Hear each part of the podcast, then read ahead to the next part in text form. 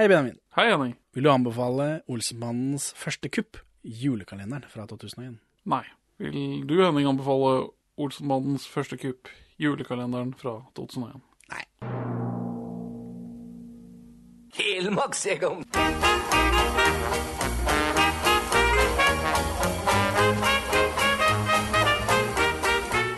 Perla for svin.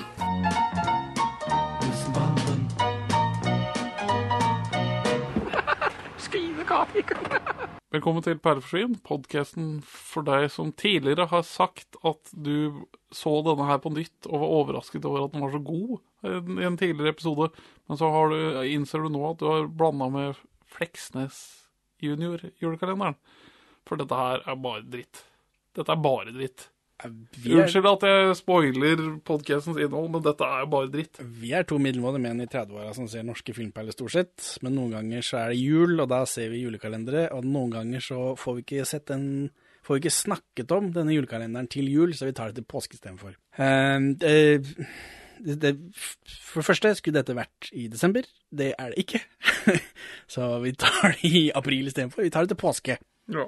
Eh, og så blir det litt annerledes opplegg, for nå blir det én episode om dagen i disse 24 episodene. Det var meningen vi skulle gjøre det i desember. Da gir det mening. I april gir det ikke mening. Nei.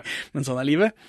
Eh, og så, hvis du hører på dette om et par måneder, så har vi vel bare skjøta sammen alle sammen i én eh, jumbo-episode. Så vi slipper alle disse intro- og utro-greiene hver eneste gang. Og så slipper vi å, å fylle feeden til deg som hører på, med Olsmann junior-episoder. Ja, og det, det, vi skal i utgangspunktet kjøre Det blir episode for episode, ja. Ja, og du gjør fortsatt det, selv om det er april. Ja, ja. Så, eh, så sånn er det. Det blir én episode om dagen. Forhåpentligvis er de korte og lette. så jeg får klippet de. Ja. Ja. Eh, og så er det jo, det er jo meninga det skulle være en julekalender, da. Så det blir jo det blir ikke sånn at vi anbefaler hver eneste episode. Det blir litt Jeg har ordna noen greier, da, vet du. ja, så bra. Så hvis dere lytter på dette i ettertid, så har vi klippet ned til én episode. Jeg har tatt ut bare intro og utro og sånt, og ikke noe interessant. Nei. Så er det denne anbefalingsgreia som vi har på begynnelsen. Den funker heller ikke i lengden når det er 24 episoder og alle bare glir i hverandre. Eh, så jeg har ordna noen alternativer.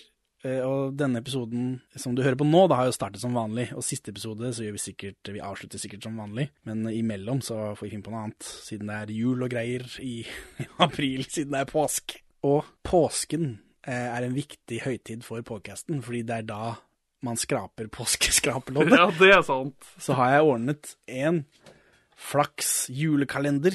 Ja. Eh, eh, dessverre så er ikke dette skraping. Jeg ble veldig skuffa da jeg kjøpte den, faktisk. At ikke det var skraping. Men det- det er jo sånn du åpner luke, da. Oh, ja. Så hvordan gjør vi dette sånn rent juridisk sett, hvis det blir Det er jo jeg som har betalt for den. Ja. Så det er di, det er, det, det, dette er ditt eh, påfunn. Ja, Så jeg tenkte vi skal åpne det da, i, liksom, i begynnelsen av hver episode. det, det er jo ikke påske uten. Det er jo ikke påske uten flakslodd. Nei. Det påskeflaksloddet. Dette er noe vi etablerer i episode fire eller noe sånt av podkasten. Fjols til fjells eh, 2020, rett før eh, koronaen. Den ligger jo nå bak Eller bak. Den ligger på nettsida vår. Ja, det passer jo litt inn, for det er vel noe snakk om pengelotteri og sånt i Ja, det er det også. Men du kan jo begynne med å åpne denne luka. Ja, men uh, ikke hvis jeg ikke, ikke har noe å tjene på dette. Da får du åpne et eget flakslodd. Ja, men det er jo du som har eh, Tradisjonen er jo at du skraper. Ja, greit, da. Luken er jo åpna allerede. Ja, den har ligget i sekken i flere måneder, Benjamin. Jeg har jo planlagt dette til desember. Da åpner vi Flaks julekalender, vinnersjanse hver dag. Vinn inntil én million til jul. Oi, oi, oi. Eller etter jul til påske. Én. Da åpner vi én. Ja. Det er et bilde jeg ikke klarer å tolke. ja, bra. Det har ikke noe å si. Vi må sikkert ha flere rette. Eller altså flere like. Å ja, skjønner. Så eh, Vi pleier også å gi hverandre sånn eh, firkløversjokolade og sånt, og for å ønske hverandre hell og lykke. Det er en burning-referanse, for der også har det noe Ja. sånne meningsløse produktplasseringstradisjoner. Men så er det denne, denne julekalenderen, da. Første episode. Jeg har sett dette på disk, som sagt, så jeg slipper intro og utro hver eneste episode. Jeg vet ikke hvordan du har sett dette? Jeg har sett det på piratkopi på YouTube. Ja, så da får du intro og utro hver gang. Og, eh, og Spice fra den originale Dette er rippa fra den originale sendingen, tror jeg. Ja, fra TV 2. Så jeg, jeg vet når episoden har blitt utsatt pga. håndball-EM for kvinner. ja. Eh. Og det virker som folk blir veldig sure pga. det, for hallo-damen er sånn Men i morgen så blir det ikke noe rot. Ja, fordi du å kødde med liksom leggetid til barn og sånt og det er vanskelig, vet du. Eh, Men det åpner da på stiftelsen Lykkebos julefond, hvor en mystisk mann med bowlerhatt åpner et pengeskap og tar ut en rød koffert. Dette kjenner vi jo. Men det er ikke Egon denne gangen, da. Det er en annen fyr. Han caller, det viser seg å være Hallandsen, da. Han caller på sekretæren sin og sier at alle medlemmene av barnehjemmet Barnehjemmet Lykkebos julefond må kalles inn. Det haster! Og så får vi introen. Så dette er første gang vi får se introen. Det er en hånd med oppvaskhanske, og eneste gangen da for meg, heldigvis. Hånd med oppvaskhanske som åpner en Frans Jæger, og inni der så får vi en sånn der goosewalk av unge Olsmannen. Eh, og så har de mashet Olsmannen-theme med Deilig er den himmel blå.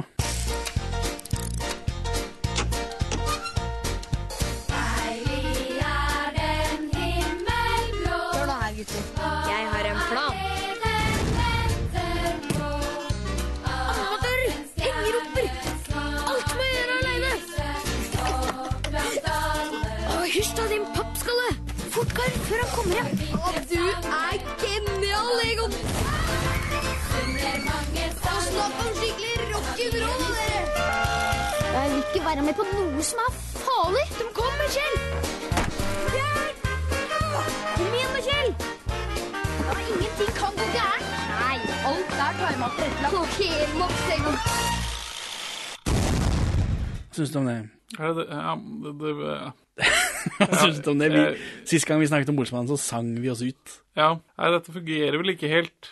Nei, jeg syns ikke det, det ligner jo ikke i det hele tatt. Nei.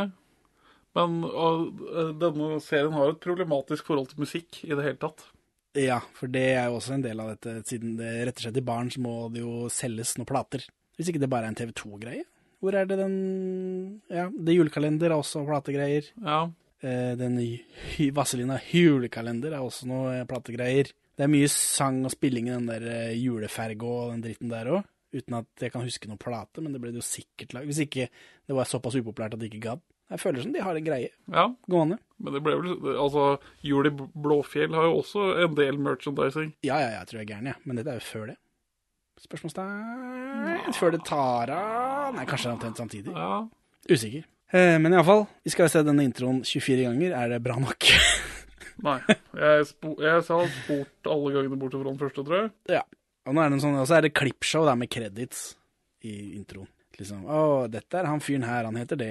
Jeg syns det er teasete og fint, faktisk, har jeg skrevet her. Selv om Ja. den låta er helt forferdelig. Så den teaser fint i starten. Eh, og så er det sånn bygård. Kjell sitter på kjøkkenet og gjør matte. Kjersti Holmen er mor. Hun heter forresten Gudrun. Ja, du har jo en greie for Hvem har vel ikke en greie for Kjersti Holmen? Men spesielt du, da. Fred. Eldre Kjersti Holmen. Fred være hennes minne. Ja, hun er dau. Dau som en sild. Eh, men hun heter Gudrun, så da vet vi det. Faren, eh, mora til Kjell heter Gudrun. Ja, hva heter faren til Kjell, da? Basse. Men det vet vi jo fra før av, fordi Gjør vi det? Ja, det blir nevnt at eh, Basse er oppkalt etter faren til Kjell, og Basse oppkaller jo også sin sønn etter sin far. I hvert fall i Danmark. Jeg vet ikke om han får noen i uh, Norge som de gidder å navngi. Uansett. Jeg kjenner, jeg kjenner et par familier som er sånn at De bare bytter på. Ja. Ja, det er jo helt greit. eh, helt greit. Helt greit. Og jeg er jo Benjamin, sønn av Benny. ja. Kjempeflott. Altså, det er jo bare idioter som kaller opp barna sine etter seg selv. Ja, enig. Kjersti Holmen som mor, ja. Um, Trond Brenne er bassefar. Kjells far heter Basse. Han er også død. Trond Brenne. Ja, jeg elsker stemmen hans. Ja, han er jo mye brukt stemmetype. Vi kommer til å møte mange døde skuespillere her. Damn, har jeg skrevet. At det, liksom, det er jo ingen av disse som har overlevd. Curse of Olsenmannen julekalender. Kan hende. For, for Kjersti Holmen og Jørgen Langhelle døde vel sånn nesten Døde vel ganske nær hverandre og veldig eh, overraskende og unge. Hun er jo 60 noe, da, men allikevel overraskende. Før forventet levealder på rundt 82 år. Ja. Så da tenkte vi, ah, eller jeg tenkte da, skal vi liksom se et eller annet og snakke om de og hylle de på en eller annen måte. Hvor, de- hvor har de vært sammen? Bare her. Ja. Ja, ok, glem det da. Eh, Trond Benne har nissedrakt på, så julestemningen er på topp. Og så kommer Benny inn eh, og spruter på Kjell med en sånn blomst med vann i som man har i tegneserier. Ja, for Bennys fremste kar karaktertrekk er jo disse humorartiklene. Ja, Det er jo det som definerer han. her. Ja, I, ja jeg, jeg, hadde, jeg mente det mest som humor, men så ble det inni meg også en litt sånn kritikk av Olsen, senere Olsenmannen. Av Olsenmannen senior, ja. Ja. ja. Disse latterboksene med danske flagg på. ja. Men det er senere, senere seniorbande. Før dette så er det noe eh, Ladies Man. Ja, Det er, det, det er jo den Benny man husker, ikke er det det? Som barn, det er jo sånn Som Jeg- har snakka mye om, så er Olsmann barneminner, og jeg husker han som Ja, ja, men- tullefyr. Jeg husker ikke han som fittetyv. Nei, jo, jeg, hus, jeg husker, husker Tror jeg husket Benny som den kule. Ja, Og da er man jo fittetyv. Nei, kul Hvis du er kul, da har du en av hver av alle disse Disse fake tenner, fake briller, sånn sigarett som det kommer røyk ut av. Det- I det, husker du det racket som Ja, du snurrer rundt åh. med sånne der, eh, joke-artikler med hundebæsj og, og sånt noe? Hvis du har en av hver av de, da er du en Jeg morsom husker det fyr. ikke så godt, altså. ja, jeg også. Det var jo borti det hver eneste gang. Det er lite av det jeg egentlig kjøpte. Sånn tyggegummipakke som slår deg over fingra. Men de siggene og er overbevisende. Ja. Ja, De gløda òg, tror jeg. Jeg lurer på åssen de fikk til det. ja, jeg skjønner ikke. Uansett, da. Det her, vi får vår første helmaks. Skikkelig helmaks er det. Så i kronologien Olsmannen så er dette den aller første helmaksen. Og så bare et sidespor. Olsenmannen junior er jo ikke Det er jo en dårlig tittel, for de er jo ikke barna til Olsenmannen. Nei, men det heter ikke Olsmannen junior heller. Her. Nei. Det kommer senere. Så sånn er det. Det heter jo bare Olsmannen første kupp. Så vi får vite at faren til Benny selger blomst, sånne vannblomster og prompeputer og den dritten der. Så da får vi litt familiebakgrunn på han også. Det var en stund jeg prøvde å telle helmakser, men det detter ut eh, ganske fort. Her er det mer helmakser. Vi har ikke så mye materiale å leve seg på. Nei. Bare 14 filmer. 28 filmer. Enda mer hvis du tar med de svenske. Eh, Trond Brenne jobber på kjøpesenteret som nisse. Var det sånn på 50-tallet? I Norge, jeg tviler. Det tar litt tid før amerikansk kulturimperialisme begynner å kicke etter Marshall-hjelpen. Jeg tror også det er, ikke stemmer, men så, her er det jo eh, et helt lag med sånn kjøpesenternisser som de liksom Jeg tror dette er anakronistisk. Det kan hende. Det er mye greier om at de har dårlig råd, familien Ja. Jensen her. De driver også kolonial i samme huset som de bor i, som er sånn koselig 50-tallsaktig. Jeg antar det er 50-tallet, dette. Ja, og det er jo anakronistisk i seg selv, da, for så vidt. Det er det, er det liksom Si det er 20 år, da, til, til vi møter de første gangen. Ja, det fungerer jo ikke helt. Al Det går med Harry. Er ikke han noen og 30? Jo, Og, eller er ikke han 30 omtrent? Nei, det kan ikke stemme. jo, jo han er, han er altfor ung til hvor død man er når vi først møter han. Men, men hvorfor sette det på 50-tallet, og ikke liksom bare ta 20-tallet, liksom? Hva, hva, hva er det man trenger? Er det sånn å, de må ha, det må være Men vanlig å ha 20-tallet så er det jo spedbarn, da. Da blir det enda mindre. Det blir sånn uh, Olsen Babies. Ja. Ja, Muppet Babies, Olsen Babies. 30-tallet passer kjempefint. Ja, 40-tallet er jo du veldig interessert i, at, hva de gjør for noe. Du lurer jo. Helmaks og helmaks. så. Kjell har et lite bilde av Valborg som Ben reagerer på, eh, om liksom han har blitt heit på Valborg, som han sier. Og så går de ut på gata, og her ligger Biffen i bakhold med to minions. Dette, Knut og Jonny. Og de kaller han Biffen. ja, dette er første gangen Biffen blir kalt Biffen i noen som helst. Kan virke sånn. En lytter har vært ute og bekreftet. Ja, men det står jo også i, eh, i manus må ha gjort, fordi han kaller seg selv Biffen. På et Ja. Det kommer fra et sted. Eh, han snakker norsk, da, som er rart, for han har jo alltid snakket dansk. Ja, Så det skjer noe på veien der. det ja, Biffen er jo mer en idé enn noe fast. Ja, det er jo korrekt. Ja, for, hva, hva, Han er jo knapt med i Norge. også, De har vel prøvd å gjenskape stilen hans, men ikke helt fått det til. Jeg vet ikke, han har skinnvest, og så har han den der sånn, hva heter sånn prikkete For den prikkete genseren, det bruker jo protobiffen. Ja. Så her har de blanda inn protobiffen og så skinnvesten til uh, ordentlig biffen. Ideen Biffen.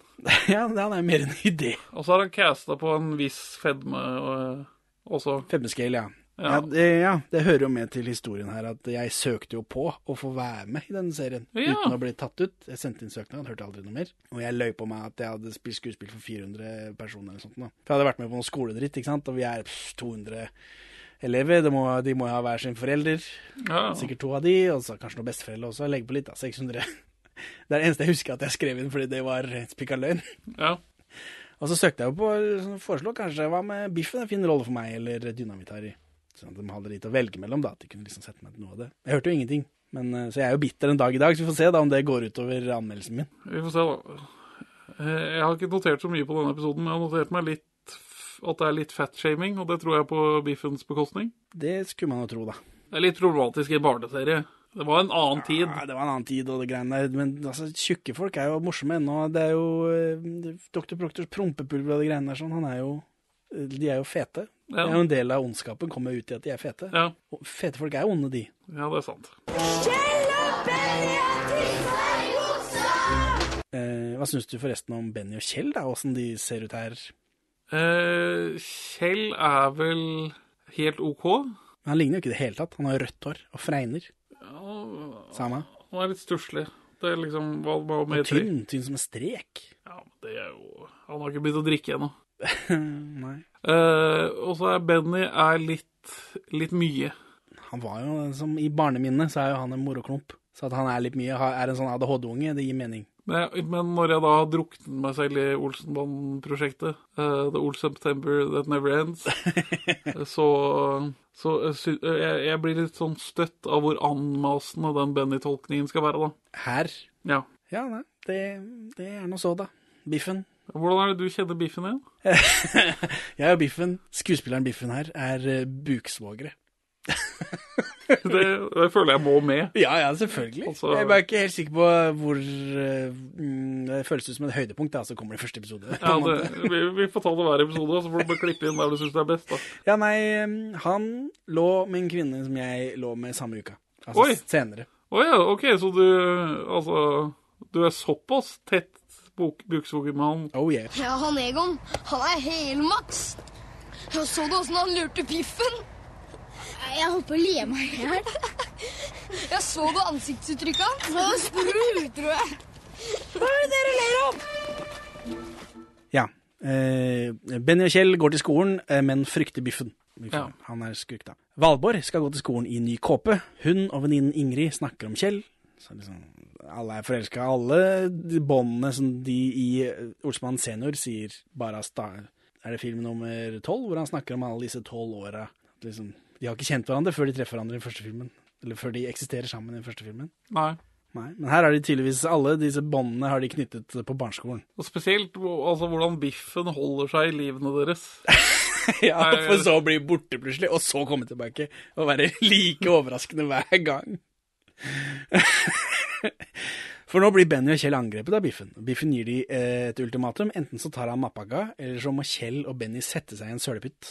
Og så Kjell har med seg en bamse her, som heter Trulsemann. Som jeg trodde skulle være noe. at Den dukker opp ved gjennom mellomrom, men den blir aldri brukt til noe. Så da velger de sølepytten, så de setter seg da i en sølepytt. Ja ja, de er kuet. Kuet og alene, de trenger en leder. Det er korrekt. Så ringer de inn på skolen. Biffen skriver på tavla at Kjell og Benny har tissa i buksa. Humor. Jørgen Langhelle, død som han er, kommer inn uten dialekt. Han er jo egentlig fra Haugesund eller noe sånt. Eh, Han er lærer og deler ut prøver. I klasserommet så blir vi også introdusert for en klein fyr som heter Herman. Og dette viser seg å være sønnen til Hermansen. Herman Hermansen. Dette er tredje navnet Hermansen har. Ja. Altså, dette viser seg da å være Hermansen vi kjenner, så vi, som er sønnen til en annen politimann som heter Hermansen. ja. Så nå er vi på tredje navnet på den Hermansen vi kjenner. For ikke å nevne det dårligste. At han bare skal- Herman Hermansen. Ja, ja, det går ikke. det, altså, det er svakt. det, det er jo for at vi skal forstå hvem det er. Men, Ja. det, men det gir jo ikke noe mening. Sverre Holm, han som spiller Benny, er jo med og tilrettelegger dette til norsk. Nå har vi ikke sett de danske. Kan hende han heter Herman Hermansen der også. Eller det gjør han i hvert fall ikke, for der er det Jensen. Jens Jensen. Det kan hende Jeg vet ikke. Kriminalbetjent. Og dette er jo da Olsenmannen laget spesifikt for det publikummet som har sett det på TV 2 på 90-tallet, er det ikke det? Jo, det skulle man jo tro. Og så prøver man å nå frem til de yngste som ikke fikk med seg de TV-visningene. Det er jo en målgruppe mellom fire og elleve år. kanskje? Familieserie, kanskje? Altså, det er jo Det er jo- jula, det er koselig å sitte sammen med barn og sånn. Ja, ja. For dette er jo mens TV var en koselig familieting. Ja, noe, jo- i, I skjermer ikke var noe vi skyr. Så, og så virker det som læreren hater Benny allerede. Jørgen Langhelle har noe han skal ta Benny av en eller annen grunn. Så kommer rektor inn og introduserer Egon Olsen, omtrent uten fanfare. Det er bare 'Her er Egon Olsen, hei'. hei. Ja, hei. Sånn, videre i serien. Har ikke tid til dette, har ikke tid til å introdusere sjølveste Egon Olsen ordentlig. De i klasserommet klapper da, i hvert fall, så det er jo noe. Og så har Egon en sånn Darestalker-hatt. Ikke denne bowleren, ikke Ja. skalk. ja, for det har vi jo blitt hinta til i første klipp her. Ja. Hvor bowlerhatten skal komme fra. Jo, men han har den. Altså, På et tidspunkt så bruker de vel, brukeren bruker han den bowlerhatten litt i forbindelse med å lure et eller annet. Men så går han tilbake til den deerstalkeren, og da han slutter med den også. Vi får ikke noe, vi får ikke noe introduksjon på det. I, altså i siste episode? Ja, Altså som i introsekvensen til Indiana Jones 3, liksom. Ja. Det er litt sånn. Han bruker hatt, men han har ikke fått sin hatt ennå. Ja. For han har ikke funnet sin rolle i verden. ja, det er en annen ting, er at alle disse barna bruker hatt inne. Alle barna vi kjenner. Det hadde du fått juling for eh, på 50-tallet. Ja. Ja, jeg tror ikke Jørgen Langer hadde godtatt at du hadde lue på inne, liksom. Nei, nei, da ble det spanskrøre over fingra, liksom. Egon blir plassert ved siden av Kjell, da. Og så klipper vi over til Løk Lykkebo. Her er det møte, menn i dress. Eh, Det blir ikke noe juletrefest i år, for det er ikke mer penger igjen, fordi styret har dratt på så mange turer, så da må de rømme landet for ikke å komme i fengsel. Og for å få råd til å rømme landet, så skal de jobbe som julenisser på kjøpesenteret for halv pris, og så eh, bryte seg inn på julaften hos disse barna som de har bedt legge ut nøkkelen. Og så ta gaven deres og så selge det til et eller annet eh, jeg vet ikke, amerikansk konglomerat. Det virker ikke som en spesielt effektiv plan. Nei, men det er jo Mye logistikk som skal falle på plass. Ja, men det er jo, viser seg jo eh, Ja, det viser seg for det første at, disse, at han, eh, sjefen skal lure alle sammen, da. Men, men han må lik- allikevel selge leker til noen for å få det Nei, samme. Det er julenisse-barnegreier. Så det er stakkars bassefar, selvfølgelig, da. For han er julenisse på kjøpesenter. Og her er det en, et galleri av uh, snevre norske skuespillere. ja, hva tenker du på? Nei, det er bare ma- mange av de som Jeg kjenner ikke noen av dem, bortsett fra han eh, Hermansen, da, for han kjenner jeg fra De syv søstre. Familiesagaen De syv søstre. Han spiller han voldtektsmannen som viser seg å være trillinger. For, jo, for han blir drept. Først er han voldtektsmann, eh, og så blir han drept, og så er det mystisk lenge, og så så plutselig så dukker han opp igjen fordi han er tvillinger. Og så enda senere så Å, faen, kommer det enda en? Jeg husker ikke hvor det ble av han første tvillingen, om han ble drept han òg. Det har vært kjempemorsomt. Men eh, ja, jeg kjenner igjen han. Ja, jeg husker ikke hvem jeg kjenner igjen i farta, men det er, det er, det er vel tre av dem jeg føler at jeg har sett i biroller her og der. Ja, for dette er regissert av Arne Linternes, eh, og for så vidt eh, ah, Fuck, nå står det helt stille. Det, det er Kjerringa til Toran Mærstad. Mari Mørstad. Nei, nei, det er søstera hans. Uh, men de har regissert dette sammen. Og Arne er, var jo med i eh, Ikke bare er han en Hotell Cæsar-type bak kamera, men han er også en uh, familiesaga. De sier søstre foran kamera. Dette snakker vi om i Farlig yrke. Eh, Helma Sigurdsson. Eh, At han er mitt første møte med homofile kyssing. eh, Med Gay for Pay. Eh, Men iallfall så flere av disse som er med her er med i serien, da, er jo trukket ut fra begge disse. Altså, det er en del overlapp mellom Familiesagaen De syv søstre og Hotell Cæsar, og det er en del overlapp med begge de og julekalenderen her. Ja, Så det er sånn det går. det er sånn det går. Så er vi i klasserommet, da, hvor, eh, hvor Egon, Kjell og Benny blir bedre kjent. Egon snakker om denne juletrefesten, om hvor flott den er, da. For han bor jo på barnehjem og har det litt trist, tydeligvis. Eh, og så utfordrer Biffen Egon til håndbak, og Egon får en prompepute av Benny eh, og setter ut Biffen med den, så han, han, eh, han vinner, da. Og på vei hjem fra skolen så står Kjell og Benny og ler av Biffen, men så kommer Biffen og truer dem og erklærer krig mot Egon. Som jeg ikke syns kommer helt igjen. annet enn- Han er jo etter dem hele tida, men det var noe før òg. Ja, Bassefar kommer hjem, han har fått sparken, dårlig stemning. Benny prøver å trøste, og Egon kommer innom, og så drikker de Solo. Så, putt, ja, ja. ja. Eh, ikke øl her. nei. Dårlig. Egon har fått beskjed fra barnehjemmet eh, om at pengene er blitt borte på brevpapir og frimerke og sånt noe. Men Egon har en avis hvor en gammel enke har gitt julefondet en million, så han mistenker underslag. Driftig type. Så de skal bryte seg inn på julefondet, da. Og så er det episoden slutt. Denne episoden virker å være dobbelt så lang, siden det er første episode. Ja, Så over nyttår har jeg skrevet her før nyttår, så skal vi røske opp litt i feeden og fjerne disse gamle episodene våre. Så i forbindelse med det så har jeg laget en liten quiz om disse første 27 episodene. Jeg skal teste deg på, da, så vi har noe å avslutte disse endagsepisodene med. Hvilken episode får vi opplæring i hvordan man gjør meteorologiske målinger av rektoren i julekalenderen her. Episodenummer og film, da, selvfølgelig. Og um, episodenummer har ikke sjans, men det er Farlig farvann. Det er Farlig farvann, episode åtte, så den finner man altså på nettsiden vår. Ha det bra, Benjamin. Ha det bra, Henning. Hei, Benjamin. Hei, Henning. Uh, ja. Nå er jo dette denne julekalendergreiene, så det å anbefale hver eneste episode er dødfødt. Men eh, du kan jo åpne luke to i julekalenderen istedenfor. Ja. Uh, I vår jule-, påske-, skrapeloddskalender. så det er ikke noe å tjene på å del- delta i. Kanskje, kanskje det blir bedre stoler i studio. Ja, det, eller mikrofon. Kan du sende mynten? Ja, fordi sist, eh, sist gang her i går, så skjønte ikke du at det gikk an å skrape. Jeg klarte ikke å er- skrapeloddkoden. Her er det et rart bilde. Ja, men det er fordi du skal skrape bort det bildet. Så jeg også trodde jo heller ikke at det var skrapelodd. Jeg ble Ja, men jeg, sa, jeg, jeg kommuniserte jo til deg at det er bare sånn Det er bare et eller annet bilde jeg ikke forstår bak her. Fordi det er Ja, men det skal jo bare er- være Det skal jo være ett bilde, og så skal du samle antall bilder, ikke sant? Ja, det var det, Det du sa. Ja, så jeg, men jeg så jo ikke den kalenderen. Du har ikke vist den til meg. Du sa det bare der var det et bilde jeg ikke skjønner noe av. Ja, det er greit. Hvis vi får åtte sånne, så har vi sikkert vunnet noe, tenkte jeg. Jeg, jeg, bla, jeg blæsta ut eh, to hundringser der. Ja, for nå skraper du den fra i går. og så ble det, det ble stjerne og 200. Så det Jeg må lese reglene nå. da. Hvis vi får ti stjerner, så vinner, vi, vinner du 50 000 kroner.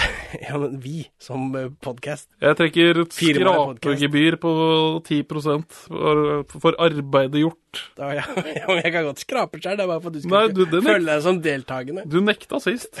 Ok. Og nå, nå har jeg starta jobben. Jeg får ta det gjennom LO-et. Jeg klarte ikke å åpne luka engang. Nei, nå er det luke to. Ja, nå er det luke to. Ja, du må jeg... annonsere hva du driver med, vet du. ja, vi er en sånn For det er tross alt en julekalender midt i april, dette. det det er jo ikke julestemning eller påskestemning uten. Det skrapeloddet, nei. Det ble ikke noen trepar like, og så ble det en pakke. Ja. Så da trenger vi bare ti pakker til, så vinner podkasten 100 000 kroner. Oi, ja, dette går så susser.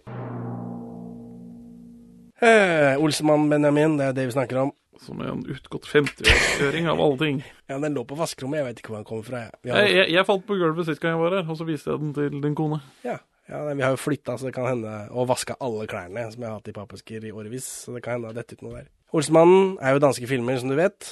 Det er korrekt. Eh, og med en gang eh, Med en gang de har lagd en film i Danmark, så begynner vi nordmenn å remake dem. Og dette pågår jo fra 60-tallet til 80-tallet, eh, og da slenger svenskene seg på med Jönssonligaen på 80-tallet, da.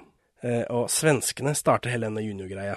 Ja. Ikke danskene. Med Lilla Jönssonligaen og Cornflakescupen i 1996. Og så lager de tre filmer fram til 2006. Eh, men ikke noe i Norge er en original idé, så i 1999 så lager danskene en Olsemannen junior julekalender. Olsen mellomrom bandens eh, første kup, da. Eh, og så lager de syv nye episoder til påska eh, i år 2000. Så ja, dette kunne jo faktisk vært en påskekalender. Så den eh, danske julekalenderen er altså på 31 episoder. Eh, uvant. Og så kommer det en dansk film da i 2001. Jeg har ikke sett disse, eh, verken de svenske eller danske, men jeg har sett bilder fra de, og de Altså de danske, da. De, og de svenske sceneversjonen vet jeg jo ikke hvordan ser ut, jeg har ikke noe forhold til dem. Men den danske sceneversjonen har jeg jo et farlig godt forhold til nå. Ja. Og den danske juniorversjonen har barneskuespillere som ligner på den originale banden. Jøss. Mens det har vi driti i i Norge. Ja. Vi Vi skal vel bare ha barn som tar eh, regi. vi dreit vel i det fra start, egentlig. Ja, ja. Altså at med norske skuespillere som ligner på den originale banden også, altså. Ja, ja, men altså men den, om den juniorversjonen hadde For det her er, det er jo barn, ikke sant. De har noen trekk. Du kan se liksom Ja, jeg ser hva dere tenker på, dere som har gjort dette. Mens det hoppa og dreit i i Norge. Det ble for vanskelig, antar jeg. Så, og de svenske så har jeg jo ikke verken sett junior eller senior, så det kan jeg ikke uttale meg om. Om de ligner eller ei. Så det var det jeg skulle si i dag, før vi hopper rett inn i episoden. Oh yeah. Episode to. Det ringer inn på skolen i andre episode her. Benny og Kjell skal finne ting til kuppet. Herman, klein som han er, eh, sier at ærlighet varer lengst, og at de er forbryterspirer. Så er det Herman Hermansen, da. Ja. Han het Carl Leopold i en film, og så het han Viggo i en annen film, for han er basert på to forskjellige karakterer. ja. Men her, altså, nå har vi et tredje navn på politibetjent Hermansen. Herman. Og hvordan, men hvordan skal man få det til kontinuiteten, at de kjenner hverandre fra barnsben av? Altså, igjen, Sverre Holm er med og ad adapterer dette. Jeg antar han har stålkontroll om kontinuiteten. Om Bibelen, Olsmann-Bibelen. Jeg tror de driter i det, rett og slett. Ja. Eh, nå sitter Egon i et tre utenfor barnehjemmet, hvor han speider etter koden på pengeskapet. Dette er jo ikke i henhold til senere opptatt teknikk. Nei, eh, men han har jo litt å lære, da. Han er jo bare barnestakkars. Hjemme hos Kjell så tvinger Kjersti Holmen bassfar til å gå ned og tigge tilbake jobben sin, for han har jo mista jobben da eh, disse tullenissene tar jobben hans. Han har blitt, ja, han har blitt utkonkurrert på pris Ja. av disse tullenissene, og uh, Det sier noe om, jeg sier enten noe om konsum uh, for samfunnet vi lever i. men, Nei, nei, og det, er det- det som er Nå hadde jo serien passa bedre på 30-tallet. Altså, nå er vi jo i Arbeiderpartiet Norge, hvor eh, jeg antar arbeiderne har i hvert fall opparbeidet seg noen rettigheter. Vet vi når dette er? Eh, jeg, jeg, jeg føler at den eh, signaliserer etter Jeg mener jeg har hørt det eller sett det. eller Ja, de, og de har radioer fra etter krigen, i hvert fall. Jo, jeg mener det skal være på 50-tallet, men eh, Ja, de hører vel noe på rockemusikk og greier. Det må jo være sånn 1956, et best. eh, Kjell og Benny tar kontakt med Toral Maurstad i rødhåret parykk, død som han er. Stakkars RIP, Toral Maurstad. Din nære venn Toral Maurstad. Ja, altså, nær Din brevvenn. Min, min sendt brev og mottatt brev en gang. Venn. Han har skrevet en personlig melding til deg. To, faktisk. To? Han var så gammel og rar, så han skrev på det, den pappen som jeg stivet opp eh, de- det jeg ville han skulle signere. Også. Det hyggelig. De er ramma inn. Ja, Vi blir nødt til å stikke, vi. Stikke? Nei, den stikker nok ikke her den ligger. Vi må stikke på do. Hva? Å ja, ja, selvfølgelig. Selvfølgelig. Ja, det må jo også gjøres iblant. Ja, jeg skal nok finne ut av det. Her må vi gå systematisk til verks. Jeg har jo jeg har jo dette brevet. Jeg har en lang tirade på Toran Mersa. Skal vi ta det nå midt i denne julekalenderen? Nei, det har vel du gjort det to-tre ganger allerede, har du ikke det? Nei, men jeg tenkte jeg skulle lese det brevet. Jeg har ikke gjort det. Nå som han er død og du eh, kan spille ja, alle hans hemmeligheter. Ja, eller jeg sparte dette Jeg hadde egentlig spart dette til vi skulle feire hans død, hvis det går an å si det. På en sånn, eh, sånn som de gjør i andre kulturer. Feire hans minne. Feire hans minne. Sånn, ja. Vi kan ta dette Tora Maurstad-brevet mitt da, da vi først sitter her, eller? Ja, Det blir denne episoden litt lengre enn jeg hadde planlagt. jula er en tid for minne. Jula og påsken. Eh, jeg, for jeg skriver jo brev. De som følger med på Twitter, vet at jeg skriver til folk. Sender de DVD-cover, og så ber de signere, og så sender de tilbake ofte. Nesten hver eneste gang. Noen gjør ikke det. Og noen blir kjempesinte. Eh, Noen blir kjempesinte. Én blir kjempesint. Én blir kjempesint. Stort sett så syns de det er hyggelig at noen bryr seg om det de driver med. Eh, Bortsett fra Lars Mjøen, Som er som ble eh, rasende på at jeg vågte å sendte noe som han måtte gå på posten for å hente, tror jeg. Ja. Hvis han bare hadde fått det posten, så vet jeg ikke hva, om han, hva han hadde gjort. Om han bare hadde revet i stykker og sendt det tilbake, sendt det tilbake i biter. Dette har jeg ikke bedt om! Eh, men iallfall, jeg skriver, da. Nei, eh, to sek. Eh, En til på Lars Mjøen. Jeg ser på at han, på postkanalen hans er det sånn kjempestort nei takk til reklame. ja. Men dette til Tora Maurstad var første gangen jeg gjorde dette. Ja. Så det var før, før, ja. jeg, før jeg var dreven. Før jeg var durkdreven. For du hadde lært deg at de trenger litt hjelp. Ja, altså En ting jeg lærte av dette, var jo at du må sende med tusj. Hvis ikke så får du signert med kulepenn. Og det ikke, tar seg ikke like bra ut. Nei, for blant dere autografjegere så er det, er, går det i sånn sølvpenn av noe slag, gjør det ikke det? Sølvtusj? Jeg sender sølvtusj fordi jeg ofte sender mange covere, og den sølvtusjen går til det meste. Men hvis du, har et, hvis du bare sender ett hvitt bilde, så er det jo penest med svart tusj. Altså, men hvis du sender uh, bilde av eh, Triana Iglesias i sånn sølv-Tomb Raider-drakt, så kan det hende at det går dårlig for deg. Det er det ene tilfellet som hadde skjært seg. Ja, da ville jeg jo brukt en svart tusj, da. Men sånn Hvis jeg bare sender det, så bruker jeg svaret. svart. Så da sender jeg av gårde den svarte tusjen. Men hvis jeg skal sende med tre-fire bilder da, hvor det er forskjellig farge og sånt, så pleier den sølvtusjen å gå til det meste. Så derfor gjør jeg det. Eh, men det lærte jeg her, da. Det, det må jeg gjøre. For av han så fikk jeg tilbake med noe rød sprittusj og noe kulepenn. så pytt pytt. Men jeg åpner dette, for jeg, og så skrev jeg også et langt brev. Nå skriver jeg gjerne en notis eh, uten å forvente å få noe svar tilbake. Men Ja. her skrev jeg et langt brev, for jeg håpa han skulle svare på alt jeg lurte på. Ja, for du har, du, du har nå mange ubesvarte spørsmål Ikke for å spoile, så har du mange ubesvarte spørsmål til Torald Mørte. ja, det husker jeg ikke, for det er lenge siden jeg har lest dette brevet. Men jeg vet jeg har i hvert fall ett som jeg aldri kommer til å svare på, for jeg tror det er et reinspikka løgn fra bøkene hans. Ja. Jeg åpner med kjære Torald Mærstad, selvfølgelig. Jeg vet ikke om du får mange fanbrev om dagen, men her kommer i hvert fall ett. Sånn åpner jeg alle brev eh, som jeg skriver da. Og så skriver jeg hvem jeg er. Henning, 32, bor i Moss. 32, dette er jo et par år siden. Jeg har hele livet vært interessert i film. I de siste par årene har jeg fått øynene opp for norsk film, og konsentrert meg mer om det, som jo stemmer. Norsk film har gått gjennom så mange spennende perioder, og jeg finner stor glede i at det fortsatt finnes mennesker, som deg selv, med tilknytning hele veien tilbake til starten av filmmediet i Norge. Jeg må smøre han litt, da skal jeg få svar på disse tingene jeg lurer på. Disse kritiske tingene. Eller, det er ikke kritisk heller, det er bare Jeg vet at du lyver i boka di. Kan du fortelle meg det? Eh, Det er en skam, og egentlig ganske rart, at ikke Alfred Maurstad står sterkere i moderne norsk populærkultur enn han gjør. Han var jo tross alt Norges første filmstjerne. Alle disse masseproduserte bildene av James Dean og Marilyn Monroe og sånt noe som man får på Ikea. Hvor er mitt Alfred Maurstad-bilde? Oi, du slår på stortromma. ja. Vi tar kanskje for lett på norsk film generelt. De kommer jo ut, de sees og glemmes. Hvis ikke det blir en av de få filmene vi ser i jula, da. Men det er ikke stort annet vi holder fast i, som på filmfronten. Nordmenn, altså. Eh, Det beste en 30 år gammel norsk film kan håpe på, er å gå på NRK en lørdagsformiddag mens folk er opptatt med andre ting. Det stemmer vel? Ja, det, det? er korrekt. Vi holder ikke av oh, er, norske filmer. det, det, det er tirsdagskvelden. Da er den store, flotte norske filmvisningen midt på NRK1. Ja. Det er mange dårlige norske filmer, da. Det skal ikke stå på det, men med over 100 år med filmproduksjon, så burde det være mulig å skrape sammen nok klassikere til å underholde folk resten av året også, annet enn jula, da.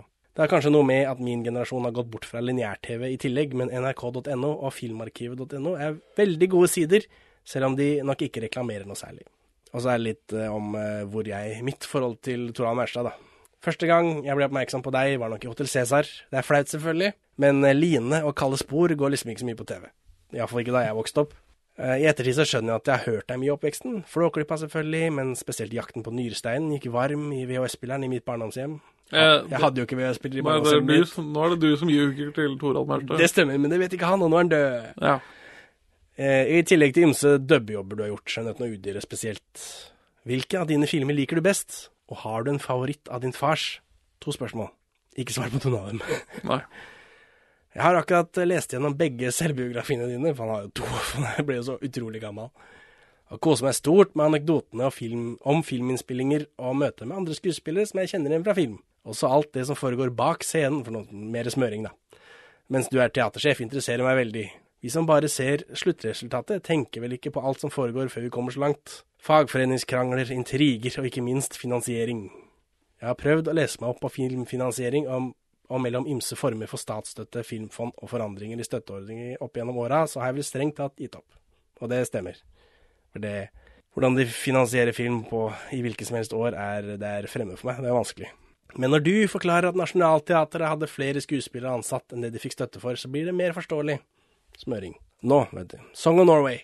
Det her, ja. Song of Norway fascinerer meg. Her kommer altså den store Hollywood-maskinen og banker på den lille stabbersdøra til Norge og vil lage overdådig musikal. Den poet. Ja. ja, med ekte Hollywood-stjerner, Hollywood-sanger og Hollywood-kostymer, men med en ukjent, i Hollywood, nordmann i hovedrollen. Eh, og så går det så ille som det gikk i tillegg, da.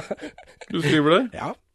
Mest på kritikersiden, riktignok. Ja, jeg bygge det opp igjen, da. Det er liksom, ja. Først har jeg vært litt ærlig, som jeg bygde opp igjen også. Mest på kritikersiden, riktignok. Song of Norway blir jo ofte dumpet inn blant titlene som får skylden for at de sluttet å lage disse enorme musikalene. Men Wikipedia forteller meg at den spilte inn omtrent det dobbelte av det den kostet å lage. Er din hovedrolle i Song of Norway den største Hollywood-rollen en nordmann har hatt? Spørsmålstegn. Stiller jeg. Dette er retorisk, da. Dette er ikke spørsmål til han. Jeg kom ikke på noen som kan måle seg. Liv Ullmann kanskje. Eh, Men selv om hun er god godt ansett, så er jo ikke Fårö det samme som Hollywood. Altså den lille drittøya til Ingvar Bergman, hvor han spilte inn alle dumme filmene sine. Aksel Hennie gjør tapre forsøk, men han har jo ennå ikke holdt en hovedrolle der borte. Og i hvert fall ikke en film med de samme ambisjonene som Song of Norway da. Jeg tror faktisk vi må helt tilbake til Sonny Hennie for å finne en nordmann som kan slå deg.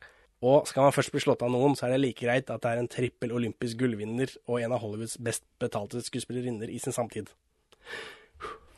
Ja, det er mye brev. Det er mye brev.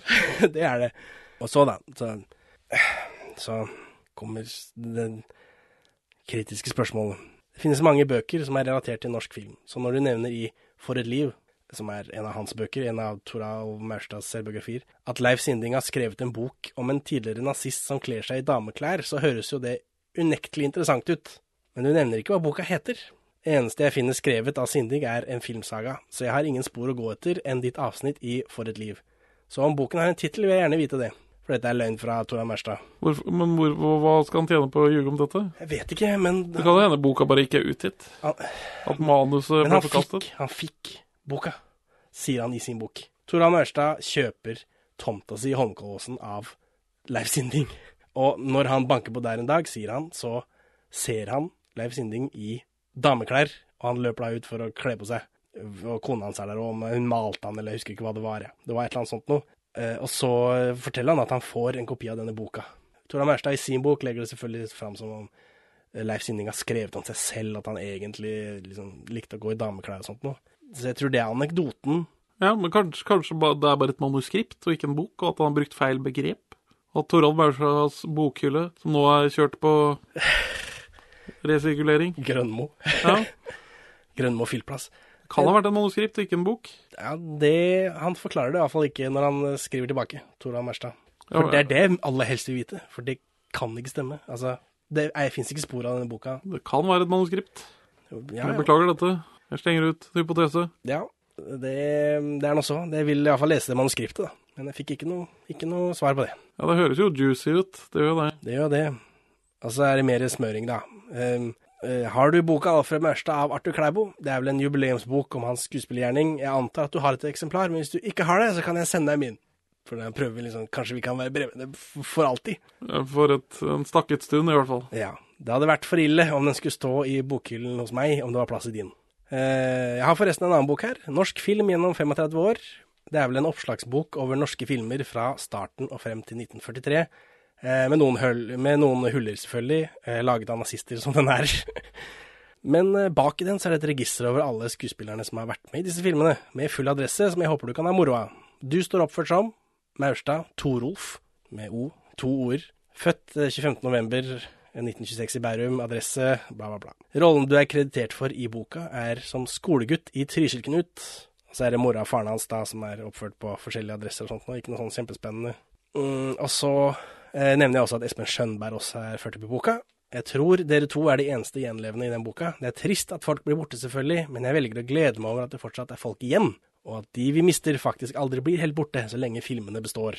Jeg håper helsa holder, og at du holder deg opptatt og at jeg får se deg på scenen eller skjermen i nær fremtid. Vennlig hilsen Henning. Takk, takk. Så legger jeg jo ved da omslaget til disse biografiene, som jeg håper at han vil signere og sånt nå. Så, og, og sånn skriver jeg på PS-en her. Egentlig så skal jeg ta på meg en Song of Norway-plakat opp på Voksenkollen og bedt ærbødig om en signatur personlig, men med korona og alt dette så tenkte jeg det var best å sende et brev istedenfor. Dessuten er det mindre påtrengende uansett enn å komme ubedt på døra til folk. Eh, Og her håper jeg jo da at han skal si nei, bare kom innom, ikke noe problem. Men det sier han da Ja, han er jo redd for å bli drept, eh, forståelig nok. Er han det? Ja, du virker Av korona? Nei, nei, du fremstår som noe intens. Eh, Men så fikk jeg jo svar, da. Nå er jeg spent. Først på en sånn papirlapp, da. Kjære Henning Pre... Uh, ja, heter han. Kjære Henning Presenning. Du får jo etternavnet mitt i Hodejegerne episode 1. Gøy at du kan så mye om filmhistorie og meg. Så han har lest brevet. Ja. Nå sitter jeg og ser på småfuglene som får mat utenfor kjøkkenvinduet. To-tre utropstegn. Håper du også har det Tre bra. utropstegn etter 'nå ser jeg på småfuglene som får mat utenfor kjøkkenvinduet'. Nå ser jeg på småfuglene som får mat utenfor kjøkkenvinduet! Eh, håper du også, og er du med sånn strek over u-en, har det bra der hvor du er. To utropstegn. Vennlig hilsen Tora Maurstad. Ett utropstegn til slutt, da, eller sånn? Ingen utropstegn. Så det var det brevet han la med. Skal jeg se om jeg finner den der pappskiva han skrev på. Han burde jo nevnt i, i testamentet sitt. At, eh, Leif Sindings eh, crossdressing-skrift. Det må gis til Henning. Så er denne pappskiva som jeg brukte til å stive opp disse Ja. boksidene. Eh, Her står det med rød sprittusj. Kjære Henning, så hyggelig langt brev jeg fikk av deg. Det er gøy. Utropstegn. Det er gøy. Ja. Skal si du har fulgt med i timen. Mange gode tanker til deg, Toran Merstad. Han bare holder det for seg sjøl, det. Men hva, hva, hva, hva Og så fikk jeg jo tilbake de to eh, coverne, da, signert. Ja, på riktig side? Ja. Men med På baksida òg, tror jeg. Eller han signerte overalt. Han eh, Ja. Kanskje han satt For det er jo en ting jeg ikke, ikke tør. Ikke når jeg skriver disse brevene, det eneste jeg ikke gjør, er å spesifisere at jeg vil ha signaturen på bildesiden, og det er det ikke alle som får med seg. For jeg syns det blir å micromanage litt for mye. Ja. Og Ja. da, resultatet er jo at noen signerer på baksida, og det er noe dritt. Noen stjeler cover òg, har jeg fått med. ja, Per Kristian Elvesen tok vel VHS-coveret til Elling, men jeg tror det bare er en forglemmelse. Nicolai Kleve Broch beholdt tusjen min, men skrev bakpå at eh, jeg glemte å putte tusjen oppi. Beklager. Så skrev han det med samme tusjen. ja, Okay, så for han fant den tusjen etterpå, da, når han hadde liksom lima igjen eh, konvolutten. For jeg sender jo med konvolutt også. også. ja. Han skrev på Med- baksiden av konvolutten, ikke, Ja. ikke på baksiden av coveret. Nei, Det som hadde vært veldig på baksiden av konvolutten, ja. Men det er hyggelig da å si beklage, da. Ja, og han traff jeg jo like etterpå. Og han hadde ikke medbrakt seg den i tilfelle han skulle møte deg. jeg sa det til han Altså, du skylder meg en pent, sa jeg. For, for dette Det var, eh, det var en premiere, et eller annet forpremieregreier hvor Agnes Kittelsen skulle være der, og så skulle han være der også. Og han hadde jeg jo allerede skrevet til, men jeg har ikke adressen hennes, fordi hun står ikke på 1881. Så da forter jeg meg inn dit, og så fikk jeg signert noen greier, og så sa jeg til han at ja, det har jeg skrevet til allerede, og du skylder meg en penn. Ja, nei, han, han var klar over det. Ja, han var det. Ja. Han tok det med, han skjønte at du prøvde humor. Ja. Han var med på, med på det. Ja, sikkert for at ikke jeg skulle stikke han i, antar jeg. Så, men det var Tora Merstad. Han dukker opp her i Olsmannens eh, første kupp, episode to. Ja. Eh, en av grunnene til at han er med, er fordi kjerringa hans er regi her. ja. Sammen med Arne Linternes, da. Det, det er ikke fordi at han fant rollen så givende. Ja, han er med i flere av de filmene tror jeg. Han spiller eh, sånn kringkastingssjef, i hvert fall i en av dem, vet jeg. Men, men, og de er ikke regissert av kona hans, så Og, og sånn aldersmessig så egner han seg veldig til å spille gammel, rar lærer i perioden, da. For det burde han jo ha opplevd opp og ned i mente. Eh, så eh, Tora Merstad spiller naturfaglærer eller noe greier, og da stjeler de brillene hans, eh, banden, da. De trenger ut i kuppet. Og utenfor lærerværelset så treffer de Tom Sterry. Ja, uh, First Price Tande P, som jeg, han er kategorisert for inni meg. Ja, uh, homo som han er. Han er homo, han har visst uh, Er han det? Ja. Og det er ikke så lenge siden jeg så en eller annen avisoverskrift hvor han sa at han hadde vært singel i 40 år eller et eller annet sånt nå. Så er det, det, det er derfor han er så god på å lage skjult kameraprogram på 90-tallet. Ja. Siden han uansett sitter så mye i skapet. Det stemmer. Tom Sterre er visst gymlærer. Og bergenser? Vanskelig å si. Veldig dårlig bergenser. Vanskelig Han er vel ikke bergenser? Jeg tror ikke det. Nå da. Og hvorfor står dere her hm? og henger på den måten? Vi henger ikke, vi. Nei, i hvert fall ikke på den måten. Benny og Kjell stjeler en jakke fra utsiden av lærerværelset, for der henger lærerne opp jakkene sine. Og så treffer de Tora Merstad, eh, som nå er blind fordi de har tatt brillene hans. Han går liksom rundt og leter med henda sånn foran seg. Og her er det noe fortfilmhumor. Det var rart. Det er et klassisk Olsenmann-grep. Det er det for så vidt, men eh, Det står i Olsen-bibelen, Så er vi hjemme hos Kjell. som ikke finnes. Så er vi hjemme hos Kjell. Her har Egon tatt bowleren til bestyreren på barnehjemmet. Da, da, da. Men han tar den ikke på seg. Så er det noe teasing av Ja, bowler. ja. Bestyrer Hallandsen er ute og drikker og koser seg i en uh, halvannen time om dagen. Eh, så banden må late som de er Hallandsen, da. Så de kommer forbi sekretæren hans, som er Inger Teien, som er sekretær i alle de andre Olsmann-filmene også. Ja. Etter at Karina døde. ja. Eh, Den ene styrenissen har mistet jobben fordi bassefar er gjenansatt, så da vet vi at han har liksom kommet seg på jobb, da. Og de skal løse det med å kidnappe bassefar. Tarn, tarn, tarn. Episode slutt. Fort og gæli. Fort og gæli. Er det ikke noe sangnummer i denne? Nei. Så er det jo sånn, eh, siden dette er sånn eh, hver eneste dag så skal vi ha en episode, så avslutter vi med en quiz om Oh. de episodene som ligger nå på nettsida vår arkivert. Hvilken episode er første gang vi går på kino som podkast? Film og episodenummer, selvfølgelig. Episode Det er den uh, remaken av uh, Det er den eh, påskefilmen. Det er den påskefilmen. Uh, Fjols til fjells. Fjossefjell 2020, det er helt riktig, det er episode fem. Ja, jeg skulle si åtte, men det Ja. hørte jeg ikke. Episode fem. Ha det bra, Benjamin. Ha det bra, Henning. Ses i morgen. Oh yeah. Hei, Benjamin. Hei, Henning. Da er det altså luke tre i Perle for svins Olsemann junior julepåskekalender. Ja, så da Påskeskrapekalender. så, Påska er ikke den samme uten skraping. Nei. Skrap i vei. Det er blitt en tradisjon tre. Luke tre, ja. Og der går luka opp. Og det skrapes. en utgått 50-øring. For det fins jo ikke inngåtte 50-øringer. Det ble ingen tre like, og så ble det en pakke.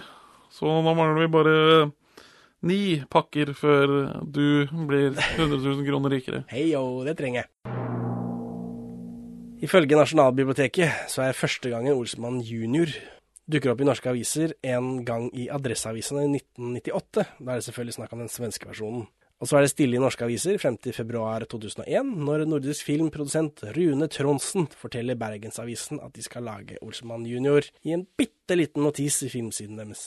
Eh, Den neste gangen det er noen artikler, er fra selve innspillingen i juli. Først og fremst både indre og øvre smålendene. Det, det, er, Det er på grunn av eh, han som spiller Egon. Han, han er fra, fra Trøgstad. Ja. Og så skal det sies da at eh, Olsmann junior egentlig heter Olsmanns første kupp, men jeg finner ikke noe annet enn ymse lokalavisoppslag om skuespillerne på Olsmanns første, første kupp heller. Nei. Så, men jeg vet jo at det har gått ut en casting call, fordi jeg deltok jo. Ja, Så det må ha vært på TV-en, da, og ikke blitt registrert i avisene, liksom. Jeg vil tippe i Donald-bladet, om jeg skal gjette på hvor man når denne målgruppen. Jeg vet ikke, jeg føler... Husker hvor svært Donald var på 90-tallet, liksom.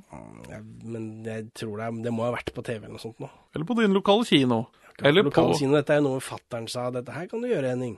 Ja, det kan jeg, sier. eller kanskje bare faren din bare fant det på for å gi deg noe å drive med. Det kan, det kan hende.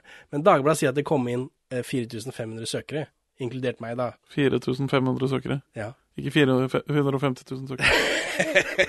jo. det, det, det er 10 av hele Norges befolkning. Nei, ja, det er 60 000 barn i et barnekull eller noe. Altså fem-seks barnekull bare Fuck yeah! ja, nei, 4500 søkere, ja. Inkludert meg. Så ja. Det har vært noen har søkt. Det har vært noen som har bedt noen om å søke. Jeg antar det har gått på TV. Jeg blir bare helt tussete av å høre på det åndssvake språket der. Det er engelsk, mor.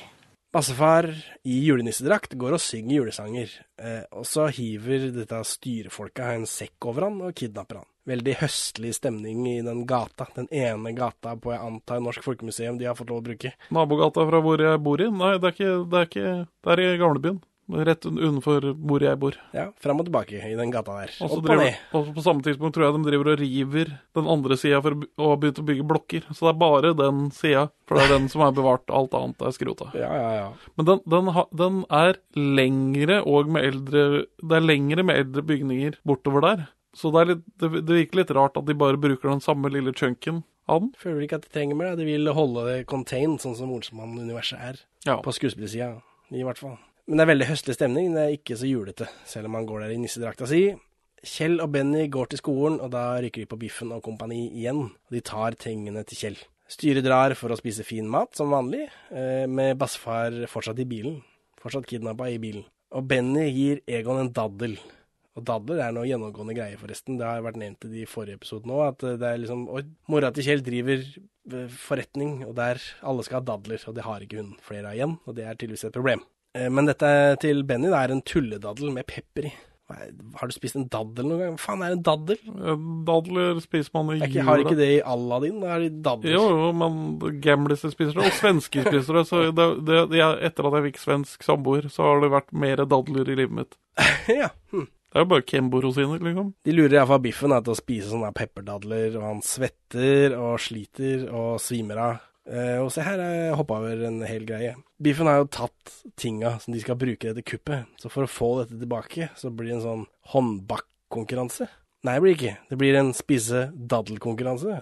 Siden, siden, og dette er mer sånn fatshaming-humor. Ja, for han liksom Å, jeg kan spise 50 dadler, eller faen. Ikke noe stress. Dadler er så godt at det Og så er det disse pepperdadlene. Så, det er, så han svetter, og han, liksom, han sliter, og til slutt så svimer han av. Men er dette en, en Cool Hand Luke-referanse? Har du sett Cool Hand Luke? Paul Nei. Newman. En fengselfilm hvor han spiser 50 egg på et tidspunkt. Ja, ja, den scenen har jeg faktisk sett. Ja, det for det er liksom kjent. Er det en referanse til det? Det kan være det. Rart. Er Petter Nass-referanser om eh, greier. Det er det ikke det? Petter Nass. Er ikke han som eh, skriver Arne. manuser? Nei, det er Arne Linternass som Ja. eh, regisserer og, og sånt noe. Og dette er jo noe danske greier, antar jeg. Men eh, ja. Da får de tinga tilbake, det er i hvert fall når han svimmer av. For han klarer ikke å spise disse 50 dadlene, for det er jo pepper. Men med en gang man tar en daddel og den er full av pepper, så vil man vel si hei, hei, hei. Her er det noe med Dette premissene ikke- som er feil. Dette er ikke korrekt type daddel i henhold til avtalen vi gjør. Nei. Den norske avtalefriheten, så gjelder ikke dette. Nei. Men, eh, men sånn er det. De får, penger, får tinga tilbake, i hvert fall. Så setter de planen ut i livet. Egon distraherer sekretæren med at han har måkt snø, eh, og så skal han ha betalt, da, men det er jo ikke noe snø ute. Så noe humor på at ikke det er jul. At det er helt tydelig er spilt inn på sommeren, er det. Ok, ja. Eh, Så er Kjell og Benny, da. To barn i en frakk. Sniker seg inn lite overbevisende som Hal Hansen. Eh, Men det går jo, da, eller? Ja, for de har bytta ut brillene hennes eller noe. Med de, Nei, de bruker jo briller fordi Hallandsen bruker briller. Så de Ja. bare vakler rundt der, da. Ja, men, men- hun er opptatt med han Egon. Så er Kjell og Benny inne på kontoret når sekretæren drar hjem. For hun sier da 'å, nå drar jeg hjem'. For da tror hun at han har kommet tilbake, han derre Hallandsen. Kjell har tatt med seg skurepulver, ikke talkum, så humor på Olsmann-tropes. Så sitter dette styret på restauranten og synger, og den servitrisen som jobber der, det er jo hun fra Elling. Hun servitrisen fra Elling. Ja, wow. Med patterne. Så hun tenker på hun, Elling er omtrent det året her. Ja. Så det skjer ting i hennes karriere på tidspunktet. ja, ja, hun der. Ja, absolutt. Eh, Egon åpner safen. Benny lurer på om ikke han skulle brukt stetoskop, men Egon kan koden, så da trenger man jo ikke det. For han har jo sett det fra treet sitt. Bassefar driver og bjeffer i bilen, så styret må dra tidlig fra middagen. Fordi han bråker så fælt, dette kidnappingsofferet de har i bilen. Frekt. Denne bilen er vel en sånn type bil de har brukt til kidnapping i Olsmannen tidligere, er det ikke det? Har ikke biff, kjører ikke Biffen rundt en sånn grå kassebil av samme type? Jeg tror det. Nå kan ikke jeg bil, men det ligner litt i hvert fall. Den, ser, den grå kassebilen til biffen ser veldig skummel ut, mens den her er jo rød, så den ser litt mindre skummel ut. Nei, men han har den skumle fronten, da. Ja ja, men når han er grå, så ser han jo veldig sint ut. Så viser det seg at Egon kommer ikke inn i safen, koden har blitt forandret, så banden må dra med uforrettet sak. Men akkurat da så kommer styret tilbake, da, da, da. episode slutt. Spennende. Så er det quiz. Eh, nei, En gang i episoden så er det noen som sier det åndssvake språket der. Er det lov å bruke åndssvak på denne måten? Er det, holder det seg? Nei, så er det quiz. I hvilken episode hører vi Eldar Vågan rappe? Det er i Midt i smørøyet-episoden. Det stemmer. Og det er episode 25. Det er episode 26A. Fitte helvete, det er på grunn av tullet ditt, Henning. Nei. Det er på grunn av tullet ditt. Nei. Midt i smørøyet, 26. april 1991, episode 26A. Er det? Ha det bra, Benjamin. Farvel, Henning. Hei, Benjamin. Hei, Henning. det, prøver du å si at du begynner å bli lei av å spille inn alle disse episodene på samme dagen? Nei, nei, det går greit. Jeg er ikke syk, så det går helt fint, det. Ny luke i påskejulekalenderen vår. Det er interessant at de ikke kan printe disse um, lukene med like fine farger som på den vanlige pappen. Ja, kjempeinteressant. Skrap i vei. Å, jeg kjenner millionene renner inn. Eh, to 5000 og to 200. Og vi får et snøfnugg. Den er en ny player har entret loddet. Oi, og vi trenger ikke like mange snøfnugg. Trenger bare én Nei, for for, å vinne en million. for fem snøfnugg så vil vi vinne 200 kroner Ja. på dette flaksloddet som koster 100 kroner. Oh yeah. Det blir spennende. Det er for øvrig han som har illustrert dette tunet. Dette gårdstunet med snø og hare og nissedrakt og juletre. Er det hare der òg? Det er jo veldig påskete. Ja, det er sant. Men det er da Henning Christoffersen. Det er en av dine mannebrødre. Ja. Eh, Interessant. Her nede står det 2022. Og så står det vinnersannsynlighet, toppremie 1 til 325 000, bindestrek, hjelpelinjen.no, 18 pluss. Så om du blir veldig sugen på flakslodd eh, av å høre på dette, så anbefaler vi å besøke hjelpelinjen.no. Ja, faen, er dette reklame? Er det reklame for på Norsk Tipping? Det er ikke lov. Hæ? Er det det vi driver med? Nei, dette er reklame for Hjelpelinjen, altså de som prøver å hjelpe deg med spilleavhengighet. Jo, jo, men det at vi skraper skrapelodd live on air, er det reklame? Dette er ikke reklame, jeg synger om ting som har skjedd meg, og navnet må jeg jo ha med. Det har jo blitt noen Hvor er de nå-artikler om gutta boys opp igjennom, så vi kan jo snakke litt om reisen de har gjennomgått i livet. Dog ikke alle gutta har stilt opp i alle artiklene. I 2009 så melder VG at Benny studerer film og TV ved Westerdal School of Communication i Oslo, men at han ikke vil bli skuespiller. Og Egon er tømrer og tar fagbrev til sommeren. Ja. Så i 2017 så melder Se og Hør at Egon er byggeleder i IEC Hus og har en sønn på to år, og han har veldig høye viker. Det er det jeg som melder, ikke Se og Hør. Benny er filmprodusent. Han hadde ett år i Garden også, så det liker du. Ja. Eh, Benny var i Gardens musikktropp, hvor han spilte valthorn og gitar. altså Olsenmann junior på rockeren. ja. Se og Hør sier at de snakker med ham på telefon fordi han er i Los Angeles for å gjøre avtaler til en ny norsk film han håper å starte med til neste år. Altså i 2018. Det gikk bra for han. Er det mange norske filmer som produseres fra Los Angeles, Benjamin? Det er jo stort sett bare Sebastians verden, tror jeg. ja.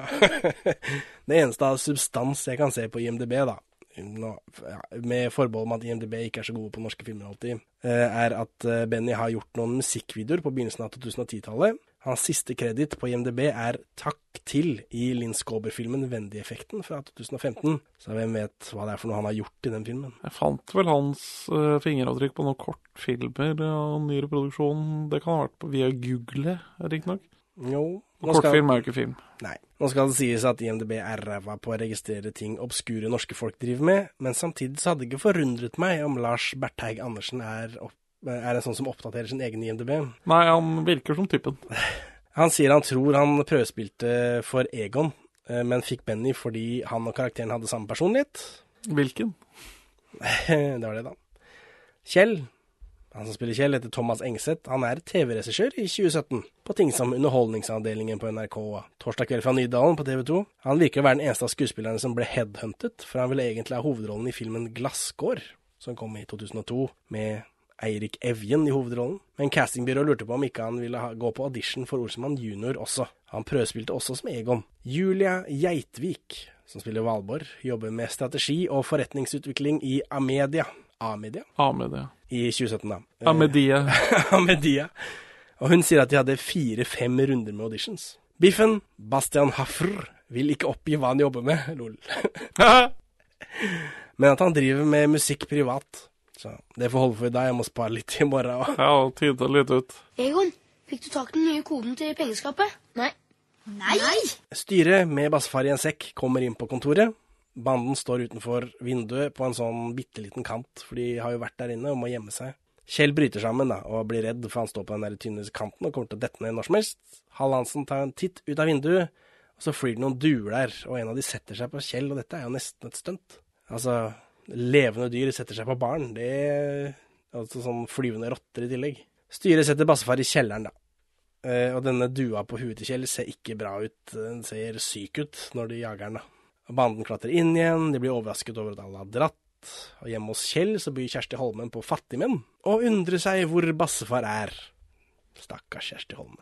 Bassefar synger julesanger i kjelleren, det er veldig god akustikk der. Heldig. Egon har eh, tenkt seg frem til nok en plan for å komme inn på kontoret til Hallandsen igjen. De trenger en utstoppet bjørn. Naturligvis. Ja, for nå er de hjemme hos Kjell da, og snakker om dette rundt bordet. Og Utstopperbjørn er jo Er det olsmannsk? Det er den der jævla isbjørnen. Ja, de har jo hatt et bjørnebasert kupp før. Ja, for da skal de Altså, ja. De skremmer jo ingen teien i denne uh, Olsmann-filmen hvor eh, Kjell tar på seg et isbjørnskinne. Så det er connections. Ja, ja. Hurra. Men vi fant jo ut at den bjørnen ikke var fra den danske. Altså hvis dette er en blåkopi av den danske, så blir det jo Ja, det vet vi jo ikke før til neste år når vi ser alle de 31 episodene av den danske Olsmannen. Eh, Da skyter jeg meg, tror jeg. Ja, ja, ja. Um, men her forteller Egon om den trojanske hesten, altså historien, i detalj. Og det er ikke så ofte man får høre hele greia. Nei. Hvorfor de kriger, og hvorfor de må inn i den hesten, og så videre. Hva som skjer etterpå. Har dere hørt historien om den trojanske hesten? Ja, ja. Ja, men ikke sånn helt på sparket, da. Egon skal legge seg i denne utstoppa bjørnen da, som blir tatt med inn på kontoret til Hallandsen. Og før det så må han finne den nye koden, så da henger han rundt i dette treet igjen. Men Inger Teien henger opp en julestjerne i veien. Dun, dun, dun. Kjersti Holmen ringer Snuten for å få de til å finne bassefar, men de virker ikke å bry seg noe særlig. Satire. Sparke oppover. Sparke oppover. Kjell og Benny får låne en utstoppet bjørn av Tora Mærstad, RIP. Kjersti Holmen RIP også, for så vidt. Og bassefar er også RIP. Ja. Herregud. Og læreren er RIP. Det er ingen igjen her. Tom Sterri, da. Han er homo, bare. Hæ?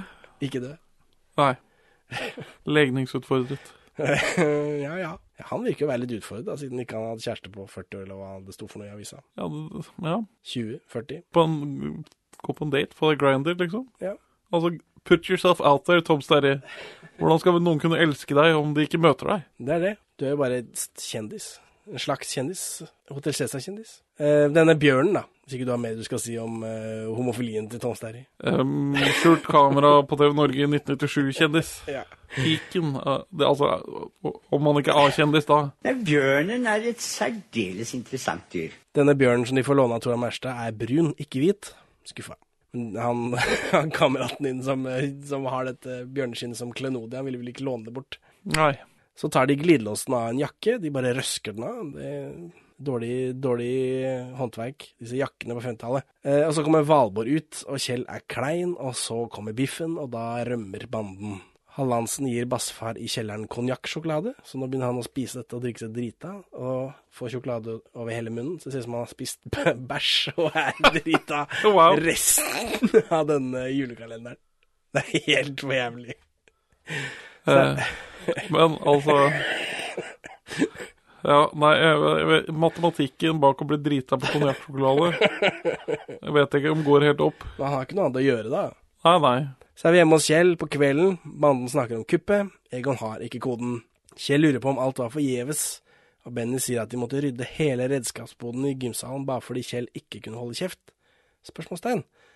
Eller altså, jeg skriver, skriver spørsmålstegn, for her virker det som det mangler en scene. At de har blitt, uh, måtte rydde redskapsboden av noe. Ja, det tror jeg Er ikke det når det blir tatt av Tom Sterry eh, De får det som en straff i en Når da? eh, Sist gang de møter på Tom Sterry, da. Når de er og stjeler en jakke eller glidelås eller hva faen det er. Nei, de treffer ikke Tom Sterry da.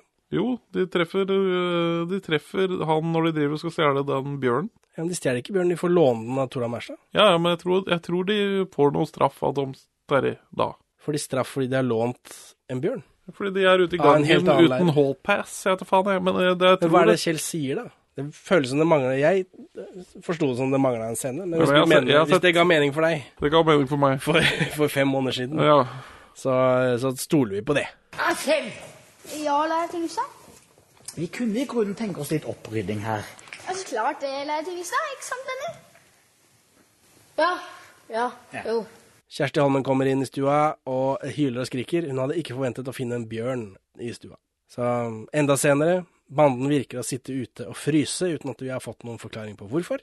Egon sier de må sprenge opp pengeskapet, og han vet at Dynamitt-Harry eksisterer. Hvorfor det?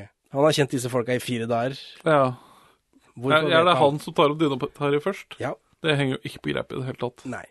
Egon er barnehjemsbarn, og jeg antar han traff Benny for første gang for typ fire dager siden, da. Det virker jo så. Ja, Hvorfor går ikke Harry på skole, forresten? Han bor vel i nabobydelen. Ellers, ellers er han en, Han har, går på spesialskole. Han Det er mye litt mulig. spesiell. Eh, Benny sier at Harry har vært med på det meste. Hva betyr det? Han er avhengig av lakris i denne serien, ikke øl. Hva syns du om dette grepet? Eh, dette er kjempeinteressant for Er det noen det? som, har, eh, noen som har sett Olsenbanden med litt kritiske øyne. Jaha. De fleste som ser Olsenbanden, eh, er ikke så kritiske av seg. Nei, de har så mange kromosomer å telle. Ja. Eh, nei, for er det Er det morsomt at Harry har et alkoholproblem? Nei, ikke med kritiske øyne, men uh, i gamle dager så var det jo det. Ja, altså Humoralkoholisme, det kan jo fungere, men i hvert fall i den første opptreden så er han jo veldig sånn trist. Ja, men det er jo fordi Harald Hedsten også er alkoholiker. Ja. Eh, det, det, ja.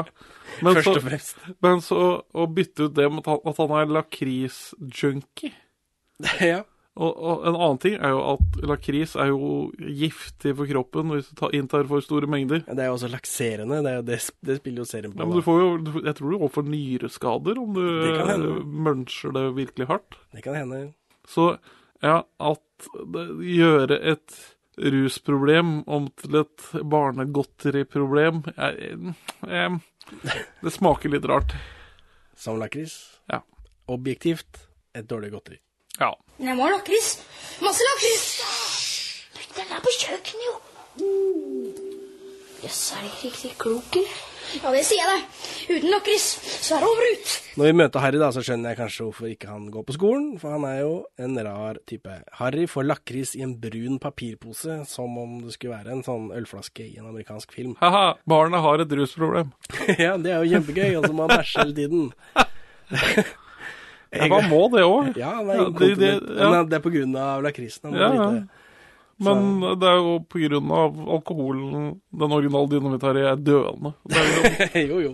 Men Egon sier, ja, ja og, men ironisk da, at han overlever lenger enn Kjell. ja.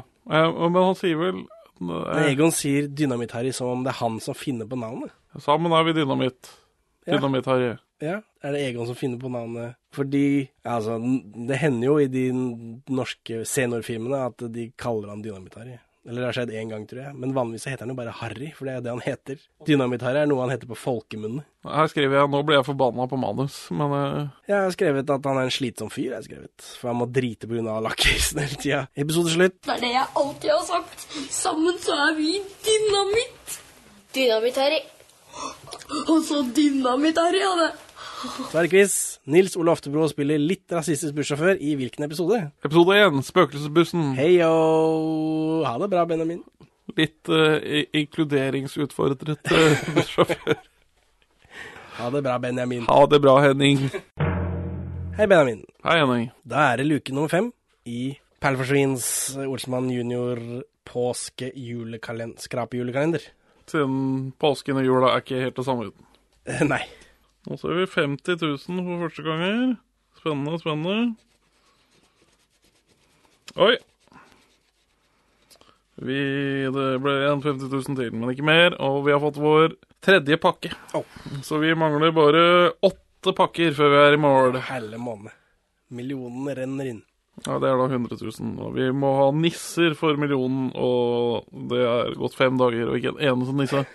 Men det trenger jo bare Hvor mange nisser er vi trenger, da? Tolv. Tolv nisser. Ja, Så vi trenger jo bare å få nisser de siste tolv dagene. Ja. Men det er da fire Per 1,3 millioner kalendere, så er det fire millioner. Ja.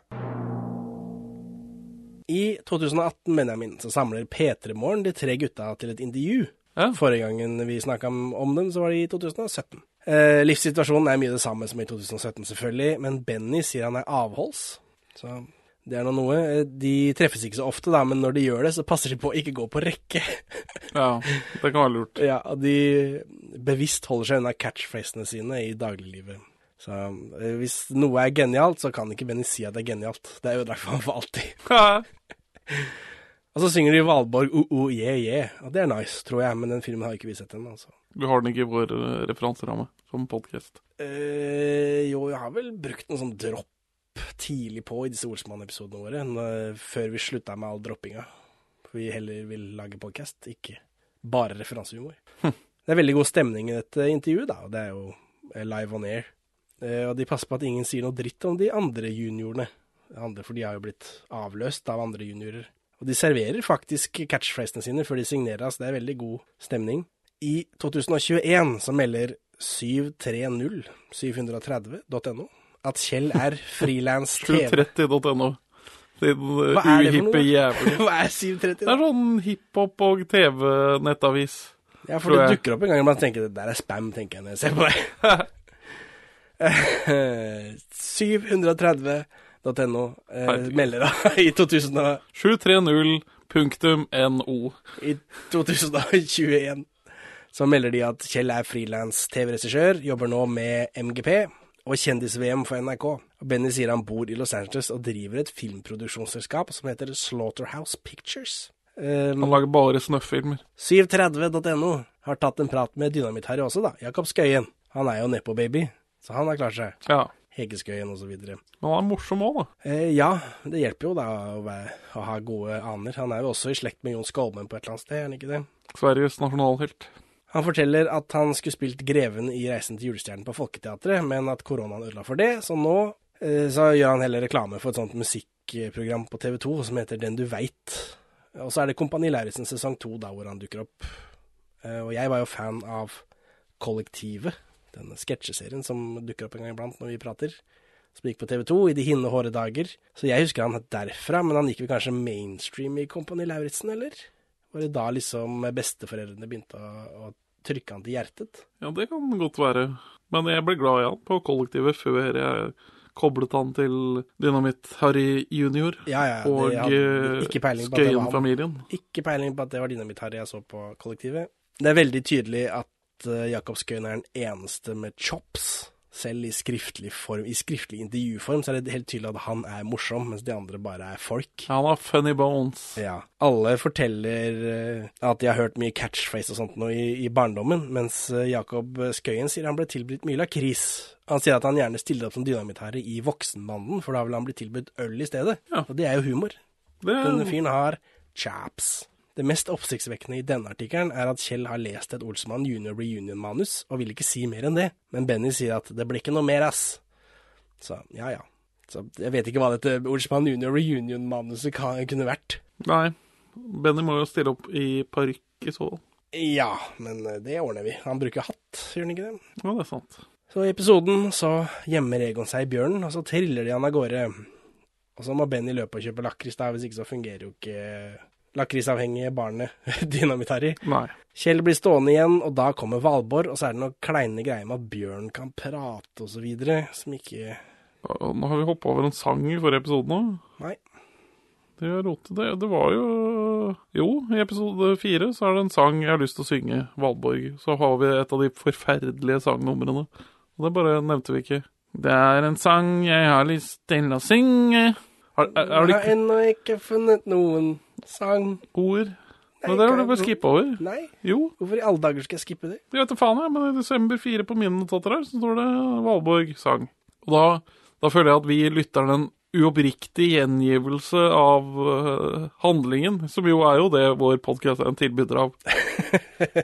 Ja, men her, det nevner jo ikke Valborg med et ord i denne episoden.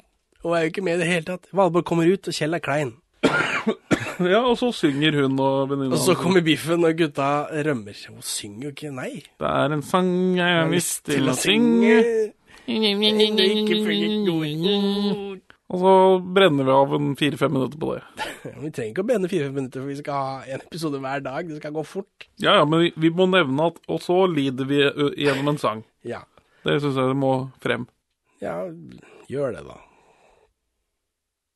Si det, da. I forrige episode så måtte vi lide gjennom en sang for første gang. Første gang vi får akkurat denne sangen. Ja, du sier det, men det er jo kjemperart. Du bare sona ut siden det var så jævlig. Ja, nei, jeg vet da faen jeg at ikke jeg fikk med meg det. Whatever. Kjell blir stående igjen, da, og da kommer Valborg, og så er det noen kleine greier med at en bjørn kan prate, fordi Egon ligger jo inni bjørnen og prater. Ja ja, Humor. for barn, da. Det er jo for barn, dette. Det er Unnskyldningen til Olsenmannen. Ja. Olsmannen, det er for barn. Benny kommer med lakris, og Ingrid, venninna til eh, Valborg, og Valborg vil ha lakris. Og her får vi noe Olsemann-musikk er rett fra senior Olsemann. Det er egentlig mye av det utover. Spesielt det der eh, kjærlighetstemaet til Kjell og Valborg er jo Olsemann-musikk. Hei, Ingrid. Å, lakris. Kan ikke vi få en av deg, ja? Vel eh, Men det er jo bare du og jeg som bryr, oss om det, og merker det. Det vil jeg tro. Vi setter bjørnen utenfor kontoret til Hallandsen, og Inger Tein kommer ut og skriker, som i Olsmann 13, godt callback. Ja, du føler det var med vilje? Ja. Hun burde jo huske det. Ja, ja i det minste, og ingen andre husker det. Her burde jeg skrike. Det, det kan du når du ber om signatur fra henne. Hun har dessverre et så eh, vanlig navn at jeg finner henne ikke. Og hun er heller ikke gift. Hun Nei. er singel, så jeg finner ikke gubben hennes heller, for det hender jeg gjør. Ja. Hvis noen er sammen med noen, at da kan jeg liksom plukke de ut. At jaha, den er sånn der, i huset her bor det Han bor der også, ja, da er det riktig. Men nei, jeg har ikke kjangs. Dessverre. Ja, Kom igjen, nå. Gi meg litt lakris. Nå er jeg lei av dette maset ditt. Men må ha det nå, ellers så går det ikke. Hjemme hos Kjell så vil Harry ha lakris, for han sliter jo da, og Kjersti Holm eh, holder på med politiet på telefonen, eh, for de bryr seg ikke. Hun mangler gubben sin på andre, tredje dagen eller noe. Kjell bryr seg bare sånn medium om at faren hans er borte, det er litt rart. Faren hans har vært borte i flere dager nå. Ja. Vanligere før i tida. Fatter'n det, drikker. det var det nok. Hallandsen forlater kontoret, og Egon kryper ut av bjørnen, og så slipper han inn resten av gjengen. Ja, for det er noen sånn greie om at Hallandsen later som at han har skutt bjørnen. Ja, for det er liksom Det mannlige egoet Ja, er eh, han spiller på egoet. Det er eh, sånn social engineering som du er så glad i. Mm. Mm, Egon har peiling. Hvor får en tolvåring dynamitt fra? Byggeplasser rundt omkring i Oslo. Det var sikkert lettere før i gamle dager, jeg har skrevet. Harry skal til å sprenge skapet, men han må ut og drite. Humor. Han må ut og ha forløperen til sine alkoholproblemer. Egon blir forbanna, men det virker som det bare er å trykke ned den der avtenneren. Trykke ned den der Donald Duck-greia. Kan Ja, ikke Det det kan jo hvem som helst gjøre. Ja. Det ordner seg til slutt, da. Det er nesten som om Harrys dobesøk var 100% unødvendig. Som mye av denne serien, egentlig. Benny åpner kofferten med tingsen sin. Denne greia. Hva er det derfor han gjør det? Jeg lurte på hvorfor det var akkurat Benny som skulle åpne. Det får han komme med den greia. Egon blir sjokkert over at det ikke er penger i kofferten. Samtidig så begynner Harry å fise og må på do. Ja ja. Det- det- Barnehumor. Banden krangler seg imellom. Gjenkjennelig. Ja, dette er, dette er et callback. Dette er callback. Men i kofferten så er jo beviset på at styret har spist opp pengene. Det er masse kvitteringer og alt sånt noe, så da er alt greit. Og så er det en litt sånn rar dynamikk i den scenen, syns jeg. Mellom banden. Kjell får kofferten hjem. Episode slutt. I hvilken episode, Benjamin, låner vi vårt første VHS til podkastbruk? Ja, det er jo den eh, arbeiderfilmen Det stemmer. Hva heter den, da? uh, Adjø Adjø solidaritet. Hei, solidaritet. Adjø solidaritet er en Hva med venner-film. Det er Samhold må til. Ja. Episode syv. Den ligger jo nå på nettsida, da. Ha det bra, Benjamin. Farvel, Henning. Hei, Benjamin. Hei, Henning. Da er det episode seks av Perlforsvins patenterte Olsemann junior påske-juleskrapekalender. Så da må du åpne en luke, og så skrape underluka, for sånn har de lagt opp. Luke åpne lyd. Dette er da luken det står Henning på, så her må det jo være penger.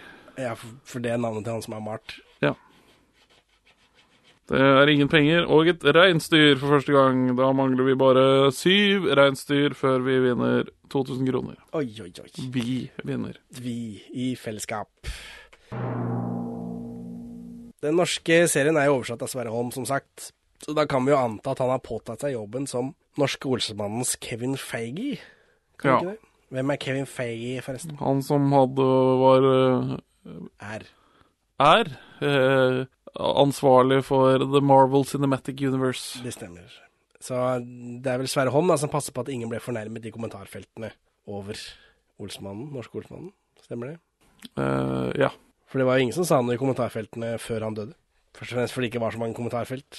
Nei, jeg, det vet, husker jeg ikke når de først begynte å komme med. Men så er serien co-regissert av Beate Eriksen, som kjent.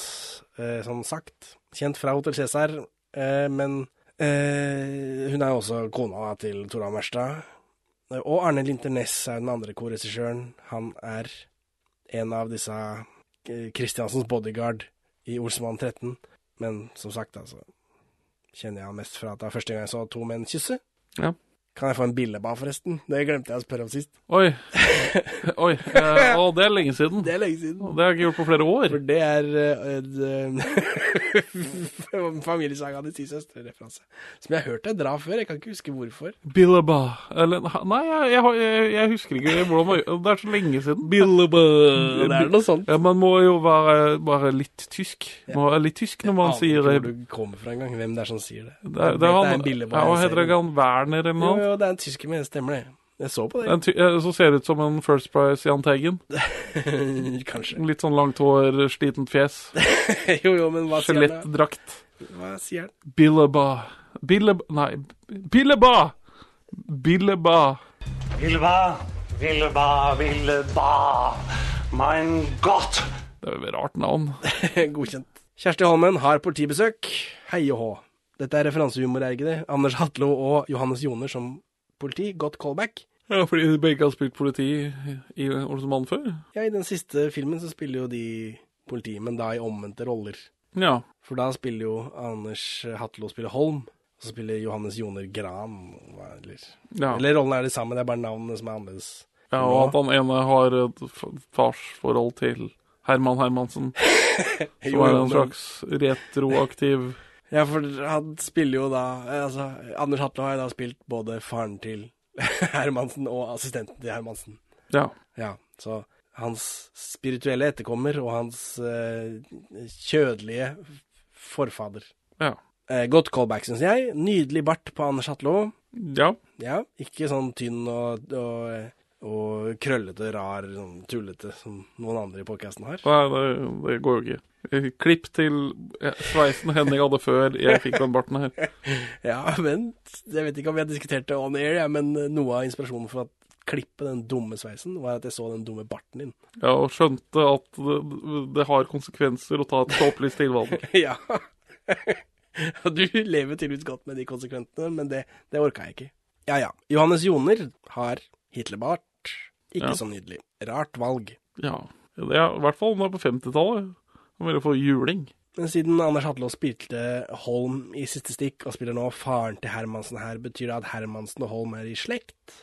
Jeg tror ikke det betyr noe som helst. Jeg, jeg mistenker det. Det betyr ingenting. Hva om Herman Hermansen ikke er Sverre Wilberg Hermansen, men hans bror, som han mister kontakt med?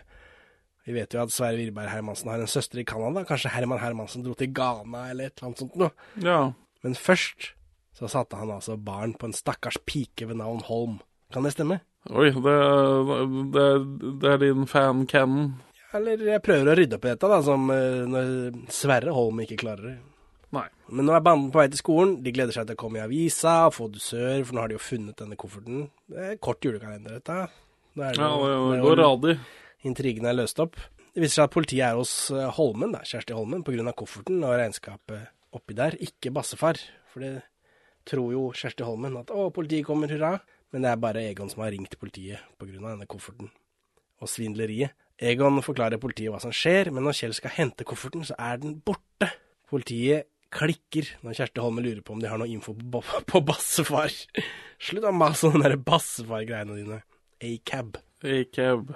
De drar, eh, og da viser det seg at Holmen har gitt bort kofferten til noen speidere eller noe som samla på sånn skrot. Ja, de skal ha basar. Ja, hva er dette for noe? Er det, gjør mødre sånn? De bare tar tinga til barna sine og gir de bort? Det er korrekt. Det finner jeg ut på loppemarked ganske ofte, egentlig. Ja, ja, ja.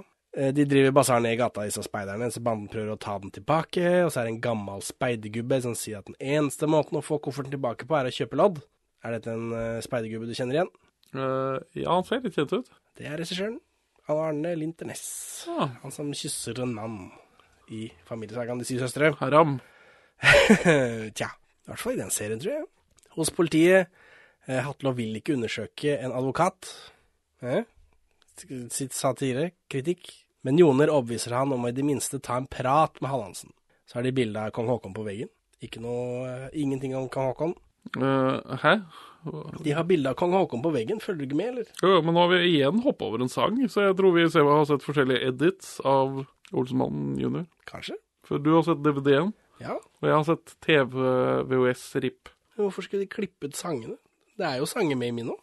For her, her, her, her, første, jeg mener å huske den første sangen er en sånn musikkvideo hvor Kjell og Valborg er kledd i hvitt og danser rundt omkring i et rom. Ja, den, den dukker opp her tidlig i Olsenmannen 6. desember. Hvorfor vil du ikke si at du liker Kjell best, spør venninna. Og så rehasja sang med ny ræva montasje. For dette er samme sang, men det er annen montasje, musikkvideo-greie. Ja, dette har ikke jeg fått Har ikke ord eller melodi altså, i sangen du synger. Det, er- det syns jeg er et rart budskap å komme med. Du synger bokstavelig talt med en melodi. At du verken har ord eller melodi. Når du bruker begge disse tingene for å fremme den ytringen. Det henger ikke på greip, Valborg. Ja, dette er jo veldig rart. At hvis, hvorfor skulle min DVD ikke ha med Hvis vi skulle klippe ut alt som er unødvendig, så hadde jo den DVD-en vært kanskje en halvtime. Ja, men det er, jo, det er jo disse sagnumrene som er den tydeligste paddingen, da. Som kanskje ikke egner seg for den. For du, for du sier at du ikke får introen om og om, om igjen. Stemmer. Så det, det kan jo være at du har en re-edit til en film i større grad enn det jeg har, da. Altså, de, det er seks timer. Det er ikke De har ikke klippet ut Ja, men det er rart. Til neste runde med Vi spiller en veldig mange korte episoder om Olsmann. Skal jeg prøve å se hva summen av alle disse episodene er, kontra dine seks timer? Ja, men ja, altså For det, det er en sang her med Valborg. Jeg hører du sier det. Og du bare Ja. later som ingenting. Nei, og det er jo helt ikke- jævlig. Hvordan i alle dager har, det, har jo ikke, ikke vært en Valborg-sang, og så har jeg ikke notert det. Hvor mange ganger dukker det Valborg-sang opp hos deg, da? Vet ikke jeg. Ja, men det er flere ganger. Eller får ja, De synger sammen. Disse to jentene synger i en scene, vet jeg. Og så er det den med Valborg og Kjell. Okay. Nå, er det mange måneder siden jeg har sett dette. ja, for I den her registrerer jeg at Kjell er vel med i videoen, men Ja, for de er kledd i hvitt. men Det tror jeg er en fantasi fra Kjell. dette, dette, dette må vi undersøke mer. Det her kan vi tilby noe, til Olsenband-lytterne våre. Ja. Og kanskje påvise en forskjell. For det er veldig rart om jeg merker sang og du ikke merker sang. Ja, ja, altså, det stemmer ikke. Det, nok, det stemmer nok som du sier, at du har sett en versjon med sanger, og jeg ikke har gjort det. Men det er jo veldig rart, da. Ja, så den originale utgaven. Ja, det beklager jeg selvfølgelig, at jeg har gått på en smell der, og, og jeg må gjøre dette på nytt, da. Jeg må se, jeg må se de seks timene pluss mer musikk. Gjøre nye notater. Jeg bare sletter alle notatene. Ja, kjempebra. Hva med den her, da? Hva er det? Det er et bilde av Jon Wein, vel? Ja, det er kjempetøft, ikke sant? Ikke gjør det, Benny. Å, hvorfor det? Vi må jo ha kofferten. Vi må jo det, Egon. Man skal aldri kvitte seg med et bilde av Jon Wayne. Eh, Banden har ikke mer penger, da, for de har vunnet en masse skrot, men ikke kofferten på denne basaren. da. Benny har masse skrot på seg, eh, som han prøver å bytte bort, eh, inkludert et bilde av John Wayne, som de får byttet mot et lodd. Og da vinner de kofferten. De kaller han Wine. John Wine. Ja.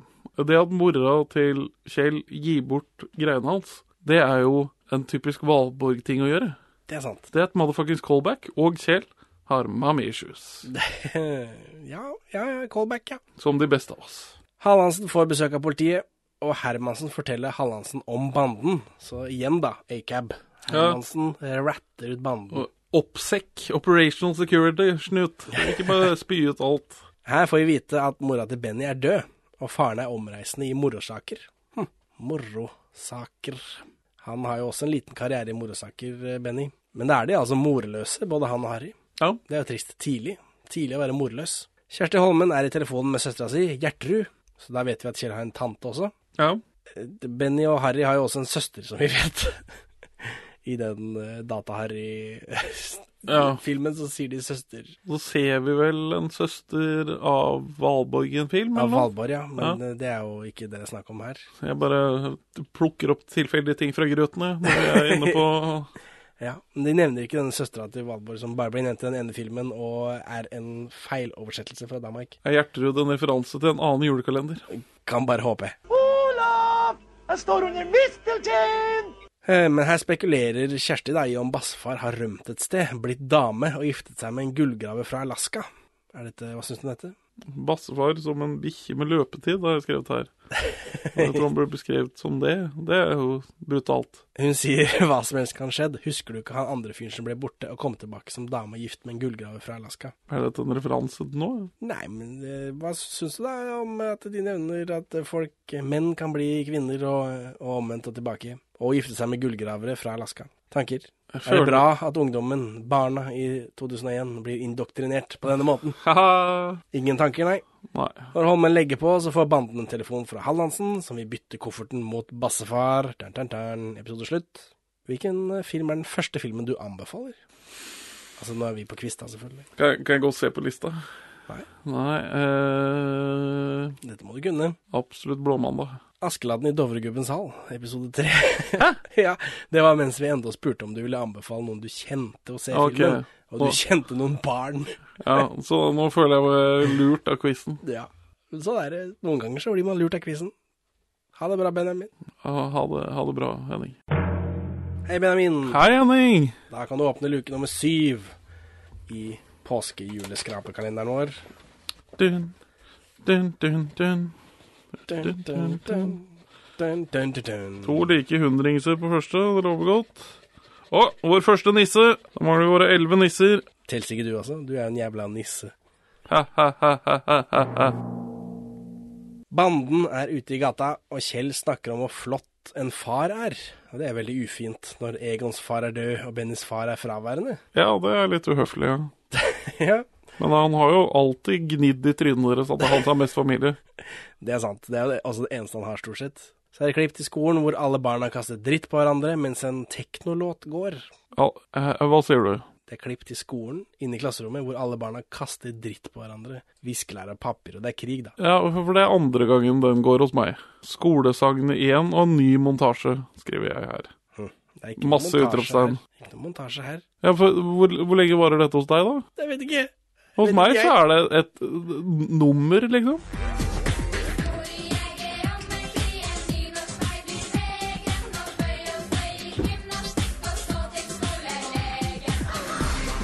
Egon har tenkt ut en genial plan. Jørgen Langelle kommer inn. Og, og, Han er jo død. Og så snakker de om kassefest og dritt og møkk, og så er det rett til montasje om Kjells fantasi. Og nå er det, nå er det Ja, Kjell ja, ja. som sanger. Jo, ja, for det her, nå kommer sangen. Ja, men jeg har to Valborg-sanger og eh, den klassefest eh, rote dritt. Da beklager jeg at du har måttet ta den tyngste børen i, eh, i, i Perle for svins uh, julepåskekalender. Altså, For det var ikke med vilje. Jeg vet jo ikke, visste jo ikke dette på forhånd. Nei. Det beklager jeg. Vanligvis er det jeg som pleier å ta de tunge børene, Nei. fordi du er en svak sjel. Endelig er podkasten i balanse. Men nå er, må altså du eh, trå til, og det beklager jeg, for det er ikke du så god til. Eh, men eh, Jørgen Langelle kommer inn. Eh, jeg blir redd når han kommer inn. Han har en veldig streng utodning, selv om han ikke er alltid så streng som lærer. Nei. Jørgen Langelle har tatt initiativet til å lage en klassefest om to dager, med boller og brus og musikk og dans. Kjell ser på Valborg, og så hallusinerer han en musikkvideo. Dette er første gangen jeg får musikk. Jeg, må jo, jeg har jo tenkt det at eh, det var litt lite musikk i denne Jeg mener å huske at det var mer. Ja. Men så er det jo 20 år siden jeg har sett det. Den, den følelsen var korrekt, da. Det har skjedd noe fra Tenk så heldig jeg Er Er det pga. begrensningen i lagringsplass på en DVD-plate? Det kan være det. Si disken er fra 2001-2002, da. Ja. 2002 må det ha vært da, for det er jo julekalender. 4,7 gigabyte, ja. Kanskje? Og ikke sånn veldig imponerende komprimering. Ja, for det var jo todisk. Du har blitt lurt av de som holdt deg den DVD-en. Du har fått Jeg mindre. ble holdt for narr. Herregud. Nei, nei, dette går ikke.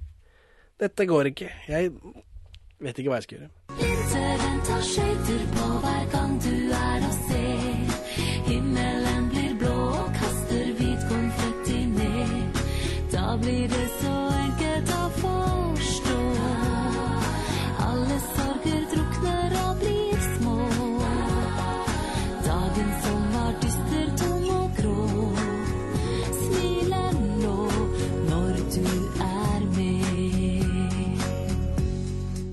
For nå kommer det en musikkvideo som Kjell hallusinerer av. Kjell og Valborg danser, han i hvit smoking, hun i hvit kjole, det er mye røyk. Det er ikke så verst skuespill i denne sekvensen, for det er sånn pantomimenivå, og det får barna til. Ja. Og idet de skal kysse, så blir Valborg til biffen. Det er kleint. Tenk å kysse biffen, da. Ja, det er helt forferdelig. Herregud, tenk å være buksvager Tenk å være buksvager med Olsmann junior-biffen. Herregud.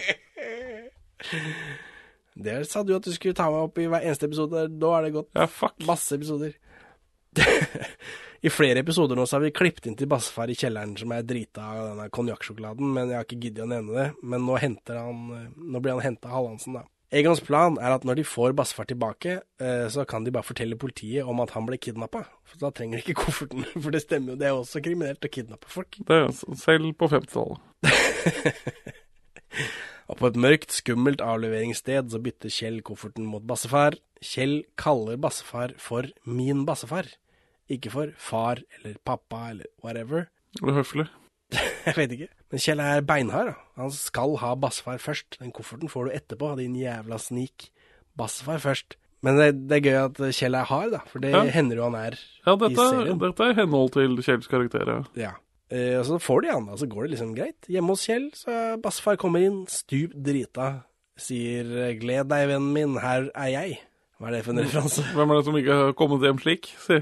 Ja, Men hva er dette for en referanse? Vet ikke. Det er Den spanske flue. Å ja. Gled deg, pappa, her er jeg. Kjersti Holmen er jo med i Den spanske flue. Jeg er ikke 70 år. Eh, nei, men den gikk vel hvert år på nyttårsaften eller sånt, på Ja. 90-tallet, tror jeg. Jeg er fortsatt ikke 70 år. Nei, nei. Jeg husker dette. Jeg tok den. Jeg tok den. Siden bassefar er drita, eh, så er det vanskelig å overbevise politiet om at han har vært kidnappa. Bassefar! Gled deg, Gudrun! Her er jeg! Egon er ute og går, og helt tilfeldig så ser han Hallandsen hive kofferten i søpla. Så når han skal hente den, så kommer det en skummel boms og jager han, eh, for den søpla er hans, sier bomsen. The end. Slutt av episode. Den eneste episoden, Benjamin, som podkasten har som presenteres i stereo. Hva er det? Hvilken episode er det? Og det er Den ligger jo nå med god grunn på, Det i arkivet, for det klarte vi ikke å fikse. Å ja, ja, det er Farlig farvann. Ja, det er riktig. Og det er ikke riktig at det er den eneste episoden som presenteres i stereo. Ja, det Så hvilken annen film presenteres i stereo? Motherfucker! Ols- Quiz right, right back in your face! Olsmann 1. Det er korrekt. Hvorfor det? Fordi det er en, en uh, Ivar Medås øynevits inni der. Men der, den er stereo bare på den Ivar Medås Ja, men øyne-biten. så, så rent teknisk sett Ja, så ligger det for det meste to parallelle monobånd der. ja, det stemmer. Men, så den eh, tar mer plass og er da komprimert i høyere grad enn de andre episodene. ja, for men, å ha men Farlig farvann, så har du meg i det ene øret og pustinga di i det andre øret. Og Det er slitsomt, det er slitsomt. Nei, men Så den ligger med rette bak eh, Eller på arkivet. ja. ja, det kan hende jeg kan, det kan hende jeg er smart nok til å klare å fikse den nå. Hvorfor skal vi gidde det? Den er jo arkivert. Ja, kan dere får lide dere gjennom Norges første actionfilm. Norges første. Andre. Ha det bra, Benjamin. Farvel, Henning. Hei, Benjamin. Hei, Henning. Da er det trygt å åpne luke nummer åtte Oh yeah. i skrapejulekalenderen vår. Det er jo påske, og flaksloddet hører påsken til.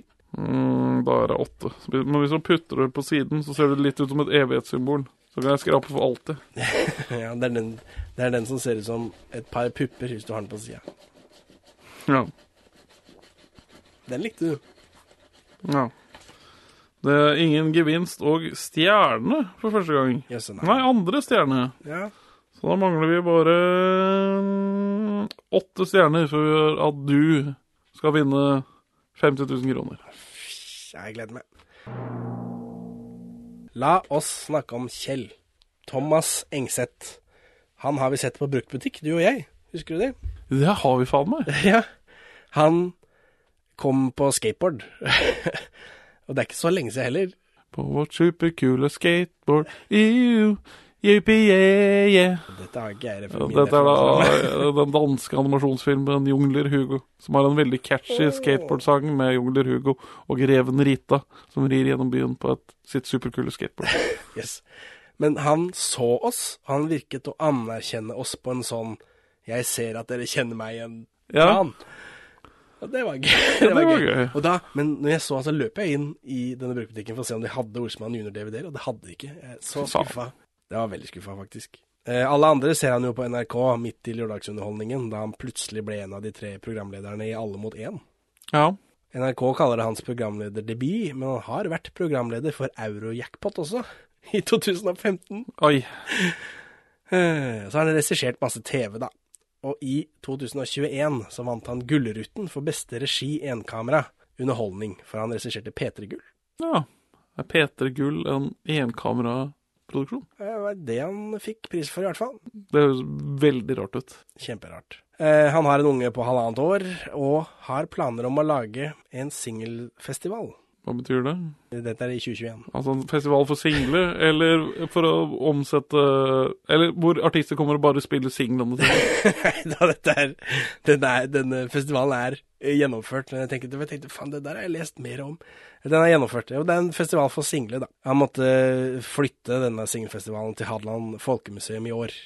Altså 2022, da. Eh, Han, han har samboer, riktignok, selv, selv om han arrangerer denne singelfestivalen. Eh, hva gjorde du i førstegangstjenesten din, forresten, Benjamin? Jeg var um, uh, vernepliktig grafisk designer ved eh, Forsvarets mediesenter på Ja. Akershus festning. Hva tror du Kjell gjorde?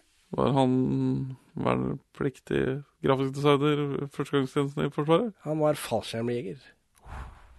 det er beinhardt. Det er beinhardt. Vernepliktig fallskjermjeger. Du sitter der og tegner grafiske designtegninger. Jeg kjenner en som var fallskjermjeger i Forsvaret, og en av tingene de opplevde, var at de, de ble satt inn i et fly, og så ble de kasta ut av det flyet. Eh, over, Med fallskjerm. Med fallskjerm, eh, men ikke noe annet utstyr enn uniform og kniv. Og, og så fikk så måtte de de drepe sin vei gjennom Tyskland. ja, altså, eller på troppen da, så hadde de én pistol til nød. Og så viste det seg i ettertid at de ble sluppet over et, i et naturområde i Skottland, sånn at de ikke skulle ha fordel av naturkjennskaper til det norske landskapet. Og han sa at den eneste grunnen til at de overlevde, var at de fant en skadd sau de kunne drepe og spise. Ja, ja. ja. De hadde vel overlevd uansett, tror du ikke det? Litt, litt, ja det hadde nok, men litt røffere behandling enn vi fikk. en grafisk designer. Hei, hei, hei, vi var på én feltøvelse sammen, du.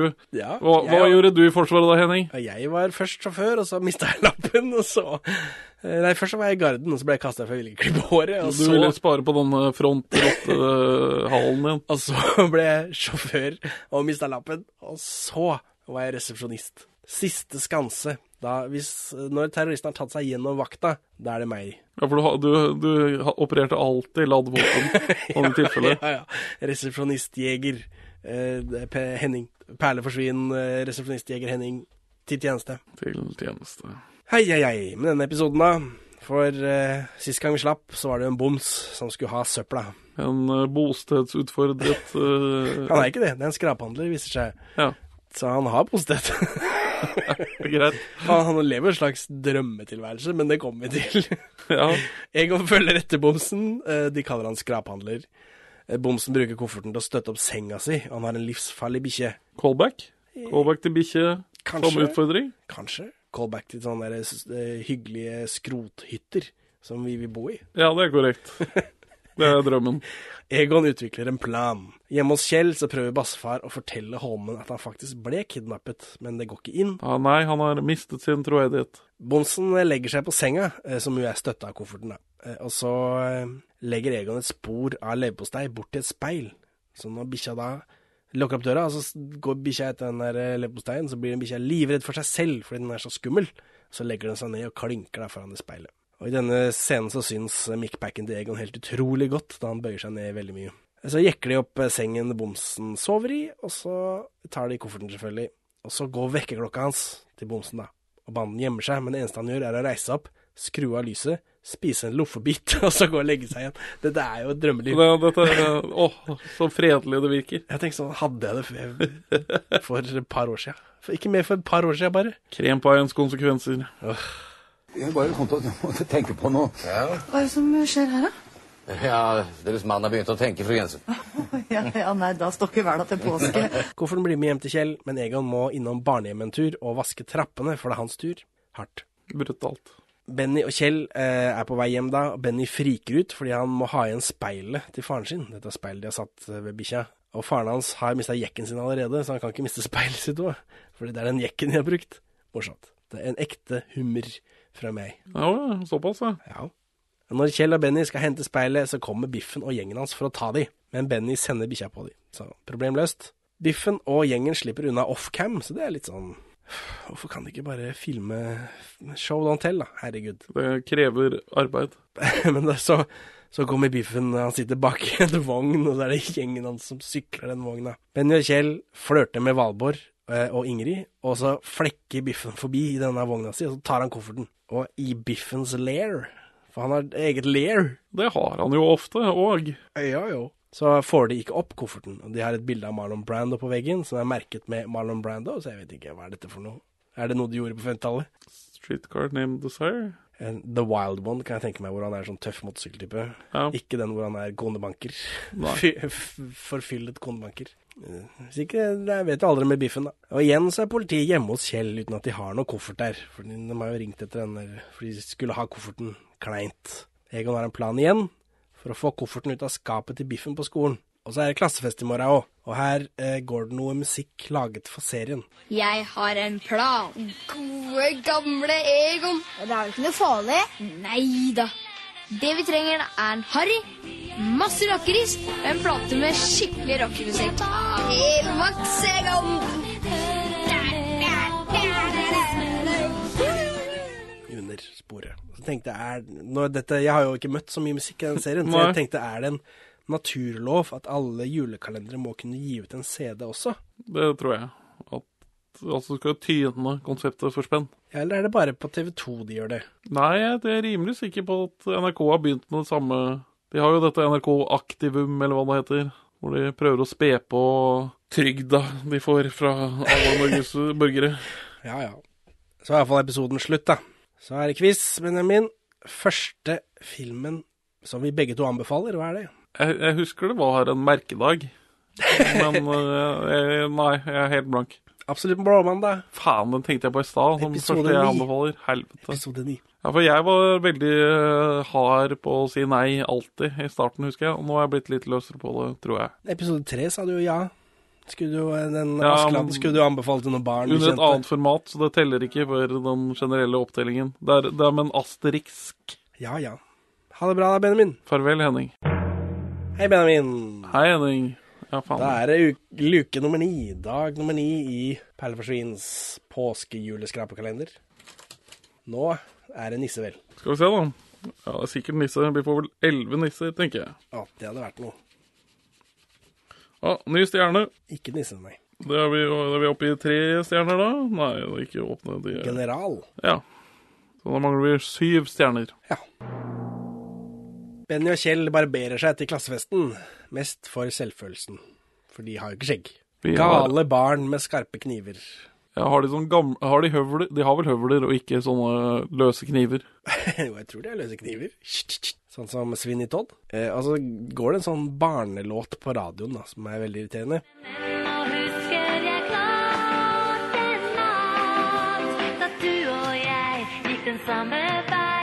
Orkesteret spilte kun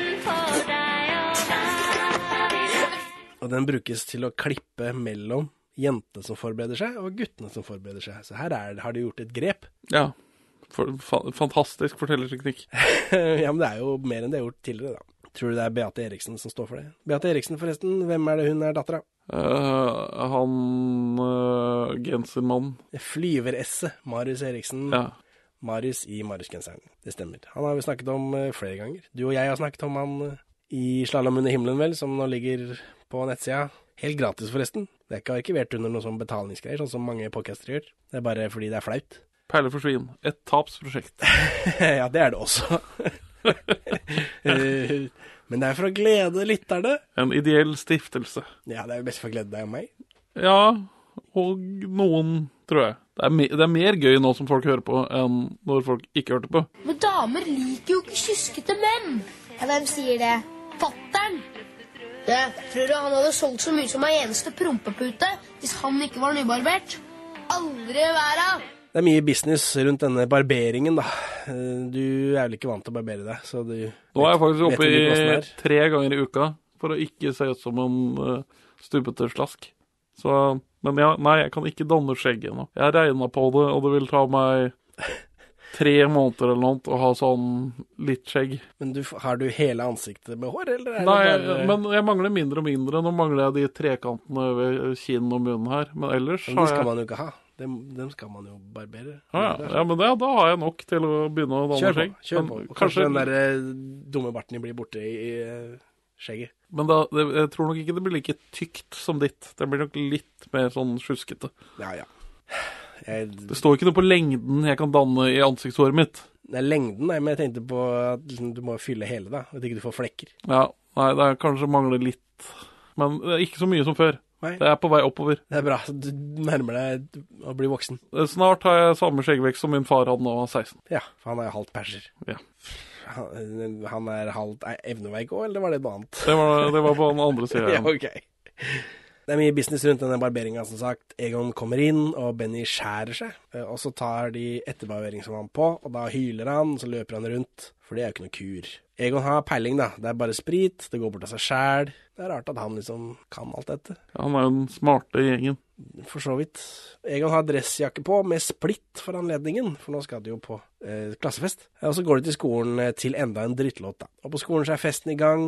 Eh, det er veldig sånn kjip skolestemning, så, så det er jeg med på. At Ja. det, det virker autentisk. Ja, kjønnsdelt. Ja, selv om det virker som det skal være god stemning, eller liksom det er lagt opp til god stemning, men det er sånn kjip skolestemning. Kjell vil danse med Valborg, men biffen er kjappere. Hei yo.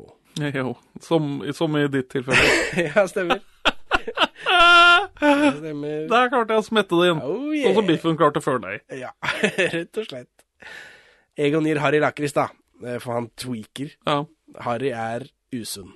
En usunn type. Cold turkey has got me on the run. Når klokka nærmer seg aksjon, så er det en dansekonkurranse hvor barna danser med appelsin mellom pannene. Altså parene, da. Er dette, er dette lov? Det er, er ikke en klassisk lek at man liksom holder under haka når man skal sende den Jo. sånn at man nesten liksom kysser mens man gjør det. Pirre det. Ja, det er det.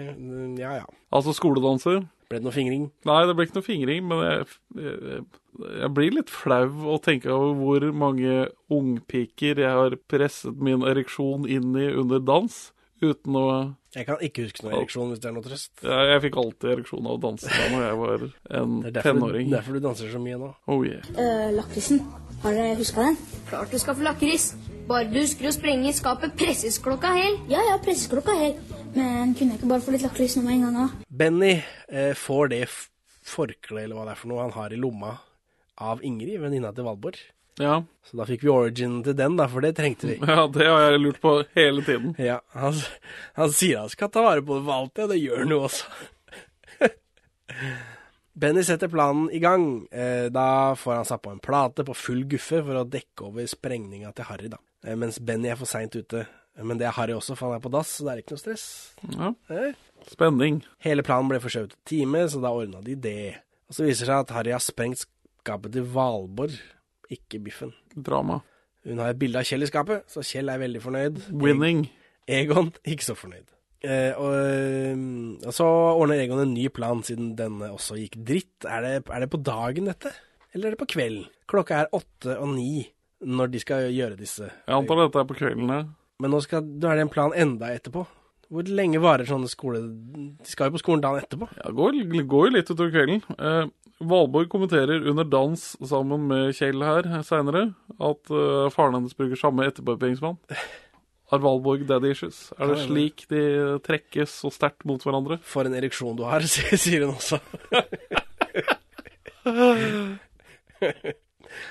Nå er det sånn ballongdans hvor man binder ballong til benet, og så tramper de på dem, ikke sant? Dette har vi vært med på, spørsmålstegn. Ja, bekreftet. Benny har helium i ballongen. Det er ikke lov. Jørgen Langhelle er også der hele tida. Han sitter bare og stirrer veldig intenst på dem, men det virker som han er med på notene. Han Jeg syns han ser veldig skummel ut. Ja. Men det er kanskje fordi han er så streng i Elling. Men det virker som han er, ikke skal være streng her, men han bare er, har den utstrålingen. Elling er jo omtrent nå, så han er vel kanskje i rolle ennå, som eh, Frank Årnes, eller hva han heter for noe. Kjell spør Valbar om å danse ballongdans med han, og så er det veldig mye sprekking av ballonger, bla, bla, bla. Eh, Benny vinner igjen, da, og Biffen er furt, for han har jo juksa. Eh, Og nå fikk Harry opp riktig skap, da, hurra, så da har de fått kofferten igjen. Igjen. Ja. De har fått kofferten igjen, igjen. Igjen, igjen, igjen. De gjemmer kofferten i et tilfeldig skap, og skal gi det til snuten i morgen. For det funker jo alltid så bra. Veldig bra. God plan. Jeg antar at dette er på kvelden, skriver jeg. Politiet har jo veldig strenge telefontider. Det har de. Eh, Nå er det rolig dans. Den eh, rolig, eh, rolig låta som Kjell drømte i musikkvideoen går. Ja. Kjell og Valborg roligdanser, hun snakker dritt om etterpåhøringsvannet hans, ja. Eh, Jørgen Langele skrur på lyset, og så jager han alle. Og han kaller Biffen for Biffen. ja. Blir banden til Biffen noensinne referert til som Biffen Band? Nei. For jeg kaller dem det her, for Biffen har fått sin egen liksom bande til, som Jeg tror det er. Johnny og et eller annet annet som ikke jeg husker. Ja, det, har, det er liksom blitt et mer tydelig motstykke til Olsmannen, og ikke bare en foil, som han tidligere har vært. Ja, og ikke Biffen pleier, har jo også stort sett en assistent som han prøver å drepe. Som i, i all stillhet, da, siden den assistenten ofte er dansk. Ja, Og så har han som regel en arbeidsgiver. Ja, stort sett. Noen er- ganger er det han som er assistenten. Baker Ja. Hansen og greiene der. Han er sjelden- Mester Hansen. er helt-? Bak, Baker Hansen er jo firma. Han er sjelden helt selvdrevet, i hvert fall. Ja. Men her er det han som er sjefen. Ja, Her er han agency.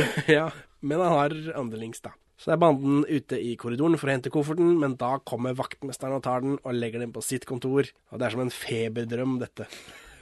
har jeg skrevet. De liksom aldri får tak i den jævla kofferten.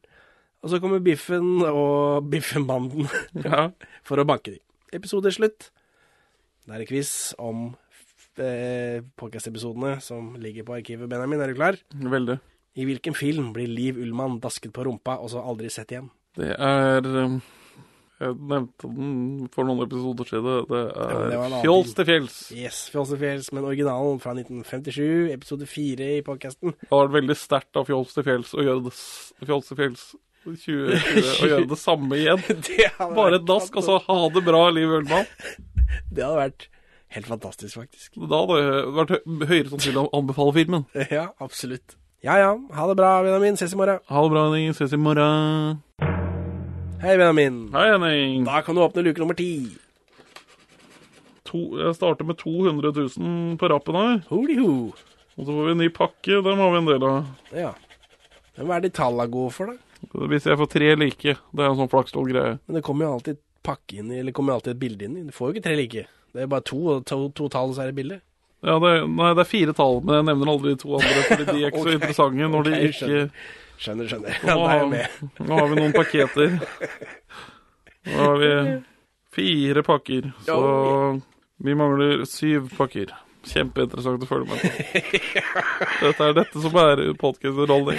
Tenk så spente lytterne er til i morgen. Ja, de kommer til å lure på er, er det en millionærpodkast. Det er ikke rart. Dette, det er ikke rart dette har blitt både jule- og påsketradisjon. De kommer jo til å tenke Hører jeg på Ble podkasten millionærer i, i, i, i påska? Og da skal vi, da skal vi slippe låtene i sånn um, quadrophonic sound. Da, da, da går vi fra mono, hopper over stereo rett til sånn firekanalt greie hvor lyden av oss snurrer rundt litt. av det. Ja, episodene tenker du på, for du sa låtene. Er ikke en podkast litt som en sang? Så kan vi snakke om Benny. Lars Berteig Andersen. Ja. Tanker? Jeg Du har- har jo noen meninger om Lars Berteig. Jeg har inside information om at han skal være en ufyselig psykopat. Fra? Nei, folk i filmbransjen. Hvem? Ja, det velger jeg å ikke gå frem med, men jeg, jeg Er det Liv Ullmann? Ja. Nei, at han skal eh, være ubehagelig og eh, ha noe problematisk atferd. Ja. Ikke spesifiser, da. Hva, hvilken problematisk atferd? Slår han folk? Tar han folk på rumpa? No, noe i den retningen. Jeg vil ikke bli tatt for retten, eller jeg vil kanskje det. Så jeg vil ikke bli Jeg, jeg, jeg har bare hørt De ville ikke konkretisere. er konkretisere. Jeg har indisier fra filmfolk. Ja, Som ikke vil konkretisere. Nei. Ja ja. Han dubber en del, da. Så Det er ikke indisier. Ja. ja, for jeg har jo et Jeg har jo spilt konsert på samme scene som han. Det har jeg nevnt i en tidligere podcast for lenge siden, tror jeg. På Jeg har gjennomgått med å være Buksvågen med biffen, det. eh, Så bandet mitt Analkanal spilte på Ungdommens kulturmønstring. Vi het uh, Juridisk sett så het vi Kanal Kanal, siden han som spilte keyboard, kom fra en mormonerfamilie. Så vi var redd for at han skulle bli kasta ut. Da ble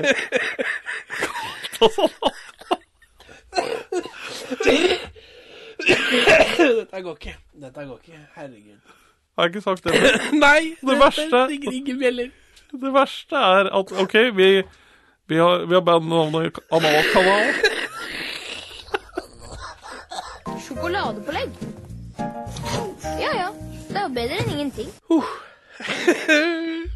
Det verste er jo da at vi heter jo Analkanal fra 2003 til 2007. Ja. Og nå så søkte jeg på Analkanal Vi spilte jo noen konserter som kanskje har blitt nevnt i avisen, tenker jeg. Ja. Ingen treff. Men i Telemark i 2019 så er det et nytt band som heter Analkanal. Yes. et Tribute-band til uh, Nei, nei, bandet nei, ditt. bare et helt frittstående telemarksband. Så altså, Nirvana heter jo Var jo ikke det første som kalte bandet sitt Nirvana. Det er jo et 60-talls poprock-band med noen hippier som også het Nirvana. Det nye Nirvana måtte betale gamle Nirvana av det. Så jeg satser på at Telemarks analkanal Eh, Telemarks analkanalen, for det er vel en faktisk Telemarkskanal òg, når jeg tenker meg om. Telemarkskanalen. Ja, Er ikke det noe? Når de slår igjennom, skal jeg i hvert fall ta de for retten. Men ja, Det er greit å ha planer. Analkanal, UKM, en eller annen på Martins i Lillestrøm. Så er det er jo mange band som spiller, og så håper man å komme videre. På UKM, ja. Og da, men da spiller uh, bandet han Ungdommens kulturmønstring. Ja, han Lars Berteig. Han spiller også et, Han er fra Strømmen, tror jeg. Uh, han spiller også i et band. Og dette er da etter Olsenbanen junior på Rockeren har vært. Så da begynner publikum å skrike det. Olsenbanen junior på Rockeren! Og så er det, det er ikke han som er Benny i den. Nei. Uh, ny Benny da. Han så sur ut når dette skjedde. Jeg syns det var styrtelig festlig. Ja, det høres jo veldig festlig festlig Det er scenesvoger da med Ja. Benny. men- Det er ikke like sterkt. Det er ikke like sterkt. Jeg er helt tom, eh, tom jeg nå. ai, ai, ai. Benny dubber en del til oktober 2020. Ja, så bra. Når ikke han spiller med en annen kanal. Eh, jeg gadd ikke å grave så dypt, men han dubber i den Lego-filmen 2, for eksempel, fra Ja. 2019. Eh, og dette nevner han også i dette intervjuet med P3 Morgen i 2018. Han har vært stemmen til Harry Potter i oppveksten, da, hovedsakelig i spill og lignende. Ja, han har De som ikke har giddet å dubbe han. Jeg tror ikke de har dubba filmene. Jo, de første tre Harry Potter-filmene er dubbet. Ja vel, jøss. Det kan hende det er han, da. Som nevnt så har han et filmproduksjonsselskap kalt Slaughterhouse Pictures. Som for i hovedsak produsere snøfilmer. Det får du ta på din kappe etter all den dritten du har sagt om han nå. Han kommer etter deg. Han eh, hadde motorsykkel, eh, så jeg i et intervju her. Ja, han må kjøre fra Los Angeles. ja, men det er bare tøffinger som har motorsykler i sånn, og sånn skinndrakt. Facebook-siden til Slaughterhouse eh, er ikke oppdatert siden 2018, da. Og nettsiden er sånn passe herpa, men jeg kom meg inn til slutt. For den, disse linkene dit er brutt. Ja, men jeg kom inn til slutt. Eh, Og det virker som de har eh, lagd en del reklamer, og så er det noen musikkvideoer. Det, og i, ifølge proff.no så får firmaet en knekk i inntekter og resultat i 2019, før det tar seg opp litt i 2020. Og så stuper det i 2021, da, for 2020 var vel ikke et godt år for noen. Eh, men eh, man kan også se hvor mye firmaet eier der, og de eier en del i 2020, og så mye mindre i 2021. Så jeg vet ikke om det kan hende at firmaet bare har solgt en del ting, og dermed fått et hakket bedre resultat i det ene året. Eh, Men jeg er ikke regnskapsfører, da, så jeg har ikke noe, egentlig noe peiling på dette. Jeg ser også at jeg hadde en endring i styret i 2019. Jeg kan, Interessant. jeg kan ikke se hva endringen er, jeg ser bare at det er en endring. Men nå er det bare Benny Skjær som eier 100% av aksjene, og bare han som sitter i styret. Så det er mulig at de hadde et styre, og så var det slutt på det, da, fordi det plutselig ble et enkeltmannsforetak. Ja. Firmaet eksisterer, da. Eh, ennå. Og det er mer enn jeg kan si for vårt eh, podkastproduksjonsfirma, som jo ikke eksisterer. Ja. Så det er det jeg har om han. Ja. Så din historie var vel objektivt bedre. Sensur! Suselader! Amatør! Hengerumper! Denne episoden åpner plutselig hjemme hos Kjell dagen etter. Så hva var greia med biffen? De ble jo tatt av biffen sist. Jeg Vet ikke. Her føler jeg at det mangler noe igjen, så du har ikke fått noe her. Ja, de ble møtt av Biffen-banden, skriver jeg i slutten av forrige. Og så Og så plutselig så er vi hjemme hos Kjell, da. De blir vel curbstomba. ja, men det, vi ser ikke noe tegn til det. Kjell har fått Nugatti, og han drikker brus, og da blir Egon forbanna. Eh, og så stikker de der fordi de ikke Egon blir forbanna, og han stikker fordi han, de andre ikke tenker på kofferten. De bare tenker på Nugatti og mat og dritt. Så er det klippet i skolen. Egon sitter i et klasserom og knuser kritt og banner. Og dette virker som det burde vært noe fra filmene, men det er jo ikke det. Han blir jo forbanna på gutta og dropper de. Jo, men han sitter jo og- knekker Han sitter liksom og knuser kritt med henda. Det, virker, dette ser ut som det er noe, men eh, Han har jo noen psykotiske episoder òg, hvor han blir overtatt av det sinne. Ja. Benny gir Kjell råd om å overse Valborg, og så slå hun. ja, for det tipp. Så hans onkel som har vært gift seks ganger, så han har peiling på damer. Så Benny og Harry har altså en onkel også, så vi lærer jo masse om familien her.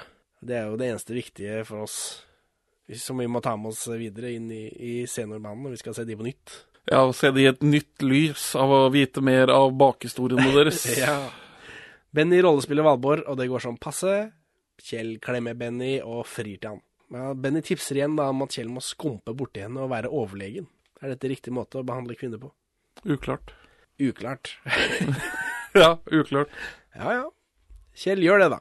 Han overser Valborg. Eh, Valborg prøver å få Kjell til å invitere henne på kino, men siden han er en jævla raring, så blir det biffen i stedet.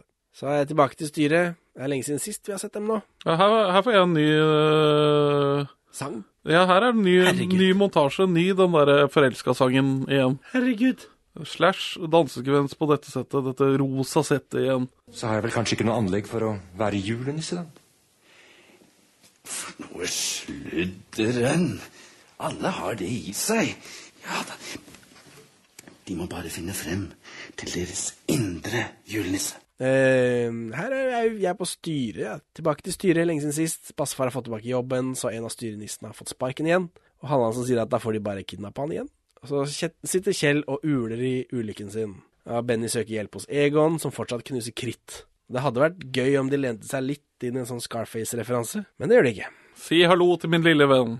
Eller siden Egon sitter foran en haug med knust kritt og helt hvit i hele ansiktet, så hadde det vært eh, kjempegøy.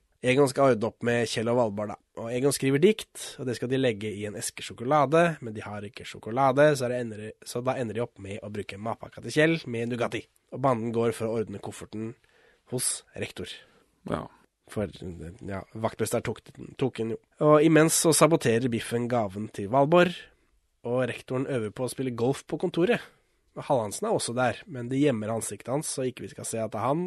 Men dette funker bare for barn, tror jeg. Ja, men vi får nå vite at uh, rektoren er crooked. Hallandsen får en golfball i kneet og går på toalettet for å ta vann på før det hovner opp. Og det ser vondt ut. Ja.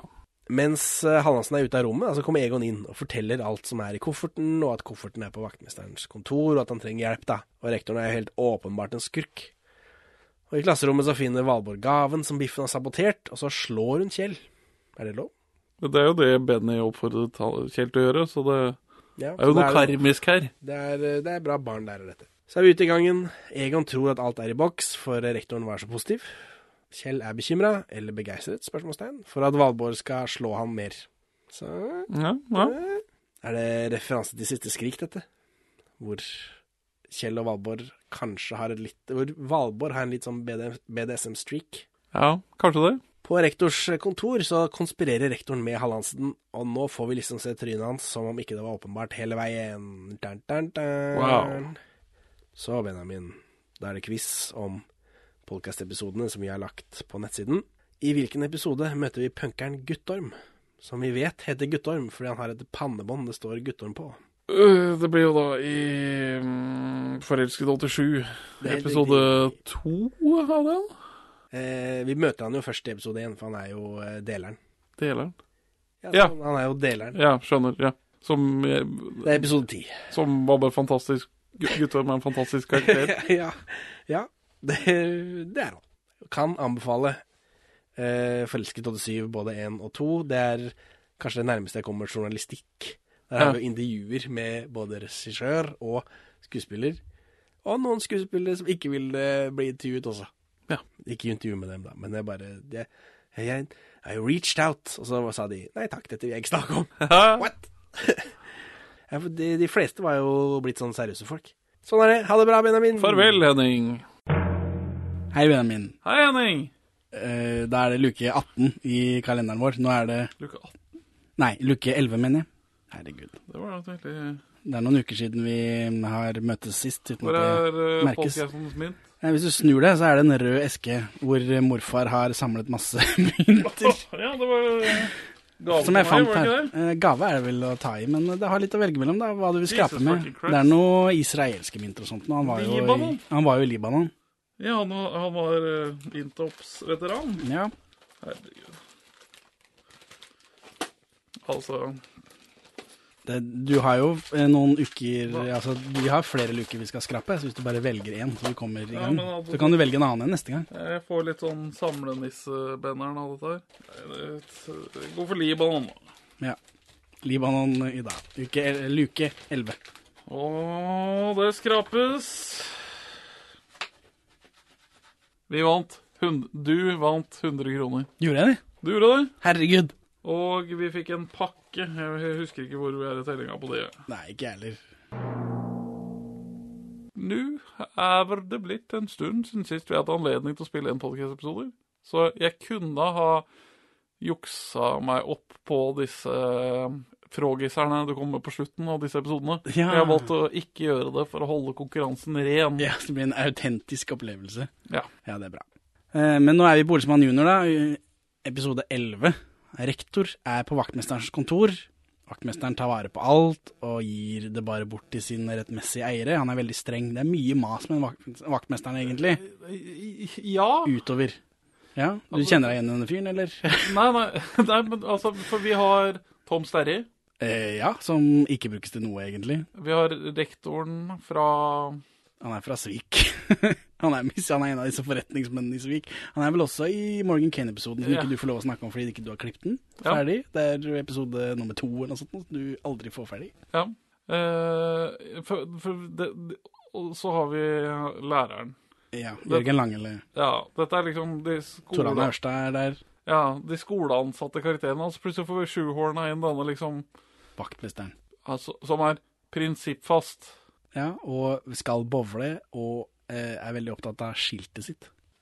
Det, det er sloppy writing, en den her, ass. Om det er, herregud. Biffen og gjengen har en plan for å få tak i kofferten. Biffen skal bestikke vaktmesteren. Biffen sier at han også har en onkel, så da vet vi dette, som pleier å bestikke folk, da. Bassefar er på vei til jobben og blir kidnappa igjen. Og hadde ikke serien vært så dårlig, så hadde det vært gøy. At han blir kidnappa hele tida. Skipper over et sangnummer. Har- Ja, det er dette har vi snakka om, at uh, disse sangnumrene er tatt ut av DVD-en min.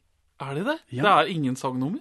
Uh, jo, det er de som er sånn De integrerte er der. Ja, men for det her, Jeg, får, jeg fikk den når uh, Kjell dagdrømmer, denne musikkvideoen. Den fikk jeg. Ja. Men bare tilfeldige sangnummer rundt omkring, de har ikke jeg. Hos meg nå så spør Kjell om råd med damer fra pappaen sin. Og så får jeg et sangnummer hvor bassefar synger om damer. What? Det er jo et integrert nummer. Ja. Nei, dette har ikke jeg. Det, det er skuffende.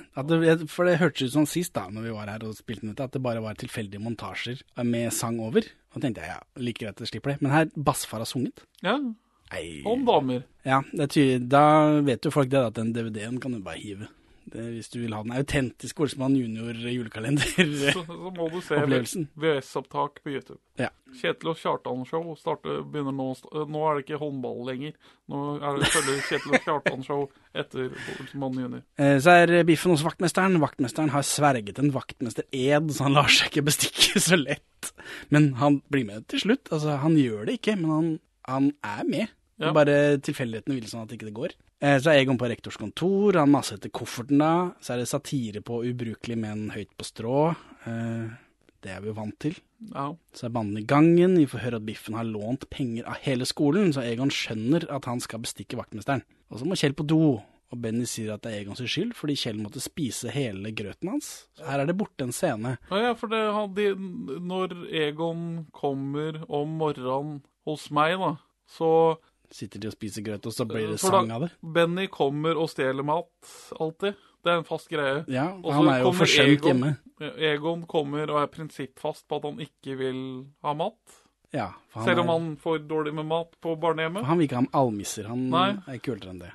Og da måtte for at uh, uh, ikke mora til Kjell sin ære skal bli fornærmet som uh, gjestmild, liksom, så må Kjell da spise opp grøten til Egon. Ja, for det er flere steder her jeg reagerer på at her mangler jo en scene. Det må jo være et eller annet som er borte, og det er det jo tydeligvis, da. Ja. Det er rart at de ville gi ut noe sånt uh, på DVD. Det, det er rart. Dette er veldig rart. Det er veldig rart, faktisk. Men uh, For her har jeg skrevet det er overraskende mye på klippegulvet til å være så langdryg som denne serien er. Men uh, ja. Banden roter rundt på vaktmesterens kontor da, og må gjemme seg under disken hans når han kommer. Kjell får fingeren sin tråkka på. Det er callback, er det ikke det? Til denne gyngestolsekvensen Ja. i Er, er det det der? Det må jo være det. Eller er det det? Jeg vet ikke. Biffen og gjengen kommer inn, vaktmesteren lar seg nesten bestikke for 72 kroner, men han syns det er vanskelig, eh, så han ber de komme igjen i morgen, da, så han får bestemt seg. Ja. For han liksom, han har slites. Ja, Slites og rives, han må ta en veloverveid avgjørelse. Ja, for, men hele, mens dette foregår, så er banden gjemmer seg under pulten der. Eh, og så, men når de går, så rømmer banden, og så er det noe greie med noe skilt som vaktmesteren maler, og som Kjell Og noe om Kjells underbukser, men whatever. For han har lagt inn underbuksa si på et eller annet tidspunkt. Jeg glemte det et eller annet sted. Som har endt opp i dette. Med surfende elefanter på. Jeg vet ikke hvor hippe trykk du får på barneboksere på 50-tallet. Jeg Hæ? Det er gøy, da. Gøy for barna. Egon har en ny plan, og så er episoden over. I hvert fall på min DVD. Så er det denne quizen, Benjamin. Hvilken episode er vår første vikarepisode? Som nå ligger i arkivet på Eller ligger på nettsida vår, da. Tilgjengelig for alle. Flåklypa. Riktig. Episode 15. Ha det bra, Benjamin. Ha det bra, Henning. Hei, Benjamin. Hei, Henning. Da er det denne luka, da. Luke 12 i Perleforsvins julepåskekalender. Unavnet pose, skal vi se. For nå har du funnet en mynt i, i haugen med poser fra min morfar. 19, skal vi se, det er Skilling, men det er Regina Elisabeth. Ja, det, det kan jo være fra de siste 70 åra. Dei Grazia. Jeg vet ikke hvem dette er, hvilket land dette er. Vanskelig å si. Det er iallfall luke 12. Da blir det noe mer grunke på deg nå. Ja, spennende. 100 kroner, gitt. Hva skal jeg bruke de til? Å, det skrapes. Ny pakke. Ingen gevinst utover det. Ai, ai, ai. Nå er Kjell og Benny på utsida av jentegarderoben, for de trenger noen Lucia-kjoler og noen lysegreier. For det siste vi fikk vite, var at Egon hadde en plan. Ja. Så er det mye greier. Benny sier jævla også. Han er stygg i munnen, han fyren her. Ja, ja. Og så er det spennende med nakne jenter og greier, da. Sånn. Og så er det mer sextips fra onkelen til Benny. Via Benny, da. Ja. Om du er nervøs sammen med en jente, så skal du bare eh, ramse opp delene på en sykkel. Så dette er vel noen sånne ereksjonsgreier. Å ja. Nei, jeg, jeg tenkte dette for å jeg tenkte, jeg tenkte på teknikker for å vare lenger. Ja, for å holde ut, ja. Ja. Det var det jeg mente. Ja, ikke ereksjonssvikt, men uh... Ja, det er for å vare lenger, ja. Det er jeg enig i. Det var det jeg mente. Ja, Så prøve å tenke over hvordan brannvarsleren i taket fungerer. Ja. Syv gangen. Syv ganger. Ja. 7, 14, 21, 28, 35, 42, 49, 56, 63, 70. Altså bakover. ja. Nå høres det ut som vi driver ligge med hverandre, men det gjør vi ikke akkurat nå. Ikke akkurat nå. Um, døra er låst til slutt, da. Så nå be nå. Det, det er ikke bra. Da kommer de liksom ikke inn. Biffen henger rundt. Herman Hermansen, kommer og er klysete, eh, og da For da fikk han litt å gjøre også. Jeg vet ikke hvorfor. Nei. Hvis ikke du har noe på din versjon hvor det er noe mer. Nei, nei. Nei. Kjell og Benny banker på døra, og en halvnaken jente åpner opp. Wow, wow, wow. Um, og så setter Benny dingsen sin i døra. Lol. altså ikke den dingsen, men den andre. Men endelig, da, eh, så bruker de dingsen. Ja. Kjell finner stillongsen til Valborg, eh, og han gnir seg som en pervokåting på den. Ja. Og Benny synes det er ekkelt. Så det er bra, Benny. det, ja. det er det. Men så blir Benny mindre bra veldig snart igjen. Så kommer jentene, og de må gjemme seg i et kott. Der Benny ser ut gjennom en sprekke og snakker om alle de nakne jentene. Det er ikke bra. Ja, og så er det mye sånn humor av og på, og hvorvidt Valborg har på seg klær eller ikke. Det, det, Ja, Kjell tør ikke se, han gnir hele ansiktet sitt inn i stillongsen til Valborg. og Valborg og jentene leter etter stillongsen. Da jeg gikk på skolen, så var det gutte- og jentedusj. Det var liksom samme rommet, men så var det en vegg imellom. Og så var det åpning i toppen av veggen. Oi. Så hvis, du, hvis man klatra litt mange oppå hverandre, så kunne man se tvers over. Kjemperart. De, dere gjorde det? Eh, Det var selvfølgelig en som gjorde det. Jeg var jo aldri så kul. Nei. Og så var det, ble, fikk det ble masse rabalder etterpå, ikke sant. Ja. men, men sånn var det. Det er det revet, antar jeg, det bygget der. Men uh, ja det, den løsningen har ikke jeg vært borti. Den virker til å be om bråk. ja. Så er vi biffen på vaktmesterens kontor. Vaktmesteren har ikke bestemt seg ennå. Han skal pusse bowlingkula si først? Spørsmålstegn. Hva mener du med det? Så kommer en jente inn og melder stillongsen til Valborg borte. Og vaktmesteren blir i harnisk over tyveriet og stormer ut. Ja, for det får første prioritet, fordi vaktmesteren er jo lovens lange arm på skolen. Ja, Imens så har jentene forlatt garderoben, så Benny og Kjell har tappa seg Lucia-kjolene, da. Før vaktmesteren og barbeinte Valborg kommer inn. Hun har jo ikke stillongs. For øvrig, før eh, annet, jeg, får en, jeg får en ny sang i løpet av denne episoden. her. Jeg klarer ikke å passere den i handlingen. Det kan vel muligens Jo, jeg får også en musikkvideo. Med Valborg synger noe kjærlighetsgreier med noen dombjeller og sånn. Det er at hun ikke har noen melodi og ikke har noen ord. Det er Mest sannsynlig. Mest sannsynlig. Men ja, jeg får også det her. Det er en sang jeg har lyst til å synge, men jeg har ennå ikke funnet noen ord som kan beskrive det jeg tenker, som kan si at det jeg føler og forklare helt nøyaktig hva jeg tror. Det er et dikt jeg har lyst til å skrive,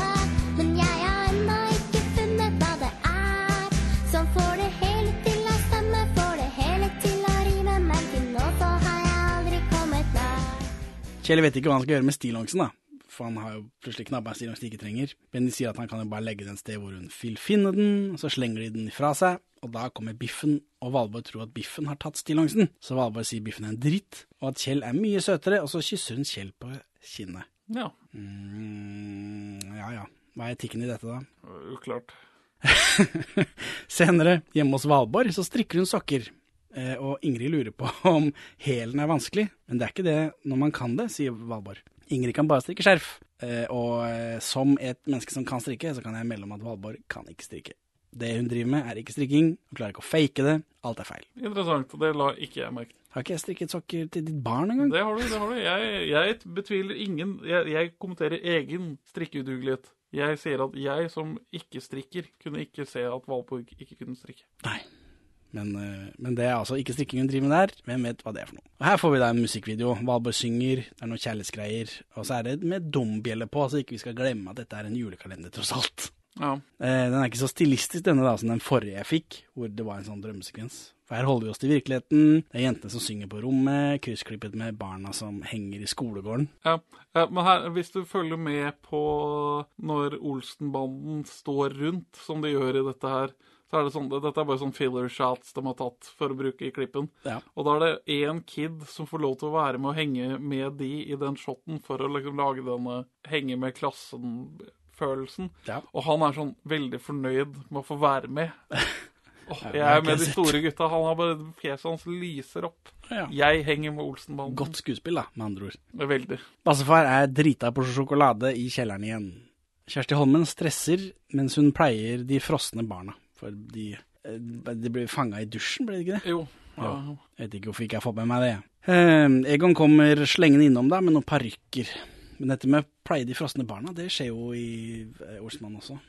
At Valborg Ja. må eh, varme opp etter at de har endt opp i fontena i Frognerparken, eller i Mhm. Vigelandsparken der. Egon kommer slengende innom med noen parykker, de skal kle seg ut som jenter. Kjell er skeptisk, Benny er fan. Men i- Drag er jo også en greie i humor. Og Olsmannen. Ja, men får vi Benny i drag i det originale? Nei. Nei. Og her får han hoveddrag-rollen etter hvert. Det stemmer. Ikke for å hoppe over hesten her, men så Ja. Det, her utfyller Olsmann jr. noe de originale filmene ikke klarte å gjøre. Ja. Så planen er at Benny skal legge an på den gamle vaktmesteren. Øh, Og- og- det hadde ikke gått i dag, sier jeg. Nei, og grunnen, grunnen til at han skal gjøre det, er fordi han er høyest. Og at vaktmesteren må tro at det er en av de større jentene, sånn at det vil ha større effekt. Ja. What the fuck? What the fuck? Øh, Jeg håper iallfall ikke det hadde gått i dag. det er veldig mye greier om at Benny må lage trutmunn, og at de skal få vaktmesteren ned i knestående. Ja, det, det er, dette er merkelig. Dette er merkelig. Jeg tror barn ikke bryr seg så mye om akkurat det. Jeg tror ikke de tenker på samme måte som vi gjør. Nei. Så, men det er mye biffen i denne serien. Jeg er ikke vant til å se at han gjør ting og prater og plotter og sånn. Ja, Biffen som motstykke til Egon, det er en feiltolkning. Mm. Men her er den første disken min slutt, så jeg får se rulleteksten for første gang, da. For det har jeg ikke sett før. Nå har jeg begynt å skippe de. Ja, Nå som jeg vet at du sitter og ser mye mindre Olsenmann-filmer enn det jeg må se. Det første som ruller forbi er nettsiden www.olsenmann.no. Den siden er i dag død, eller det vil si den holdes av av noen som selger dritt, tanngreier og ting Ja. man trenger til hjemme og søppel og sånn. Så er det quiz. Når er første gang du lager en gift i podkasten? Um, det er episode 26A. ja, det er riktig. For det er i, dette er de tvillingene i den, den lokalradioen i Smørøyet. Ja, det stemmer. Det er helt riktig. Det er to radiotvillinger i Midt i smørøyet. Ja, det er midt i Smørøye, Smørøyet, ikke Smørøyet. Episode 26A. Hvor er penisgiffen til Olsmann? Jeg, har sendt én versjon, men jeg ble ikke fornøyd, så da har jeg bare lagt den på is. Penisen på is. Ha det bra, Benjamin. Farvel, Henning. Hei, Benjamin. Hei, Henning. Da kan du åpne luke 13. Og Forresten så har vi nå imellom to døgn Nei, jeg har med meg posen med, med mynter, skjønner du. Oh, ja. Imellom to døgn så har vi byttet location. Nå har vi jo i hele år, hele denne podcast-sesongen, sittet i, i min garasje, i studio Perl Forsvin, og spilt inn. Men nå er vi da på en unavnet eh, utdanningsinstitusjon igjen. En liten tur. Så jeg måtte ta med meg denne morfars eske med ymse mynter, så vi kan skrape eh, luke 13 i Perleforsvins jule-påske-flaksloddkalender. Hvilket land er det mynten kommer fra? Jeg, jeg fylte på for en libanesisk femmer i går. Dette, dette er Tinn, tror jeg. I forgårs. Dette er det forgårs. Over i går. Det er libanesiske tre. Det kjenner jeg som liksom Det er Libanons symbol av en eller annen grunn. Uh, dette, dette, dette er nesten lekepenger. Da er det bare å skrape i vei. Det ble to tituseninger og to hundretuseninger og en stjerne. Jaha, hvordan ligger vi an på stjerner, da? Vi er oppe i fire stjerner. Av eh, tolv Ti stjerner. Oh yeah. Så Benjamin, har det skjedd noe? da? Nå, som sagt, har vi byttet uh, eh, location, så da har det vært et lite hopp i tid mellom våre innspillinger. Har det skjedd noe på Olsman junior-fronten siden sist? Jeg har sett ferdig alle episodene nå, i hvert fall. Ja, og jeg tenkte Vi vet jo fra før av at Lars Berteig spiller gitar og valthorn, som han gjorde i militæret. Ja. Og hva er det han, han har jo regissert en del musikkvideoer også. Han har jo mye erfaring med musikk. Hva er det som skjer i Olsmann junior-universet nå? Eh, Nei, det har jo kommet en, en sang da, hvor han deltar. Lars Berteig, hele Norges Benny junior. Ja, og det sto det i avisa òg, at han liksom kjent fra Olsmann junior, så han blir ikke kvitt det. Nei eh, Han virker å være den som prøver hardest på å, å gjøre noe i filmbransjen. Jeg Men det- gjorde i hvert fall, jeg vet ikke. Jo, som, som, som, som vi har dekket tidligere i, eh, i denne julekalenderen, så har det på en måte tørka litt ut etter denne pandemien.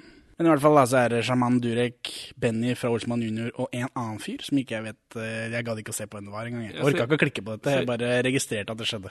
Jeg ser ikke nok på verken lineær-TV eller streams til å vite hvem det er. Nei, de har starta boyband og har gitt ut en låt som ikke jeg orka å høre på. Jeg antar det er noe sånn afterski-greier. Men det sto noe om afterski, gjorde det ikke det? Jo, jo, Ja. det, det er ment Jeg ser som for en meg at det er, for meg at det er noe trans-greier, ja, Uten at jeg har giddet å høre på det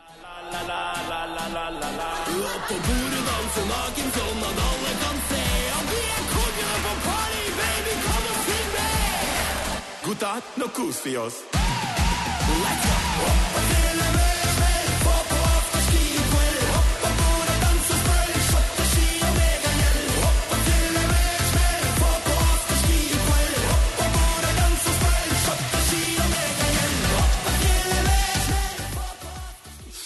Søppeleuromusikk, tror jeg er termen. Men så Benny i Olsmann jr. kjenner sjaman Durek. Min teori er at alle nordmenn i Los Angeles kjenner hverandre. Eh, Dattera til Morten Harket sov også hos sjaman Durek på et eller annet tidspunkt, leste jeg. Det er, jeg tror denne nordmannenklaven i Los Angeles er såpass liten at, det- at det bare blir en sånn rar miks. De som drar til Los Angeles for de tror de skal bli store, de henger vel sammen, da? Ja, så har de litt sånn samme mindset, kanskje. Ja. Det er om å gjøre å liksom egle seg innpå hverandre og tråkke over hverandre. Ser jeg for meg her jeg Ja, sitter jeg fordomsfull, da. Syns det høres ut som en valid hypotese. Men det har iallfall skjedd siden sist, i julekalenderen, da. Hva har skjedd der? For nå er det Tom Sterry som løper opp trappa i forkant av dette Lucia-toget. Ja, det er der vi er. Der er vi. Herman Hermansen strammer opp klassen som står i gangen for å høre på.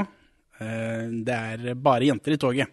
Så det, det er fortsatt segregerte på Lu- Lucia-tog på 50-tallet. Ja, Jeg husker ikke om jeg fortalte sist at jeg var Lucia. Gjorde jeg det? Jeg tror kanskje du nevnte det. Men Det er, gir veldig mening at jeg hadde gjort det, i hvert fall. Jeg tror aldri jeg fikk gleden av det, men jeg tror jeg hadde lyst. Ja, Alle mine mangekjønnede barn har lyst til å være Lucia, i hvert fall. Det var nok litt strengere.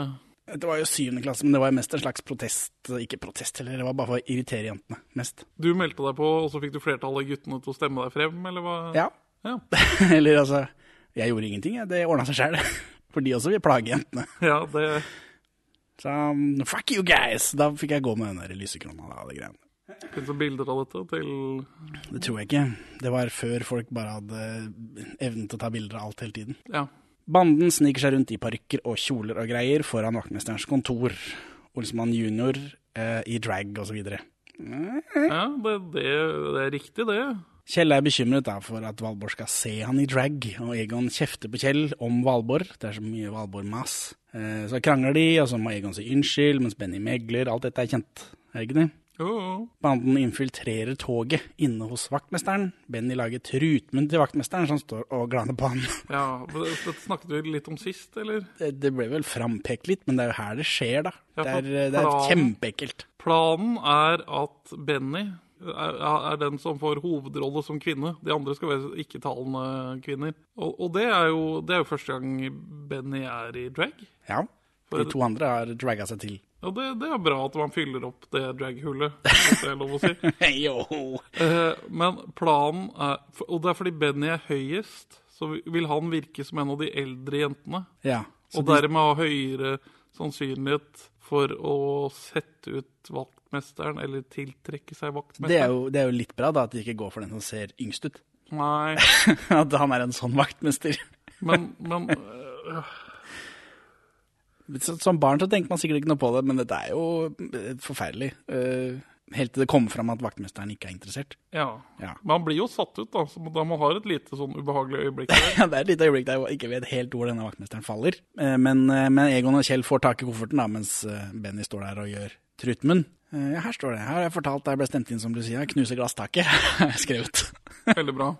Så jeg har ikke snakka om det før, da. Eh, og så går toget tilbake gjennom klassen, og, Herman Hermansen og Biffen har en konfrontasjon, men det fører ikke til noe. Hos meg, da, riktignok.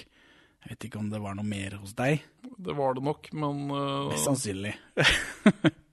Nå har jeg jo begynt, I mellomtida, mens vi har ikke spilt inn, så har jeg begynt å klippe disse episodene. Og da bruker jeg jo YouTube for å ta lyden. Og oh, wow, det er altså så mye som jeg går glipp av. Jeg har et regnestykke eh, litt i en senere dag her. Eh, Jeg har også sett noen klager på det i kommentarfeltene. At på DVD-versjonene at folk er sånn hvor, hvor Altså, det mangler masse. ja, det, for det, den DVD-versjonen ligger også ute på YouTube. Ja, ja. så jeg. Ja, det går tomt for VHS-ripper etter hvert òg, så da har jeg også sett litt DVD. Å, herregud. Det er Åssen skal vi klare å, gjøre bare- dette komplett? Og nå har jeg bare begynt å spole gjennom sangene, for jeg orker ikke mer. Du må gjøre jobben din ordentlig. Du er en av Norges Du er eh, halvparten av Norges beste norsk film- og TV-podcaster-duo. Det tør jeg påstå. Ja. så du må gjøre jobben din ordentlig. Hvor er Hvis ikke så kommer disse eh, norsk kultfilm og de folka, de, de biter oss i anklene her. De er på vei. De kommer, hvis ikke du gjør jobben. Ja. Men jeg trenger noe sånn arbeids, nei, noe arbeidsgiverforsikring på dette C. Olsen-banden til man får psykiske plager. Ja, men nå er det jo lenge siden sist. Uansett, da. eh, Gå inn på norskkultfilm.no. Altså. ja, støtt våre konkurrenter. Norskkultfilm.no. Ja, som må ødelegges. Vaktmesteren gir Benny en lapp, for han blir stående igjen da og fortsatt og distraherer vaktmesteren, mens disse andre gutta tar med seg kofferten og fortsetter videre dette toget. Eh, vaktmesteren gir Benny en lapp hvor han ber han om å komme til kontoret til vaktmesteren etter toget. Ja. ja, for Ja, han blir med ut, da. Ja, glem det. Det er lenge siden jeg har sett dette. Ja, men ja, for i sånn jeg husker det, så har vaktmesteren Han ber din døde venn om råd. Eh, Han Torald Maurstad. Han ber Torald Maurstad om råd sånn biologisk, tror jeg. Altså Ja, dette er ikke med. Er det ikke det? Nei, jeg tror ikke nei, det nei, han, Jeg hadde notert Tora Mærstad. Ja, for øh, han, han trenger å få ungpiken på rett kjøl. Og skjønne at hun burde vente med sånn her, og at eldre menn ikke er greia. Og da, da rådfører han seg med biologilæreren. ja. eh, ja, ja. Men eh, hos meg, da, så får eh, vaktmesteren gir bare Benny en lapp. Hvor det står 'kom til kontoret til vaktmesteren etter eh, toget'. Bare, «Øh, Hva er det dette for Det er jo et spennende klipp, da. For så vidt. For, for den, Det er ikke avgjort hos meg hva som kommer til å skje. På TV-versjonen så får vi, før de møtes igjen, vite at vaktmesteren har edle intensjoner. Ja, Det Tror jeg. fikk ikke jeg med meg eh, i min versjon. Så eh, Biffen ser Bennys gule sokker da, og avslører gutta boys i dette toget. Og Så jager Biffen de rundt en stund, så er det noe fortfil-humor eh, og greier. Det liker du. Nei. De gjemmer seg hos vaktmesteren til slutt. Egon og Kjell forlater Benny hos pedovaktmesteren, har jeg skrevet, men nå sier jo du da at han er ikke pedo. Eh, De snakker om forelskelse, eh, og mens dette foregår, så retter Herman Hermansen ut Egon og Kjell til Jørgen Langhelle. Eh, Og Jørgen Langhelle bruker det fulle eh, navnet hans til Herman. Så det er Herman Hermansen. Og bare what? Hva er dette for noe? Ah, Men gutta får gjemt seg for biffen, og det fører heller ikke til noe. Eh, Benny kommer seg ut av klørne til vaktmesteren uten å bli molested. Vaktmesteren er visst ikke pedo, men vil at Benny skal finne en annen som passer bedre. Det er godt gjennomført. Og dette er 50-tallet, så dette, dette var en veldig utrygg situasjon. ja, det var ikke garantert at det skulle gå den veien her. Eh, og så møter vi resten av banden igjen. Benny slipper ut, da, og så møter han resten av banden igjen. De hører Herman øve seg på å arrestere Egon. Han står litt lenger ned i trappa, og Egon sier han øver seg til en senere anledning. Og det vet jo vi som har sett så mange Olsmann-filmer, hvilken anledning dette er. Herman Hermansen dukker jo aldri opp igjen. Nei. Viggo Hermansen dukker opp. En annen Hermansen dukker også opp. Hva var det? Herbert Leopold eller et eller annet? Nei, det var Leopold. Det var noe dobbeltnavn i hvert fall. Ja. Uh, ja. ja ja. Herman Hermansen, bu. Banden gjemmer seg på et bibliotek, og så går døra i vranglås. Egon kjefter, pappskaller og idioter osv. Benny er fortsatt i rollen som kvinne, da. Det er litt humoristisk, har jeg notert meg. Ja, ja men det, det føles også som et callback til OG-banden. Altså det å bli låst i en karakter. Altså når man har gått i et dekke. Det skjer jo et par ganger. Altså når Egon blir psykotisk og blir et barn. Det, det, det, føles som et, altså det er et grep som ja, hyller originalen på et vis. er det det? Egon tar han på ryggen, da. Dårlig. Bu. Han må jo få lov å leve sin sannhet, han som alle andre. Egon snakker om vennene sine på barnehjemmet som ikke får noe jul, og det blir veldig dårlig stemning. Eh, jeg tror ikke jeg liker at Egon kjenner andre folk enn Kjell og Benny. For her høres det ut som han har forhold til folk på barnehjemmet som aldri får se. Ja, det, Han bor jo sammen med masse folk. Det kommer, det kommer opp seinere òg. Ikke som jeg kan huske, men det er klart, det er ikke sikkert det dukka opp i min. Men, eh, Nei, det er sant. men sånn er det. Egon har en plan, da, hvor han trenger masse tykke bøker. Så er episoden slutt. Så er det quiz. Quiz om episodene som vi har lagt i arkivet på nettsiden vår. Har fortsatt ikke gjenhørt for å jukse, så Bra. dette er helt ærlig. Bra, bra. I hvilken episode sier du at Tyrkia er et problem i Nato-systemet? Og stemmer det? ja, Stemmer det fortsatt, for dette er jo noen år siden. Jeg vil si min, eh, min påstand har blitt bekreftet med 100 streker under svaret. Uh, åh. uh, åh. Så dette er en av episodene som er borte. Det stemmer. Det er da under episode 27. 27. Filmer er Nato kommet opp igjen? da? Fra 1 til 27. Du har 27 forskjellige valgalternativer. Jeg gir opp. Det er Amors baller. Episode 25. Det hadde jeg ikke klart, tror jeg. Ha det bra, Benjamin. Farvel, Henning.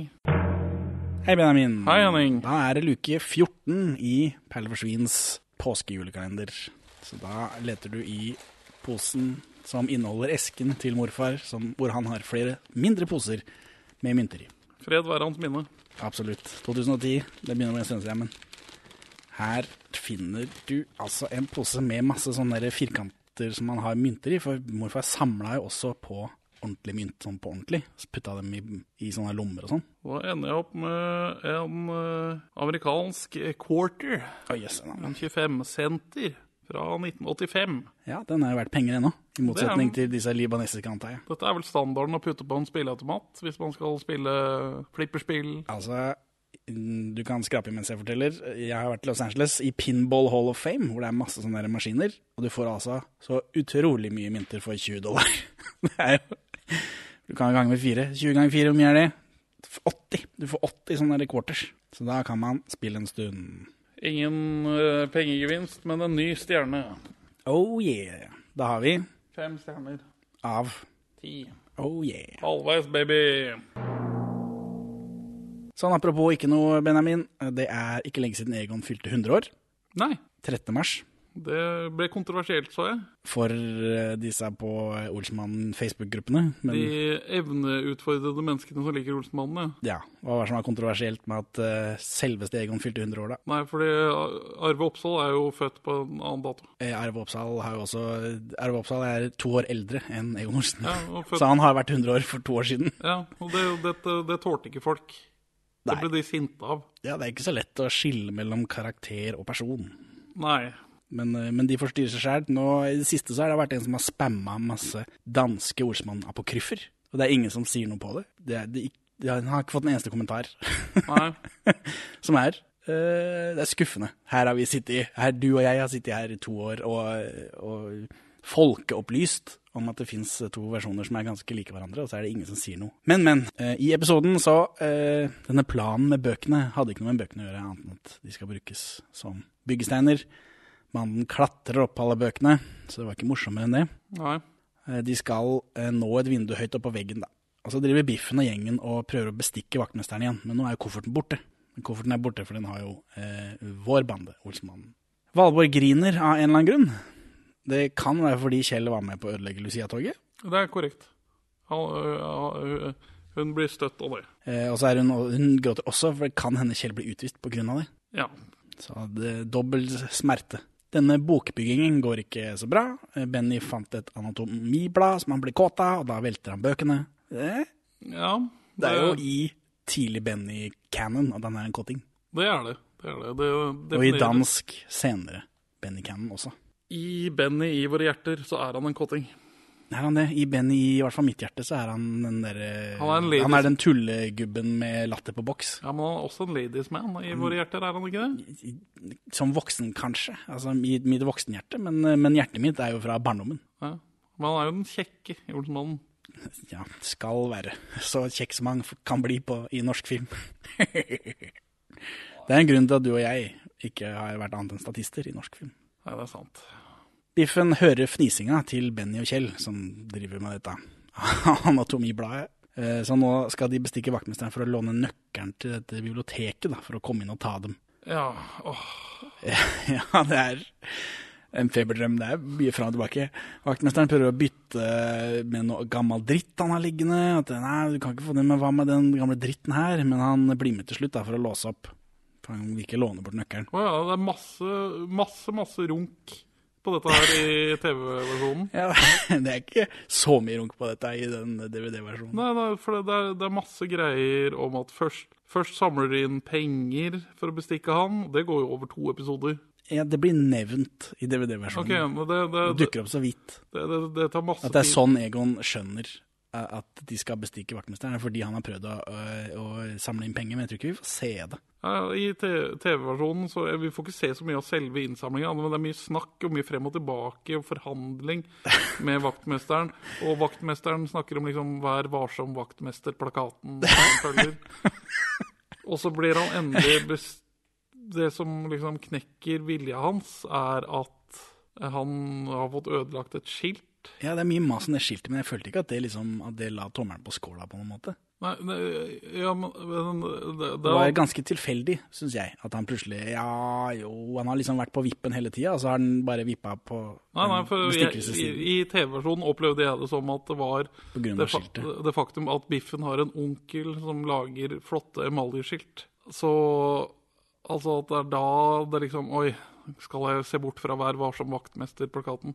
Så jeg får det skiltet, for han har prøvd å male det skiltet lenge uten suksess. Fordi noen alltid kommer borti det, og så blir det litt sånn klin. Så ender det da opp med at han skal få skiltet, men han skal følge de bort og låse Ja. han, kan ikke liksom Han må ha vaktmesteræren i behold. Ja, ja det er Åh, det er mye greier. De skal jo fylle 24 episoder, ikke Ja, sant? Det er- hele måned. Tom Sterry kommer inn på biblioteket, eh, men de klarer å overbevise han om at de har fått beskjed om å rydde på biblioteket, for det er jo veldig rotete her nå, så de har prøvd å bygge en trapp i bøker.